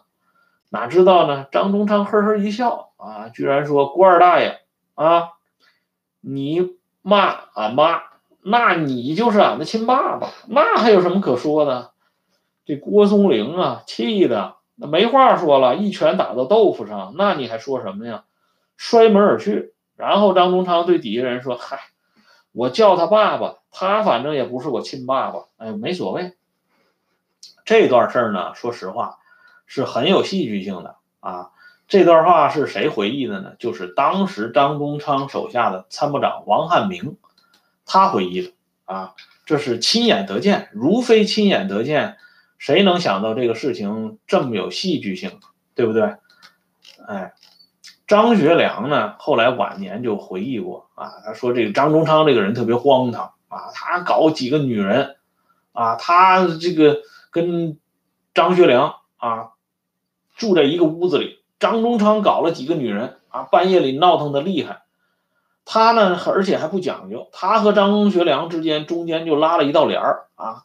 他搞的过程当中还问张学良说：“你要不要也也来几个女人呢？”这张学良就一口一口回绝，啊，因为这个张学良觉得这个张宗昌实在是太荒唐了啊。他后来晚年的时候，他在台湾接受采访的时候，张学良还讲说张孝坤那人太荒唐。孝坤呢，就是张宗昌的字号。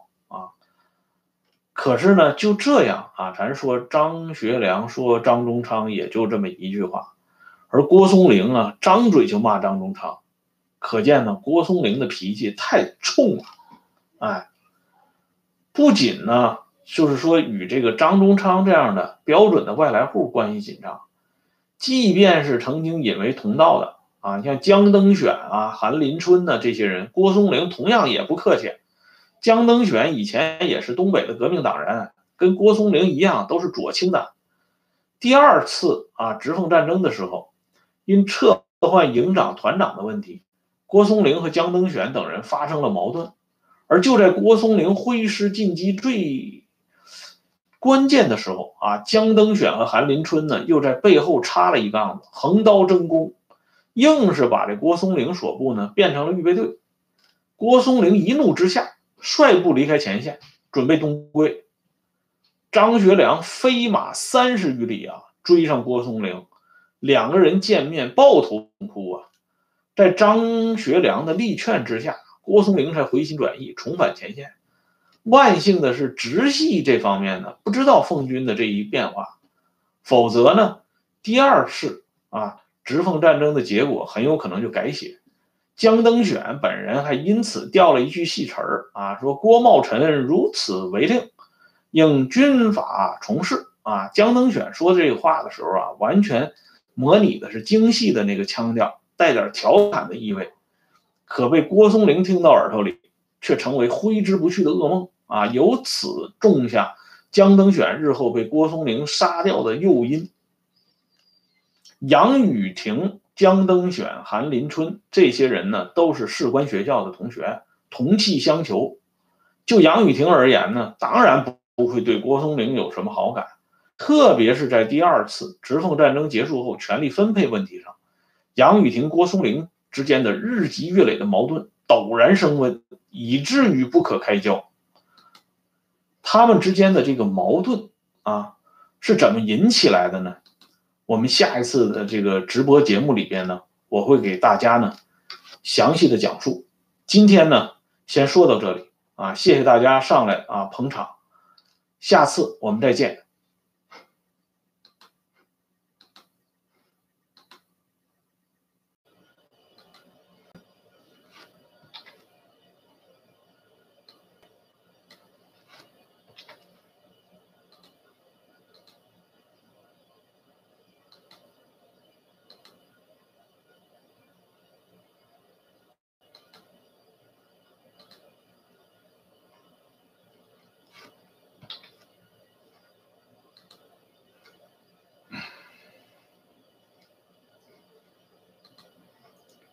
今天呢，直播一期这个杨雨婷的第六集啊，杨雨婷逼反郭松龄。因为这个我之前已经说过啊，我们快一点的结束这个杨雨婷的话题，然后呢转入到鄂豫皖白雀园大树反这个话题上来。有些朋友呢已经等了很长时间了，所以咱们这个坑呢尽快给它填上。上一次节目呢提到这个杨雨婷啊，她同这个郭松龄之间已经啊有了矛盾了啊，因为杨雨婷和江登选、韩林春这些人同气相求啊，对这个郭松龄呢不会有什么好感。这两个人的这个矛盾呢日积月累，最后发展到啊不可开交啊，以至于呢呃到了。这个兵戎相见的这个地步，张作霖早年呢，他这个我之前节目里边已经说过啊，这个北洋军阀时代呢，很类似于中国的这个历史上的这个五代十国啊。那个时候呢，啊，就是有枪就是草头王，但是呢，这种杀来杀去的军阀之间的互相混战呢，极少能看到一些这个长才大才啊，就是人才方面的啊非常优秀的这些杰出的人物的出现。因为呢，我们都知道啊，我们叫什么奉系啊、直系啊、皖系，从这个名称上就能看出来，它主要是在这种啊自己的这个呃原籍的这一片儿啊地方上活动，然后呢提拔自己的这些同乡乡亲、亲朋故旧，这个圈子呢说起来是很窄小的，所以呢这里很难啊选拔到真正的人才。张作霖也是这样啊，他早年呢啊驱逐这个冯德林。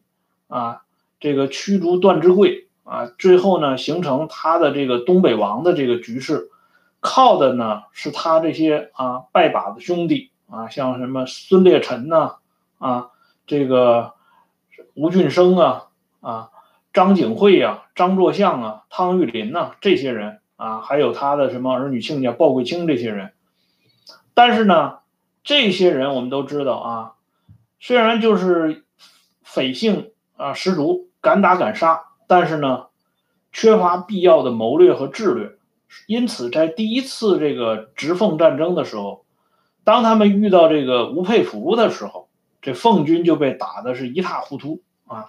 这个当时，呃，张作相啊，这个军队退的是狼狈不堪，他给张作霖打电话说，现在我们已经退到什么什么地方了。张作霖呢？就告诉他啊，你不能再退了，你千万要替我守住。如果你再退下来，我们我们爷们儿啊就梦里见吧。但实际上呢，也没阻止得了张作相的进一步的败退啊。这个张作相呢，在这个张家父子统治东北期间，是被人尊称为辅帅啊，就是辅佐的辅，辅帅，这是一个。很这个就是尊敬的称呼，但是这个人呢能力非常低，因此呢后来张作霖整军精武呢，为了洗洗刷之前的这个耻辱，他就引进了一些这个啊吃过洋面包、喝过洋墨水的这些士官生，包括一些正规的这个军事院校里边毕业的，比如像这个江登选、韩林春，还有这个啊大名鼎鼎的郭松龄。这样呢，奉军呢，在第二次啊直奉战争，加上这冯玉祥的倒戈，使得呢他得了逞了啊，一直打到了这个东南。这个时候呢，就是说大家嘛要论功行赏啊，这个江登选、韩林春这些啊打头阵的李景林、张忠昌这些人呢，都有了这个地盘了，可是这个啊。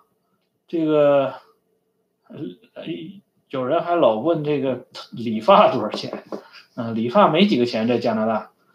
这个郭松龄呢，这个地盘就被杨雨婷给抢跑了。哎，这杨雨婷呢，因为看这个大家这个分田分地正忙啊，啊，这个也想过一下这个督军的瘾头啊，所以呢，他一伸手还就要天底下最肥的缺啊，江苏督军。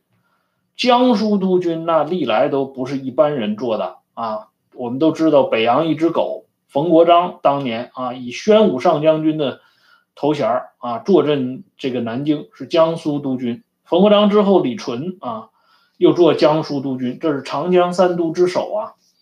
但是他一要做这江苏督军呢，郭松龄的原来的这个啊安徽督军呢就成了泡影了，因为这个。安徽督军原来是这个张作霖答应张学良安排给郭松龄的啊，可是呢，这个因为杨雨婷要当江苏督军，江登选当不成江苏督军了，江登选就去当这安徽督军，弄了半天这郭松龄什么也没捞到啊，而且这个江登选是郭松龄最恨的啊，我们之前不是讲过那个江登选掉过一一句戏词儿嘛啊，这个郭呢。之前还派他的部下彭振国到蚌埠去这个布置接任的事宜，哪知道彭振国的人马刚到呢，北京就来了命令，改派江登选任安徽督军，郭松龄回防。郭松龄啊，更生气的是什么呢？是江登选一上任，把之前郭松龄的人事安排全给推翻了，而且呢，还听江登选说过这样一句话啊，就是说打烂了也不怕。啊，有老帅兜着，这个话呢，据说是杨雨婷说的，但是事后了解呢，杨雨婷没有说过这样话，就等于说是误传。郭松龄走前呢，放下一句狠话，他说：“杨林葛是成事不足，败事有余，他要不把江苏当礼送啊，我就大头朝下爬回奉天去。”这个郭松龄这话说的很准，说明郭松龄看杨雨婷看的是很准确的，因为这个对手之间往往是这个互相了解的入木三分啊。事实上呢，江登选当时也认为杨雨婷搞这个江苏督军是不行的啊。他曾经对这个何柱国呀说过，他说江南的情形很复杂啊，林林葛呢手腕不够灵活，而气焰太高，应付不了江南的局面。这清朝啊，很看重江苏啊，这这这个全省，他设立两个布政司，一个呢是驻这个江宁啊，就是南京；一个呢是驻苏州啊，所以叫江苏布政使，还有叫江宁布政司布政使，类似于今天啊一个省，他设两个常务副省长啊，这是说明这个省是很重要的啊。何柱国呢也赞同江登选的这个看法。认为杨雨婷没有这个本领。郭松龄和杨雨婷的话音呢落地没有多久，杨雨婷就在江苏啊丢了个大丑啊。当年呢，杨雨婷被这个张作霖逐出奉系，蜗居在北京的时候呢，赶上徐树铮的老妈去世啊。这个徐海镇守使陈调元为了讨好徐树铮，亲自出面啊料理这个老太太的这个丧葬。事宜，杨雨婷呢是以徐树铮的好友身身份到徐州去吊孝，但是陈调元呢认为这杨雨婷已经都给轰回家去了，这陈调元就有点慢待这个杨雨婷。这杨雨婷这个人心胸还是挺狭窄的，他就一下子记住了这个陈调元啊。这回呢，杨雨婷当这个江苏督军，陈调元是军务帮办，等于说是杨雨婷的副手。杨雨婷就想方设法的报复这陈调元。先是呢，陈调元请将自己掌握的军队划入奉系啊序列，这实际上就是说，我就归顺到张老帅门下了啊。这已经是这个陈调元伏低作小的一种表示了。但是呢，杨雨婷用张作霖的名义一口就给否决了。杨雨婷莅临江苏在即呢，陈调元率领大家啊去迎接。军务处拟好的这个电文里边称陈调元为帮办，这个被杨雨婷一笔给勾勾决啊，改成师长啊。杨杨雨婷称这陈调元是师长啊，当时就有人就提醒杨雨婷说陈调元是帮办啊，师长是兼任师长。杨雨婷就大言不惭的说：“你不必管什么帮办不帮办的啊。”等到杨雨婷见了迎候在车站上的陈调元呢。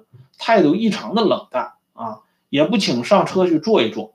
陈调元呢，忍气吞声去见杨雨婷的时候啊，杨雨婷呢又模仿这个张作霖的口气说啊，你们好好干吧啊，气的这陈调元他们出门就骂什么东西啊。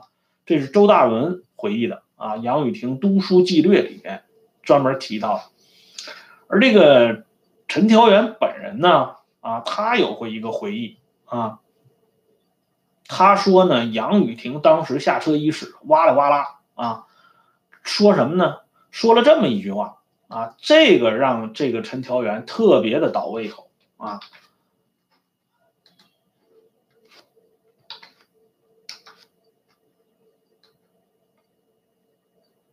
他说江苏弄得太糟了，全不如奉天。我本人并不想来，雨婷硬让我来。杨雨婷啊。管张作霖叫雨婷，这不就是用我们现在的话讲，这不就是人前装吗？你杨雨婷官再大，总参议，你也是张作霖手下的幕僚啊，幕僚长也是幕僚啊。有幕僚管这个主公啊叫字号的吗？啊，说雨婷啊让我来，对吧？你就像陈伯达，他能说是哲东让我来的吗？啊，能说是老毛让我来的吗？他敢这么说吗？所以陈调元一听，心里特别反感啊。而且这个陈调元呢。他本人实际上，他和这个张学良还有一定的交情啊。他后来曾经跟这个胡若愚啊，他说过，他说我在江苏搞的这个事儿啊，对不起汉卿啊，辱没了汉卿跟跟我的交往。嗯，但是呢，我也是没有办法啊，我是被这个杨雨婷逼的啊，被这杨林阁给逼的。可见呢，这个人家陈调元呢。本心来讲啊，实际上是没想难为这个杨雨婷的，是杨雨婷自己做的有点太过分了。所以陈调元这个人呢，他说过这么一句话，他说别人称雨婷还可以，他杨雨婷配叫雨婷吗？啊，他配管这个张作霖叫雨婷吗？啊，这个陈调元呢，早年有个外号叫南京陈傻子啊。为什么说他这个陈傻子呢？这个人啊。装的是憨头憨脑，复性很圆通，这个人在场面上应付的啊非常得了。陈调元在民国时期是有名的琉璃弹啊，就是类似于这个周恩来、陈云这一路的啊，就是特别滑啊，特别会来事儿。你知道这个蒋介石后来借重陈调元啊，都不会直呼陈调元的大名啊，都称之为这个。都用一个尊称来称呼陈调元，啊，你说说这杨雨婷啊，一个外来户就那么难为陈调元，你说这陈调元，他这口气他能咽下去吗？所以后来杨雨婷呢，在这江苏督军的位置上只做了十八天啊，就被陈调元联合孙传芳给赶出了南京城，落荒而逃。陈调元在这个南京拿下来以后呢？将杨雨婷在江苏搜刮的钱财一洗而光啊！仅仅是袁大头啊，就这个大银元就有三十多万元。杨雨婷督苏呢，时间很短，但是留下的影响非常恶劣。江南士绅和民众对奉系的观感差到极点啊！当时呢，就说这个这个东北的军队非常这个愚昧啊，非常这个没有礼貌。啊，非常粗野啊，就是经常是这个，呃，当时有个顺口溜啊，上海人给编排的，说这是这个妈了巴子是护照啊，这个后脑勺子啊，妈了巴子是门票，后脑勺子是护照啊，就说这些奉系的这些人呢，进到上海这种大城市去看戏，他们张嘴就骂这个脏话，然后呢还不买票，呃，对这个。里边的这些工作人员呢，打打骂骂，搞得这个氛围非常紧张啊！所以当时江南啊，驱逐这个呃这个奉系军队，那是从上至下，大家是团结一致啊。可是这个杨雨婷捅了这么大的娄子啊，居然没有受到张作霖的任何处分啊，反倒是坐镇天津的郭松龄呢，再次受到打压。一九二五年秋，奉系预备对冯玉祥开战，编成四个方面军，以张宗昌、李景林、张学良、江登选分任一二三四啊四个方面军的军团长。郭松龄啊，连个副军团长都没捞上，还当他的第十军军长。而且像江登选，本来就是说啊，从安徽上也让人给轰出来了，他结果呢，还在郭松龄之上。这就让这个郭松龄啊异常的震怒啊！他在天津拍桌子叫，他说：“我连楚玉璞都赶不上了。”啊，楚玉璞呢是这个张宗昌那个时候的副手，担任这个第一军团的这个第一方面军的副军团长啊，后来被这个山东另外一个军阀给活埋了啊！这楚玉璞也是个土匪军阀。而逃回奉天的这个杨雨婷呢，非但没有反攻自责啊，反而继续怂恿张作霖耀武江南，要夺回失地。张作霖呢，昏头昏脑的，居然也任命杨雨婷为总参谋长全权负责军事计划。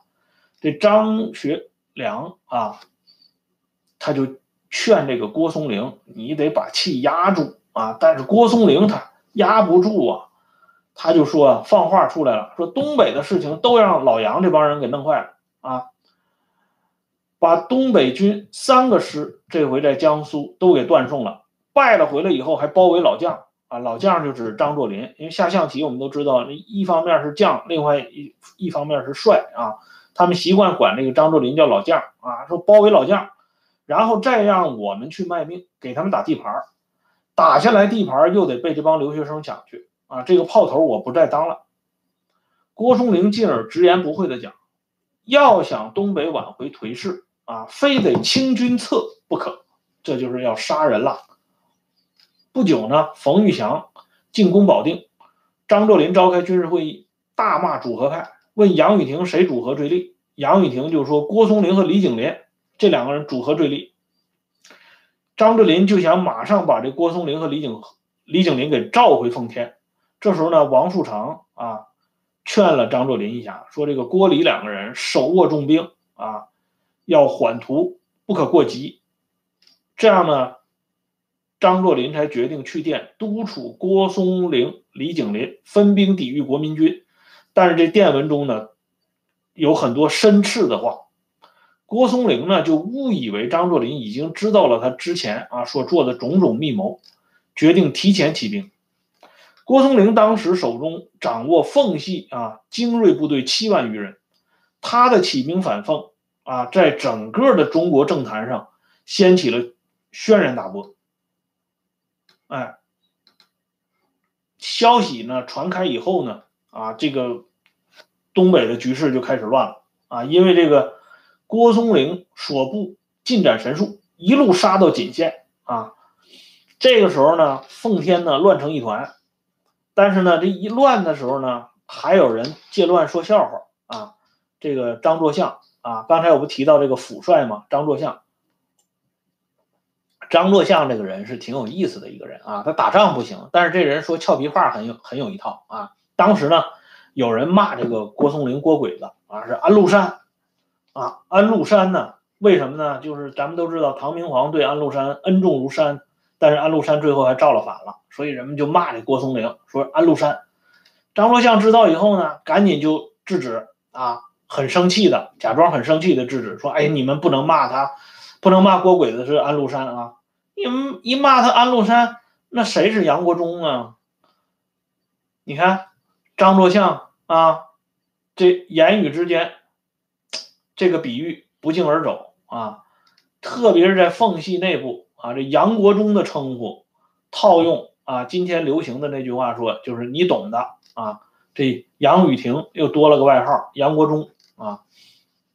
以往呢？这里啊，我们要讲一下，以往我们习惯于将这个郭松龄反奉的这段历史呢，看成是爱国、反对内战，有的呢还将这个他这个高度呢上升到对抗日本人啊。正因为呢这类偏于这个强化政治倾向的声音呢过高，以至于我们忽略了事件中的许多微妙的细节啊。郭松龄反奉到底儿啊，他的这个真相是什么样呢？我们现在要用一个比比较新啊，其实所说的比较新，也就是用一个常识啊来谈一下这个呃郭松龄的反奉。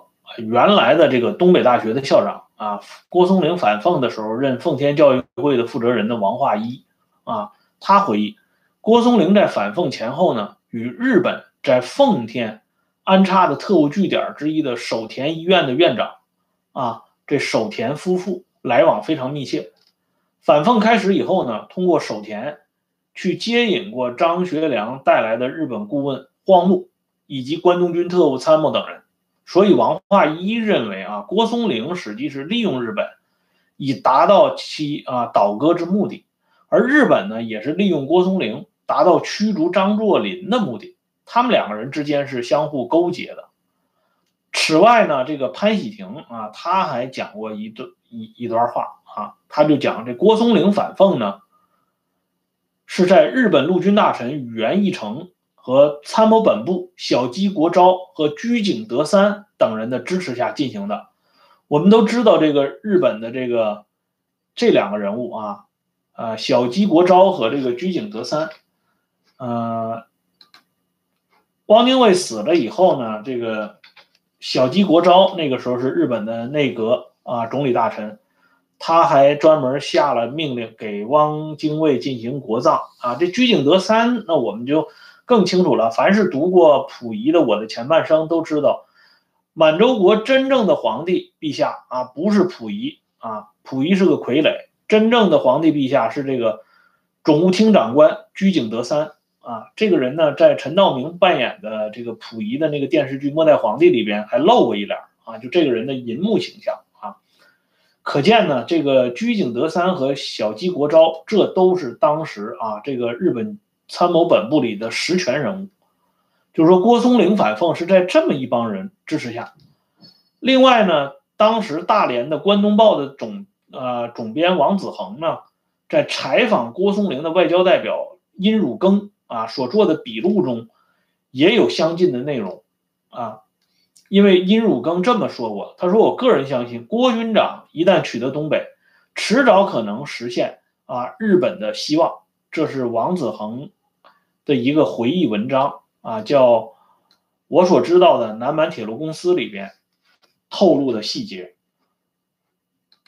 就是说，通过这些这个细节呢，啊，我们就会知道这郭松龄反奉呢，不是那么简单的。而且呢，就在一九二五年十二月二十五号，郭松龄反奉失败之际啊，日本领事来见张作霖，说郭松龄派他的代表殷汝耕到新民日本领事馆要求庇护啊。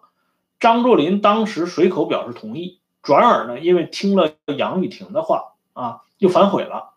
这是这个杨卫云呢，他们留下的啊，关于这个郭松龄倒戈的这个回忆啊。这个出处我给大家列出来，这样呢便于大家对这一段历史呢进行搜索，要不然你不知道他这个说法是哪来的啊。其次呢，一直以来有一种集中的说法是，郭松龄反奉期间呢，日军曾经派这个军队啊化妆成奉军，暗中相助张作霖，在击败郭军啊这个过程当中起到过重要的作用。那么。在对抗郭松龄所部的过程当中，奉张方面就是奉系张作霖方面是否动用了日军？而这些日军到底扮演了什么样的角色？是不是像传统说法那样举足轻重呢？啊，当时有个目击者啊，是东北航空处上尉处员汤国珍的回忆啊。这个汤国珍的回忆呢，他的回忆就是讲，其实。没有那么回事儿啊，这个汤国珍主要是讲这个他在餐车上看到过日本兵五六人，穿戴中国士兵的这个皮袄皮帽，正在吃饭啊，据说是日本炮兵前来帮同瞄准射击的。你看人不多，几个人而已。而另外一个呢，就是担任奉军炮兵是四团啊团副兼这个炮兵司令部参谋长的廖安邦的回忆。这个回忆呢，就是更具有这个真实性啊。他说呢，张作霖的日本顾问荒木贞夫在奉天日本车站找来两百多名日本退伍军人，分给他们一些炮，每门炮呢分发三百发炮弹。廖安邦回忆呢说，这个把这些炮啊拨给日本人使用以后呢，他们不听指挥部的命令，不遵守时间，不分日夜的乱行射击啊，也不选择目标。看见中国人就放炮啊！战事停止以后呢，他们还不停止射击，直到把每门炮的三百发炮弹打完为止。啊，由此可见呢，奉张方面确实搬了救兵，但是呢，这救兵也就是这两百多个退伍的日本军人，而这些日本军人呢，拿到炮以后乱打一气，也很难因此得出是他们的帮忙导致郭松龄反奉失败的这个结论。在迎击这个郭松龄之际呢，啊，张作霖的确同日本人谈了一些条件，取得了日本人的支持，并且口头答应了某些权益。但也正如日本人自己所说的那样，张作霖说话说了不算啊，这是这个另外一个叫阮振铎的啊，他对这个郭松龄反奉期间张作霖和日本的勾结呢，也有过一个具体的回忆啊。有朋友问啊，这个何时讲这个毛泽东让贺龙炮轰这个张国焘？这个下呃下两期就开始讲了啊，哎别着急啊，这个贺龙炮轰张国焘其实还不是重头戏啊，真正的这个李瑞系列谈往下边讲的有一个特别重要的重头戏啊，我先提前跟大家说一下，因为反正也不是什么了不得的事情啊，就是。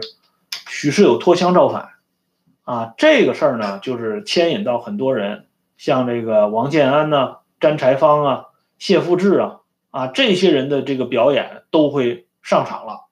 这是当时这个反击张国焘过程当中最激烈的一一件事儿啊，这件事儿值得讲一讲。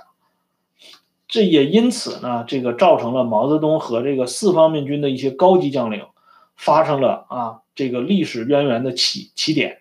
啊，他和许世友之间最后啊有那么一些不平常的交往，都是从这个脱枪造反这件事儿说起来的啊。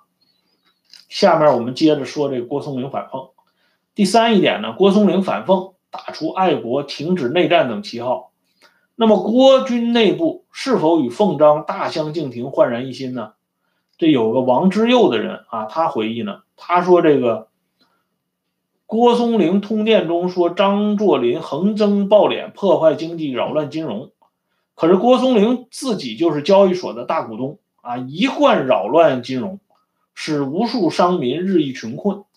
郭松龄说留学生把持要金，而他自己的亲信呢，却正在你争我夺啊，挠挠不休。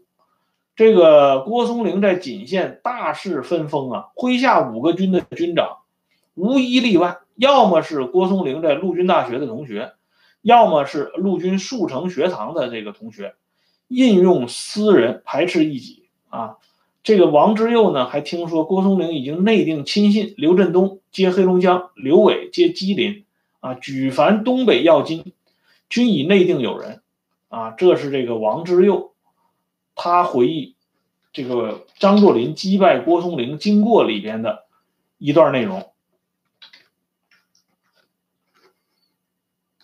从以上这个三条来看呢，郭松龄反奉的正面意义有限啊。以往将其上升为爱国的高度啊，实际上是很夸张的。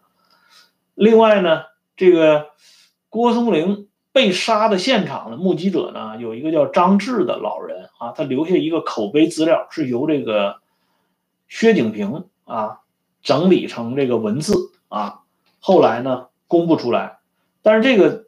这个东西实际上是公开发表的，在这个文史资料选集上。但是凡是提到郭松龄反奉的，不知道为什么啊，都不提这个薛景平当时的这个回忆。呃，是因为什么原因，咱们也不清楚啊。但是这个回忆很有意思啊。这个张志的这个回忆，老头说呢，他说当时他去看热闹啊，他发现这个郭松龄那个时候。已经就是不行了啊！被押到刑场要处决的时候，这个人就已经有点堆了啊！哎，但是他那个老婆啊，比他这个男人刚强啊，死到临头了啊，对他这个男人说什么呢？说你怕什么？如果我们胜了啊，他们不也一样吗？就是说他们不也像我们现在一样吗？啊，就说这个郭松龄的老婆啊，这韩淑秀这个女人。还是很有点这个啊丈夫气概的。郭松龄的这个迅速的失败啊，原因大致有三啊，一个是轻敌麻痹，人马一到锦县大拖大睡，封官许愿，将无斗志；二呢是吴俊升包抄后路；第三个是最关键的，周作华暗中反叛。这三条啊，导致郭松龄迅速落败。作为奉系的智囊杨雨婷。在郭松龄反奉事件中，无疑扮演了十分尴尬和重要的角色。一开始呢，杨雨婷通电辞职，以消解这个郭松龄反奉的口实。等到风头一过呢，他马上又接过张作霖交给他的讨逆军总参谋长的大印，走马上任啊。那上任伊始呢，就马不停蹄地代表张作霖同日本方面达成谅解，取得日方保证不支持郭松龄。其实从这个过程也能看出来啊，日本当时对郭松龄那是一直是在拉的啊。接着呢，他用激将法，杨宇霆用激将法令黑龙江督军吴俊升表态，死保张作霖。啊，当这个郭松龄日暮途穷之际，他又劝阻张作霖不要将其夫妇押解到奉天，免得让张学良啊给要了去，就地将这个郭松龄夫妇处决。这是这个杨雨婷啊，急于杀掉郭松龄，动机非常容易理解啊。这两个人因为作对时间太久了啊，但是呢，应该说杨雨婷。杀掉这个劝阻张作霖杀掉郭松龄，这是一个下下策啊。因为张作霖得知抓到郭松龄的消息后呢，就表示要把他活捉到奉天来，而且还下令呢，就是说把这个郭松龄的这个脚腕根儿给割了啊。当时王化一回忆呢，说是怕郭松龄逃跑，用这个粗铁丝呢穿透这个这个脚脚后跟啊。然后解往这个沈沈阳，啊，当时这个郭松龄死了以后，《大公报》的报道说郭松龄的两个脚呢，啊，都被砍掉了。不管是哪一种说法，就等于说郭松龄在没死之前，这个人其实已经是残废了啊。而且呢，这个韩林春呢还说过，说郭松龄不杀超六，就不杀江登选。郭松龄起兵以后，首先把这江登选给。杀了啊！他说：“郭不杀超六，事情还可以转还。可你无故杀人，总是要偿命的啊！可见呢，即便是把郭松龄送到省城啊，有张学良的帮衬，郭松龄也未必能逃过一死啊！就在郭死后呢，奉系内部还弥漫一种情绪，就是说出了这么大的事儿，总要杀几条人命才能过关。”包括张作霖自己啊，都不得不上演一幕那个辕门斩子的闹剧，就是假装说要把张学良军法重施，然后大家呢，就是吴俊升这些人都劝他啊，说这个现在离不开汉卿，怎么怎么怎么地啊。最后张作霖呢一看有台阶，自己就下了，这是一个闹剧。但是这个闹剧为什么演呢？就像那个刘备摔孩子似的，他是为了取悦众人啊，就是说那个时候连张学良自己。啊，都要被张作霖压到这个牌桌上，那何况郭松龄呢？啊，从这个角度上讲，杨雨婷劝这个张作霖力杀郭松龄是一部臭棋啊，就等于说把矛盾的焦点，至少是把郭松龄这个余部这些人的仇恨的焦点集中到他自己的头上来了啊。郭松龄的部下后来担任这个奉天省警务处处长高基义的这些人啊，对杨玉婷啊恨之欲死。啊，郭松龄的这个侄子郭宏志，也就是后来过继给郭松龄当儿子，因为郭松龄没有后代，把他的这个这个弟弟的孩子啊过继给他。郭宏志呢，九岁啊，九岁的时候，就是一九二九年一月十九，呃，一月十一号清晨，当时呢是张学良刚杀完杨雨婷的第二天早晨啊，天还没有亮。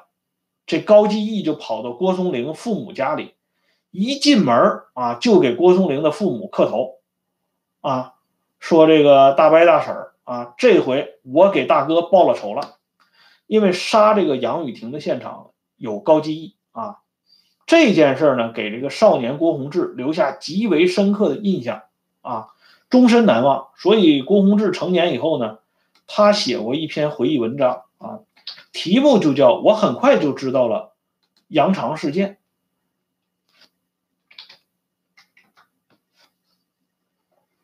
就是这么一个事儿啊。虽然历史呢不容假设，但是郭松龄呢设若不杀江登选，反奉进城，或许还有分教啊。杨雨婷不禁言杀郭松龄，其个人下场究竟如何也很难说。在这场内讧当中。啊，没有一个人是胜利者，奉系军阀自身也由此走上末路，其主要头目张作霖、吴俊升、杨雨婷等人在稍后的几年中相继殒命啊，绝非偶然。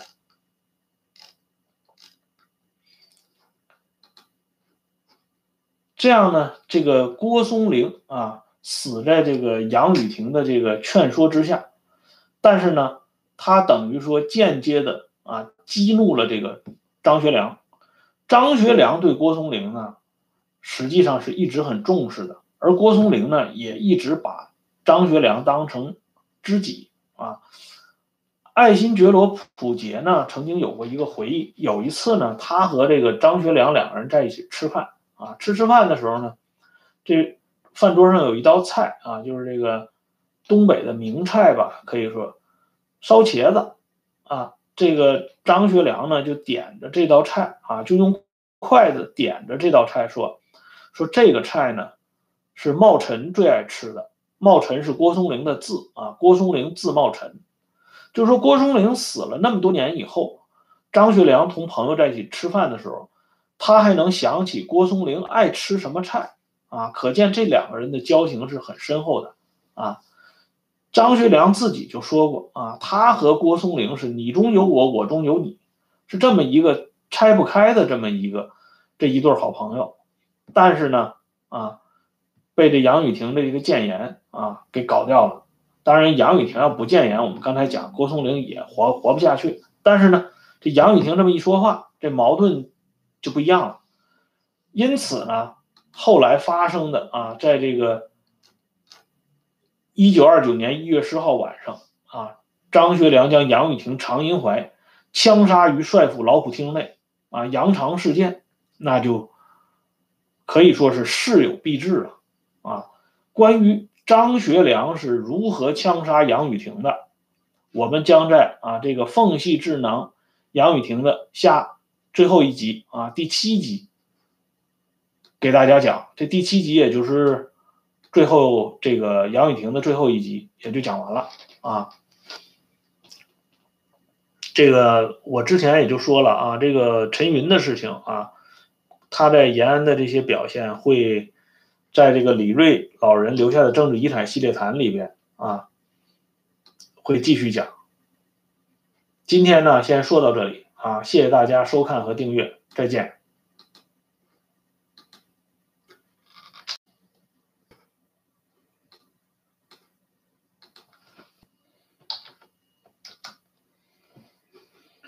今天呢，我们把这个奉系军阀智囊杨雨婷这个话题呢结束啊，就是讲他的最后一集，张学良枪杀杨雨婷。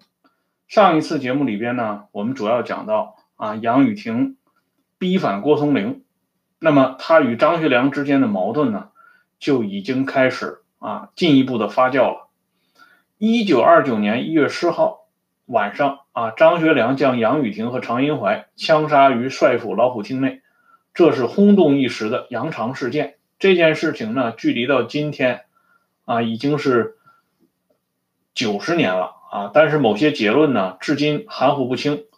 因为张学良顶着一顶啊官方赠予的千古功臣的帽子，那么呢，很自然就容易让人把他的对手划入到千古罪人的行列。所谓千秋功罪啊，其评判的标准只能以事实为依据，而不是啊站在某一个政治立场上来。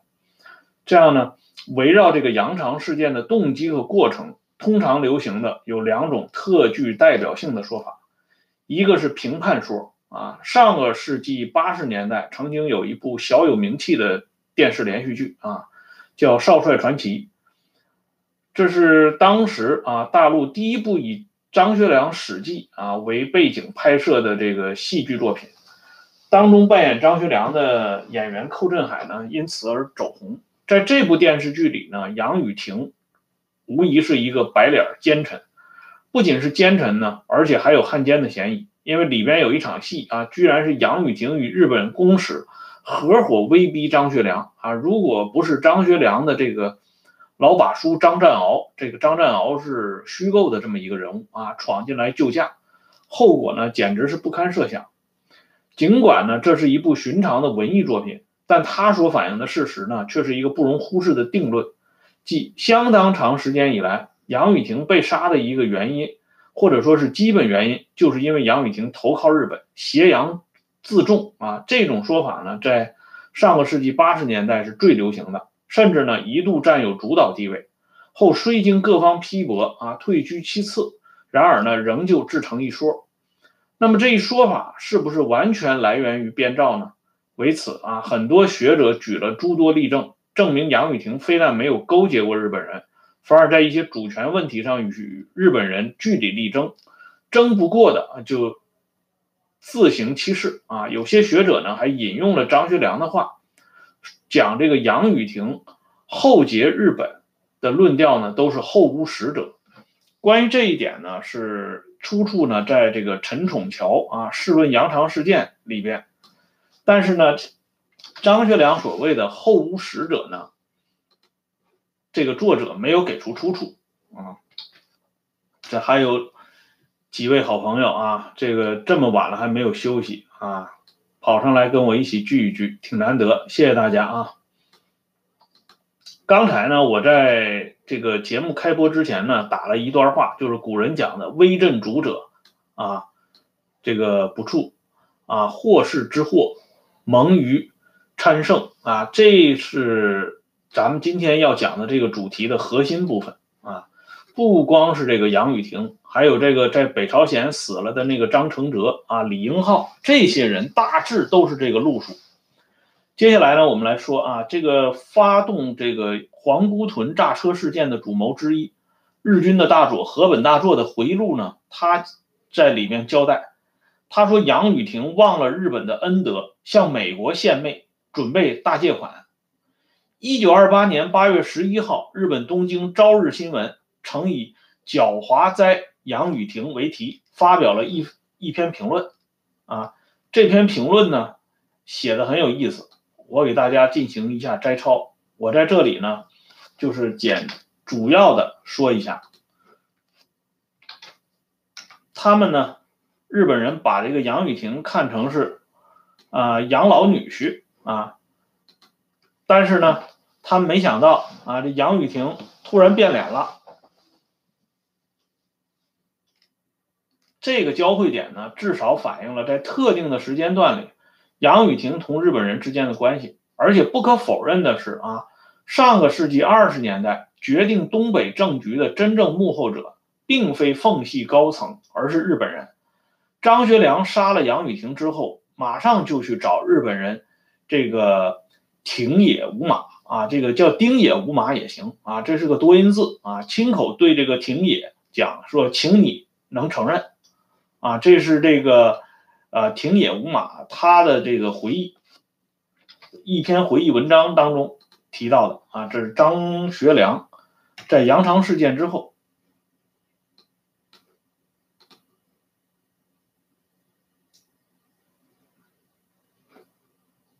提到的啊，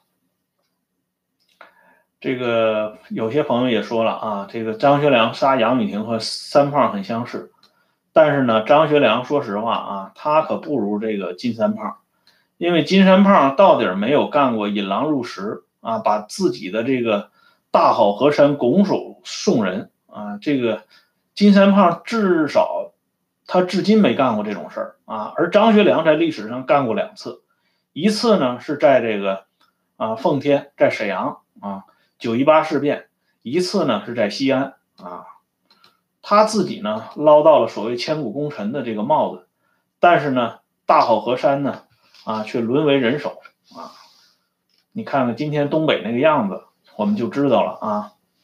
关于杨雨婷是否后结日本人，原这个辽宁省副省长宁武啊这个老人呢生前有一个特殊的回忆。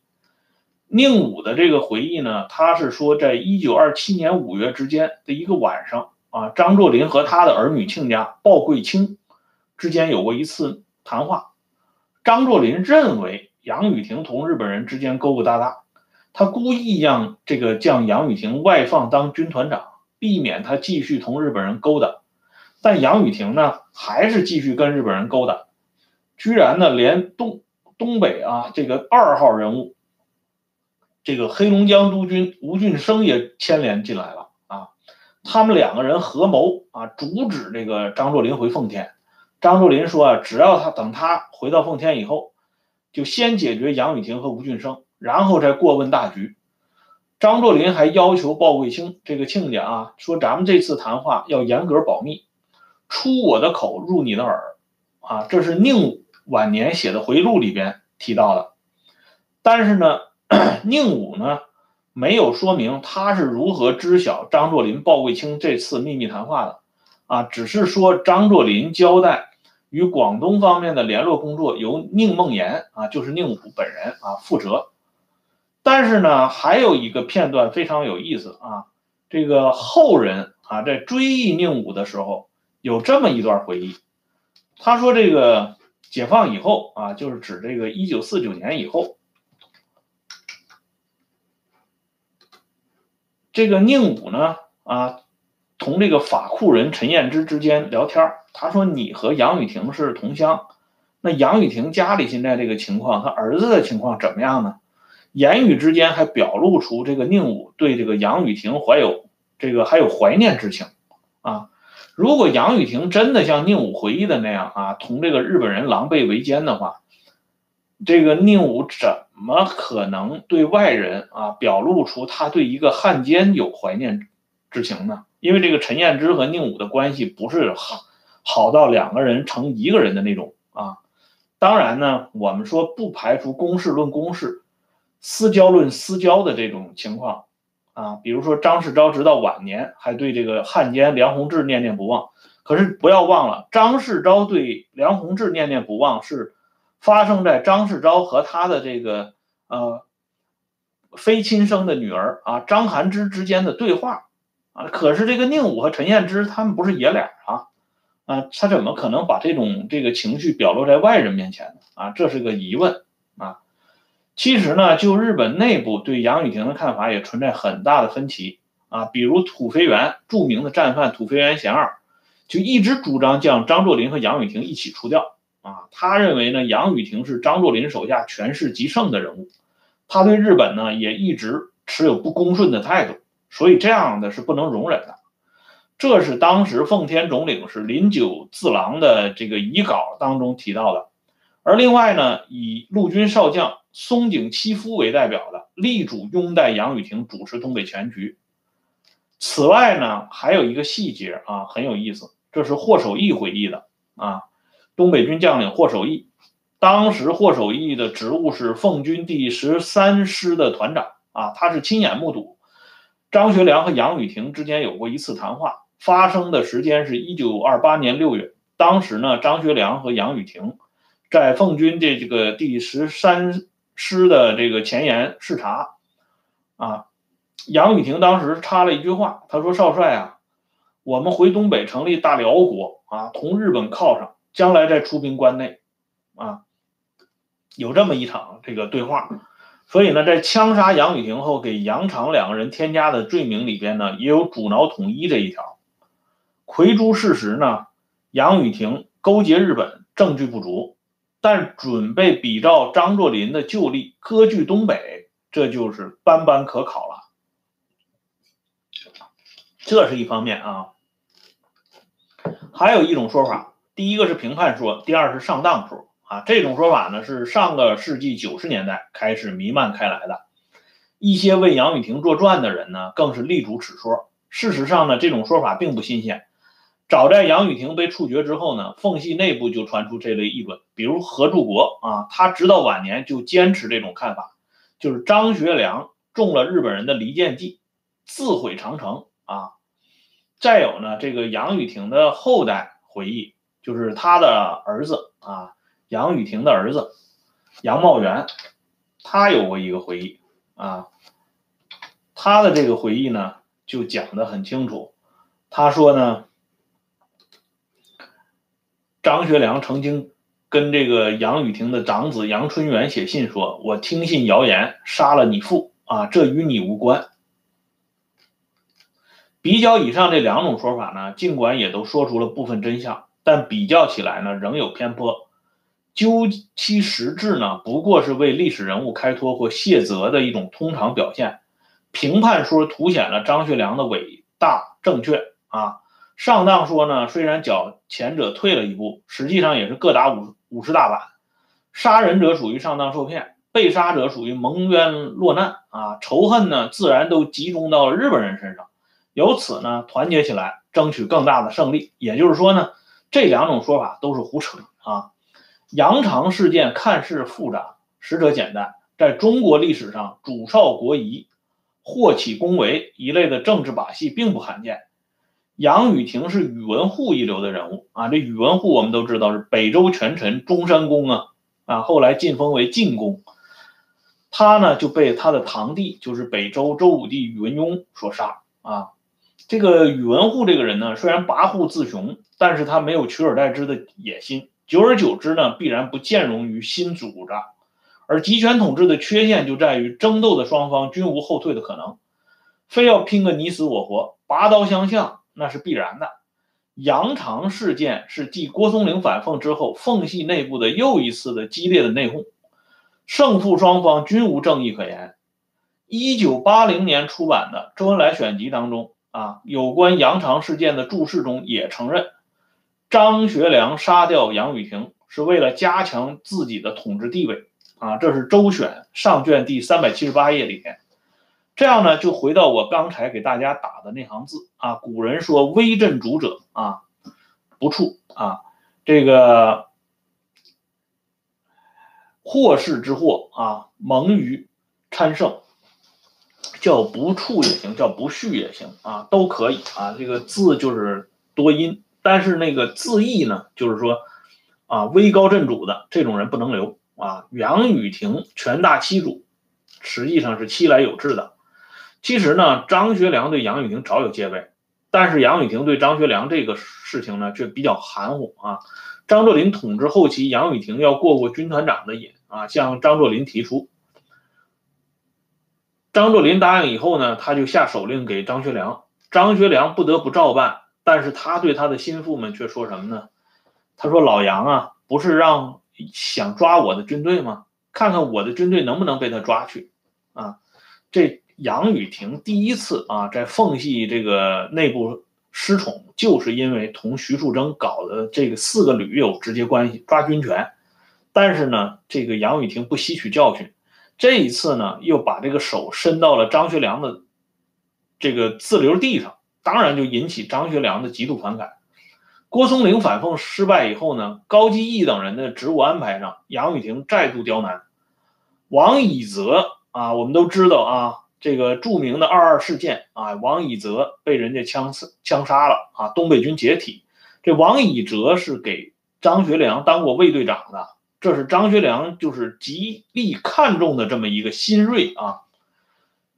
可是呢，这个人却不兼容于杨雨婷，啊，所以你想想，高继义、王以泽啊、鲍文岳、刘明九这些人反复的在张学良身边把这些消息传递给张学良，那张学良对这个杨雨婷的这个这个憾恨有多深，就可想而知了啊。刘明九后来晚年回忆，他说这个张学良很早就给他们去了信了，就说你们要把这个杨雨婷给我看住。啊，不能有任何疏漏。另外呢，有两件小事儿啊，特别能说明张学良对杨雨婷的猜忌。有一次呢，张学良到杨雨婷的公馆啊，就那小河沿的那个公馆做客，仆人呢送上西瓜，张学良咬了一口呢，就说苦，就吐了，没吃啊。再一个呢，就是这个杨雨婷的儿子啊，杨茂元的回忆。他说呢，当时给杨雨婷的老爹祝寿的时候，张学良亲临啊杨公馆，但是不进院子，就在外边呢，同这个杨雨婷的副官高凤岐聊了一会儿。这杨茂元后来回忆，他说呢，实际上这个时候张学良对这个他的老爹杨雨婷已经起了戒心了。张作霖在的时候呢，因为有老张这堵墙啊挡在那里，张学良和杨雨婷的矛盾呢隔了一层。一旦这个老张死了以后啊，两个人之间的距离就进一步的拉近了，矛盾呢就日趋白热化。而此时呢，这个杨雨婷啊，非但没有收敛的迹象，反而他还拉上这个常荫槐啊，这两个人一起跟这个张作霖作对啊，可想而知啊，这即将面对的这个。杨雨婷的是什么啊？杨雨婷不仅在政治上啊，这个越俎代庖啊，连生活上的一些细故呢都不肯相让。张学良啊，不管这个人能力如何，但是当时的那个历史背景下，决定了他是继张作霖之后的东三省的最高啊军政当局。但是呢，杨雨婷称呼张学良多半都是以调侃的口吻啊，比如他叫张学良叫司令官，你就正常叫司令官，他非得加个儿化音啊，司令官啊，这个实际上就是不是那么正规，或者呢？他就叫张学良，叫小伙儿啊，这小伙儿实际上咱们平辈儿之间聊聊天儿啊，说小伙儿，这个好像还说得过去。你管你的上级叫小伙，这明显这是不拿人家当回事儿。更有甚者啊，有一次呢，张学良在外间睡在这个沙发上啊，这个来了人跟杨雨婷见面，这个外人不认识张学良啊。就指着这个躺在沙发上睡睡觉的张学良，就问杨雨婷，小声的问啊，怕吵醒张学良，说这人是谁？杨雨婷头都不回，就上楼领着这个外人上楼，然后头也不回就说了一句啊，他是阿斗。你看见没有？杨雨婷就是这么慢待张学良的。而当时这个张学良呢，他没有睡着，他完全把这个事情听到了耳朵里。这个呢，我给大家一个出处啊，大家可以去找一下。这个事情呢，听着好像像这个演绎似的，实际上呢，这是确有其其事啊。这是张倩写的这个记张学良杀杨雨婷始末，就说这些小事儿呢啊，这个一点一滴，慢慢的积累起来，从量变到质变。而这个常荫槐呢，也藐视啊张学良。张学良有个小名叫小六子啊，这咱们都知道是怎么来的。为了让这个张学良能够顺顺利利的活下来，啊，张作霖比较迷信啊，搞了这么一个小小把戏啊，最后呢，这个他的小名就从这儿来的啊。但是这个小六子啊，你比如说张作霖。啊，叫这个张学良小六子，吴俊升叫他小六子，甚至啊，比张作霖、吴俊升矮一点的张作相啊，叫这个张学良小六子，这张学良还都能接受，因为毕竟是父一辈的。常荫槐啊，你想想，你也就是张作霖手下的军法执行处处长啊，啊，起家也就是在这儿啊，啊，最后当到黑龙江省省长，你是张家父子手下的奴仆啊。他居然管张学良叫六爷啊！这种戏称在东北官场上是绝无仅有啊！而且评述里办理公务呢，杨雨婷嘴里啊，类似于什么“你不懂，我替你来张罗”这类话呢，脱口而出啊，动不动就说出来，令这个张学良倍感愤懑啊！以至于有一次，张学良实在是忍不住了，对这个杨雨婷说：“啊，老杨，还是你来干吧！啊，我不行啊！”这张学良实际上是半认真半半开玩笑的这么讲，可是杨雨婷呢，把这话当时就接过来了，说现在我我还那个我替你张罗啊，现在我替你张罗，以后的事情以后再说吧。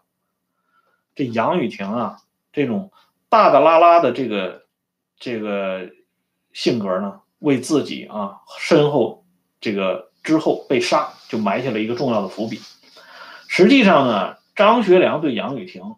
这么说吧，这个也是感念啊。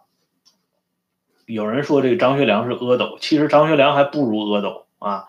刘禅这个人最后为了免于啊这个益州呃这个百姓啊这个荼毒于这个避免他们被荼毒于这个冰火之中啊，主动把大权交出来。你说他是窝囊也好，说他是怯懦也好，毕竟呢。他是完完整整的把这块土地啊给封存好了，大家呢没有遭到额外的这个灾难。可是张学良最后干的是什么事儿呢？啊，他干的这个事儿，呃，不说罄竹难书，实际上也差不多啊。他把生养他的这个啊东北大好河山，随随便便的就送给外人了，这简直是狗志不如啊啊！张学良呢，当初给杨雨婷也设计过后路，一个是外放啊，让他到黑龙江去当一把手，相当于呢当年的吴俊升。还有一个呢，就请这个杨雨婷出国啊，费用呢都用公款，这是奉系的老规矩啊。对待尾大不掉或者暂时失宠的高层人物，都是如此安排。比如张景惠、袁金凯等等。但是呢，杨雨婷就不同意。从公的这个角度呢，拉拢不过来。张学良就从私的角度做工作，他让于凤至，让自己的老婆于凤至去跟杨雨婷的太太呢，就是姨太太结成金兰姐妹，结果让这个杨雨婷给挡回来了。杨雨婷说：“这个不行啊，辈分不对啊。”杨雨婷的说法呢，实际上如果从当时从年龄来说哈，并不算错啊，因为杨雨婷年长张学良十十五岁啊。在那个时候的背景下，实际上是两代人，而且呢，张学良啊还曾准备与段祺瑞的儿子段宏业啊，我们说过这段宏业很不成气候啊，他准备同段祺瑞的儿子段宏业结拜为兄弟，可是段祺瑞知道以后呢，也是用这个辈分不合给拒绝了，因为在段祺瑞看来啊，段祺瑞是张作霖的啊老师的这一辈儿啊啊。你张学良某种意义上讲，在段祺瑞看来你是孙子辈儿的啊，你孙子辈儿的跟我儿子结拜成兄弟，那这不是乱了套了吗？但实际上用年龄来说呢，段祺瑞只比张作霖大十岁啊，而且呢，咱们都知道蒋介石年长张学良十二岁，但仍然跟张学良论这个兄弟行啊。于凤至另拜这个宋美龄的生母为干妈。这不就说明这于凤至跟宋美龄这属于姐妹关系吗？啊，本来呢这些事儿都是小事儿啊，但在特殊的条件下呢，杨雨婷的这种俊举啊，给张学良一个感觉，就是杨雨婷要一条道走到黑了，既不能令也不受命啊。张扬的矛盾累积多日，但是爆发的转折点应该是祝寿风波。这祝寿。是关键点，祝寿呢是发生在一九二九年一月七号，也就是在杨雨婷被杀的前三天啊。这个时候呢，杨雨婷的老爹过七十五岁大寿。这杨雨婷的老爹呢，在铁岭法库那一片呢，名声不太好啊。有人给他起个外号叫“杨二脚干”，啊，就说这个人特别能够刮地皮。但是这个人过七十五岁大寿，他儿子啊这么显赫，所以呢，很多人就一直在张罗啊，要给老头子好好过这生日。杨雨婷的这个好朋友叫李有兰啊，他是出于好心，他看到这个杨家现在已经太招摇了啊，如果这个时候给老头子办这个七十五岁大寿，那只能啊更加张扬，所以呢，他就提议。说不行啊，把这老爷子弄回法库啊，在法库办，法库办的再大啊，奉天城不知道啊，哎，沈阳这边他他他听不到看不到，你如果就在沈阳城内办，那少帅那边肯定知道啊，这个情况就就复杂了。但是杨雨婷不同意，杨雨婷说必须就在沈阳沈阳市啊，沈阳城内办啊。那时候还不叫沈阳市啊，这祝寿当天呢，杨公馆大事操办啊，轰动整个这奉天城。张学良当然要亲亲临现场了，他不仅自己去了，还带了夫人于凤至啊。本来呢，张学良是东三省的头号人物了，已经接班了，理应受到超规格接待，结果呢，却遭到冷遇啊。当有人高喊说“总司令驾到”。居然没有什么人啊，为张学良夫妇起立。而等一会儿呢，这杨雨婷从楼上下来了啊，说总参议到，除了张学良啊以外，全体起立迎候杨雨婷。这时候呢，这个东北啊有个这个小军阀叫邢世廉啊，这个人呢，他的这个在上海期间啊。是最招上海人恨的啊！这个邢世廉这个人，后来也是做了汉奸了。这邢世廉在上海，上海人最恨这个邢世廉啊，把他这个邢字啊，这个他姓邢是耳刀的，那那边是耳刀的啊，给改成那个呃这个邢使，呃刑警的刑啊，就说这个人要要上刑啊，就最恨这个刑事连啊。有一些老的上海人，我上个世纪上大学的时候，九四年啊，在上海的时候，听到一些上海的老人说起这个刑事连，那还咬牙切齿的大骂呢啊，说这个家伙是最不是东西的啊。这刑事连在现场为我们保留了一个第一手的啊这个目击材料，他亲眼看到张学良脸往下一沉啊，面色非常难看。所以三天以后，老虎厅的枪声就响了。张学良之杀杨雨婷啊，外界因素很多，如日本方面的、南京方面的等等等等，不一而足。但内因是最重要的。在众多的内因中，祝寿风波无疑是导火索。在枪杀杨雨婷的过程当中呢，有一个关键人物常常被我们忽视，这就是张学良的原配于凤至。于凤至的侄子于兆莹啊，他晚年有过一个回忆，叫《我的姑母于凤至二三事》啊。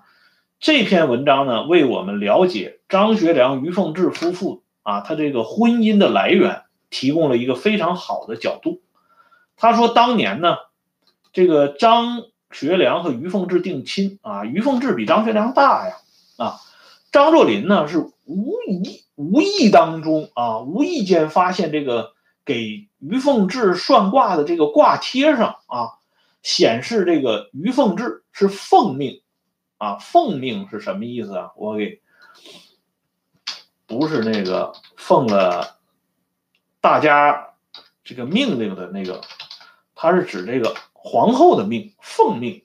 偏偏这于凤至啊，名字当中还有一个凤字啊，所以呢，这个张作霖啊，他认为奉命千金，正好对我这个儿子张汉卿，他是将门帅门虎子啊，这都是要当帝王的，所以对这个奉命那是很看重的。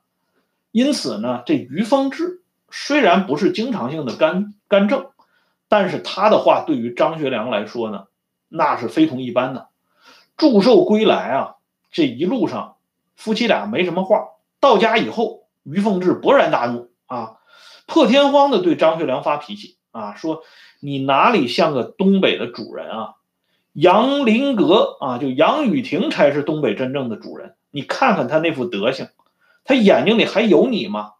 哎，就这于凤至这一句话啊，在处决杨雨婷之后，于凤至曾经同人专门讲过，他说这个事儿是逼出来的。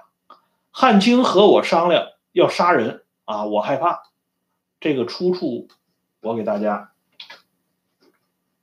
列一下啊，这是发表在这个近代史研究上的一篇文章，从于凤至。的这个回顾就能看出来，是张学良和他商量要杀这个啊杨玉婷，所以一九六八年呢，张学良在台湾对人说杨长事件的时候，啊，他呢不知出于什么样的原因，他否认同别人商量过啊，甚至否认王家珍的那个回忆一块银元的故事啊，最后就是用这个袁大头来决定是字面还是人面。啊，一九六八年，张学良否认，而张学良的这个否认，恰恰从另一个方面证实了于凤至一定是参与这个帷幄之谋的。啊，历史上呢，张作霖、郭雨、郭松龄、杨雨婷都同日本人啊有过多方的交集，有的还曾经互相利用。但要说他们把东北主权拱手相让，这些人是不甘心的啊。从这个角度上说。张作霖、郭松龄、杨雨婷是日本鲸吞东北的三道防火墙，杨雨婷一死啊，这最后一道墙也就垮了。针对杨雨婷的死啊，日本人有两个评价，非常值得耐人寻味啊。我把这两个评价给大家发上来啊，大家可以看一下啊。一个是这个顾问啊，庭野无马说的。杨雨婷死的真是可怜啊！另外是田中的评价，他说张学良是土匪张作霖的儿子，啊，胆大手黑，啊，这么一个评论。这样呢，在祝寿之后的三天啊，一九二九年一月十号傍晚，啊，张学良以这个迅雷不及掩耳之势，将这个杨雨婷、常荫槐给击毙了啊，当场处决。这两个人死的也是很惨啊，到死前都不知道啊，怎么会突然是这样的啊？这个这么一个结局啊。实际上呢，我们看了一下啊，这个张学良这一死一生啊，其实没干什么正经事儿啊，就是发动了两场政变，一个是在这个奉天城里头杀了杨雨婷，一个是在西安城里抓了蒋介石啊。他干的这两件事儿。啊，咱们先说这后果啊。第一个后果是让日本人啊得手，在九一八事变当中迅速得手。假如啊，历史实际上是不能假设的，但是呢，如果杨雨婷在的话，这个情况不见得啊，最后能是恶化到那个程度啊。谢谢这位朋友啊，这是在巴西的啊，谢谢谢你啊，哎，这个。日本人如果不进来的话，我们都知道啊，民国有所谓“黄金十年”一说啊。当时呢，这个中国的这种呃现代化建设呢啊，虽然步履蹒跚啊，步履维艰，但是还是在一点一点的走啊。至少呢啊，这个情况不像后来的啊那么麻烦。日本人突如其来啊，杀了进来以后呢，把整整个中国的局面给搞乱了。啊，因为原来呢只是国内的这种啊这个矛盾啊，就是国共之间的相争。实际上呢，这个天平不是倾向于共产党的啊，因为大家心目中的正统还是国民政府。可是日本人进来以后呢，他有一个民族救亡活动啊，这样呢就一下子被共产党把这个主动权给抓了过来。接下来的这个更糟糕的这个所谓的西安事变，就是我们常说的双十二事变啊。由于张学良啊，在这个陕北这块地方啊，名义上是剿共，实际上是通共啊。他呢，亲手啊喂养大了这个共产党。在这个发动西安事变之前，他跟中共之间已经暗通款曲了。这里呢，我就想说一下张学良的这个。后来他被弄到台湾以后呢，他的这些亲朋故旧，受到这个中共当局啊无微不至的照拂，特别以周恩来啊为最。周恩来就是念念不忘张学良的这点好处啊，几乎是逢人便说。张学良的保姆的儿子啊，这个这个参军的话啊，周恩来亲自打了招呼，按照营级待遇啊给分配工作。可想而知啊，这个张学良和这个周恩来当年在一起的时候，两个人是多么的对脾气。而这个政治人物之间对脾气，个人的这个这个品行啊，个人的爱好还在其次，关键是政治诉求、政治利益要达成高度的这个一致啊。所以，这个周恩来对这个张学良的好，那不是没有来由的。就像毛经常讲的，没有无缘无故的爱，也没有无缘无故的恨，啊。而这个双十二事变发生以后，啊，他对中国后几十年历史的改写是显而易见的，啊。所以，张学良起的作用是什么？石敬瑭、吴三桂啊，都起不到的作用，啊。这张学良起的作用，大抵跟这个王立军起的作用差不多，啊，还有一个呢，就是，呃，张学良这个人啊，为什么他在这个呃杨长事件中得胜啊？为什么在这个双十二事变中他再一次的啊胜出？实际上呢，我们从这个杨雨婷、蒋介石这两个人，我们看都能看出来，这两个人无论是资历、能力、水平、眼光啊，都要强出这个这个张学良若干倍啊。但是为什么他们都败在张学良手下了呢？实际上这里就反映出一个啊更直接的现实，就这两个人根本就没看得上这张学良，觉得这家伙就是草包一样的人物啊，这个。蒋介石说的就更清楚了。蒋介石说他视张学良为子侄啊啊，拿他当儿子和侄子看待，啊，子侄啊啊，我给写一下啊，不用写了这个啊，大伙儿也能听清楚啊。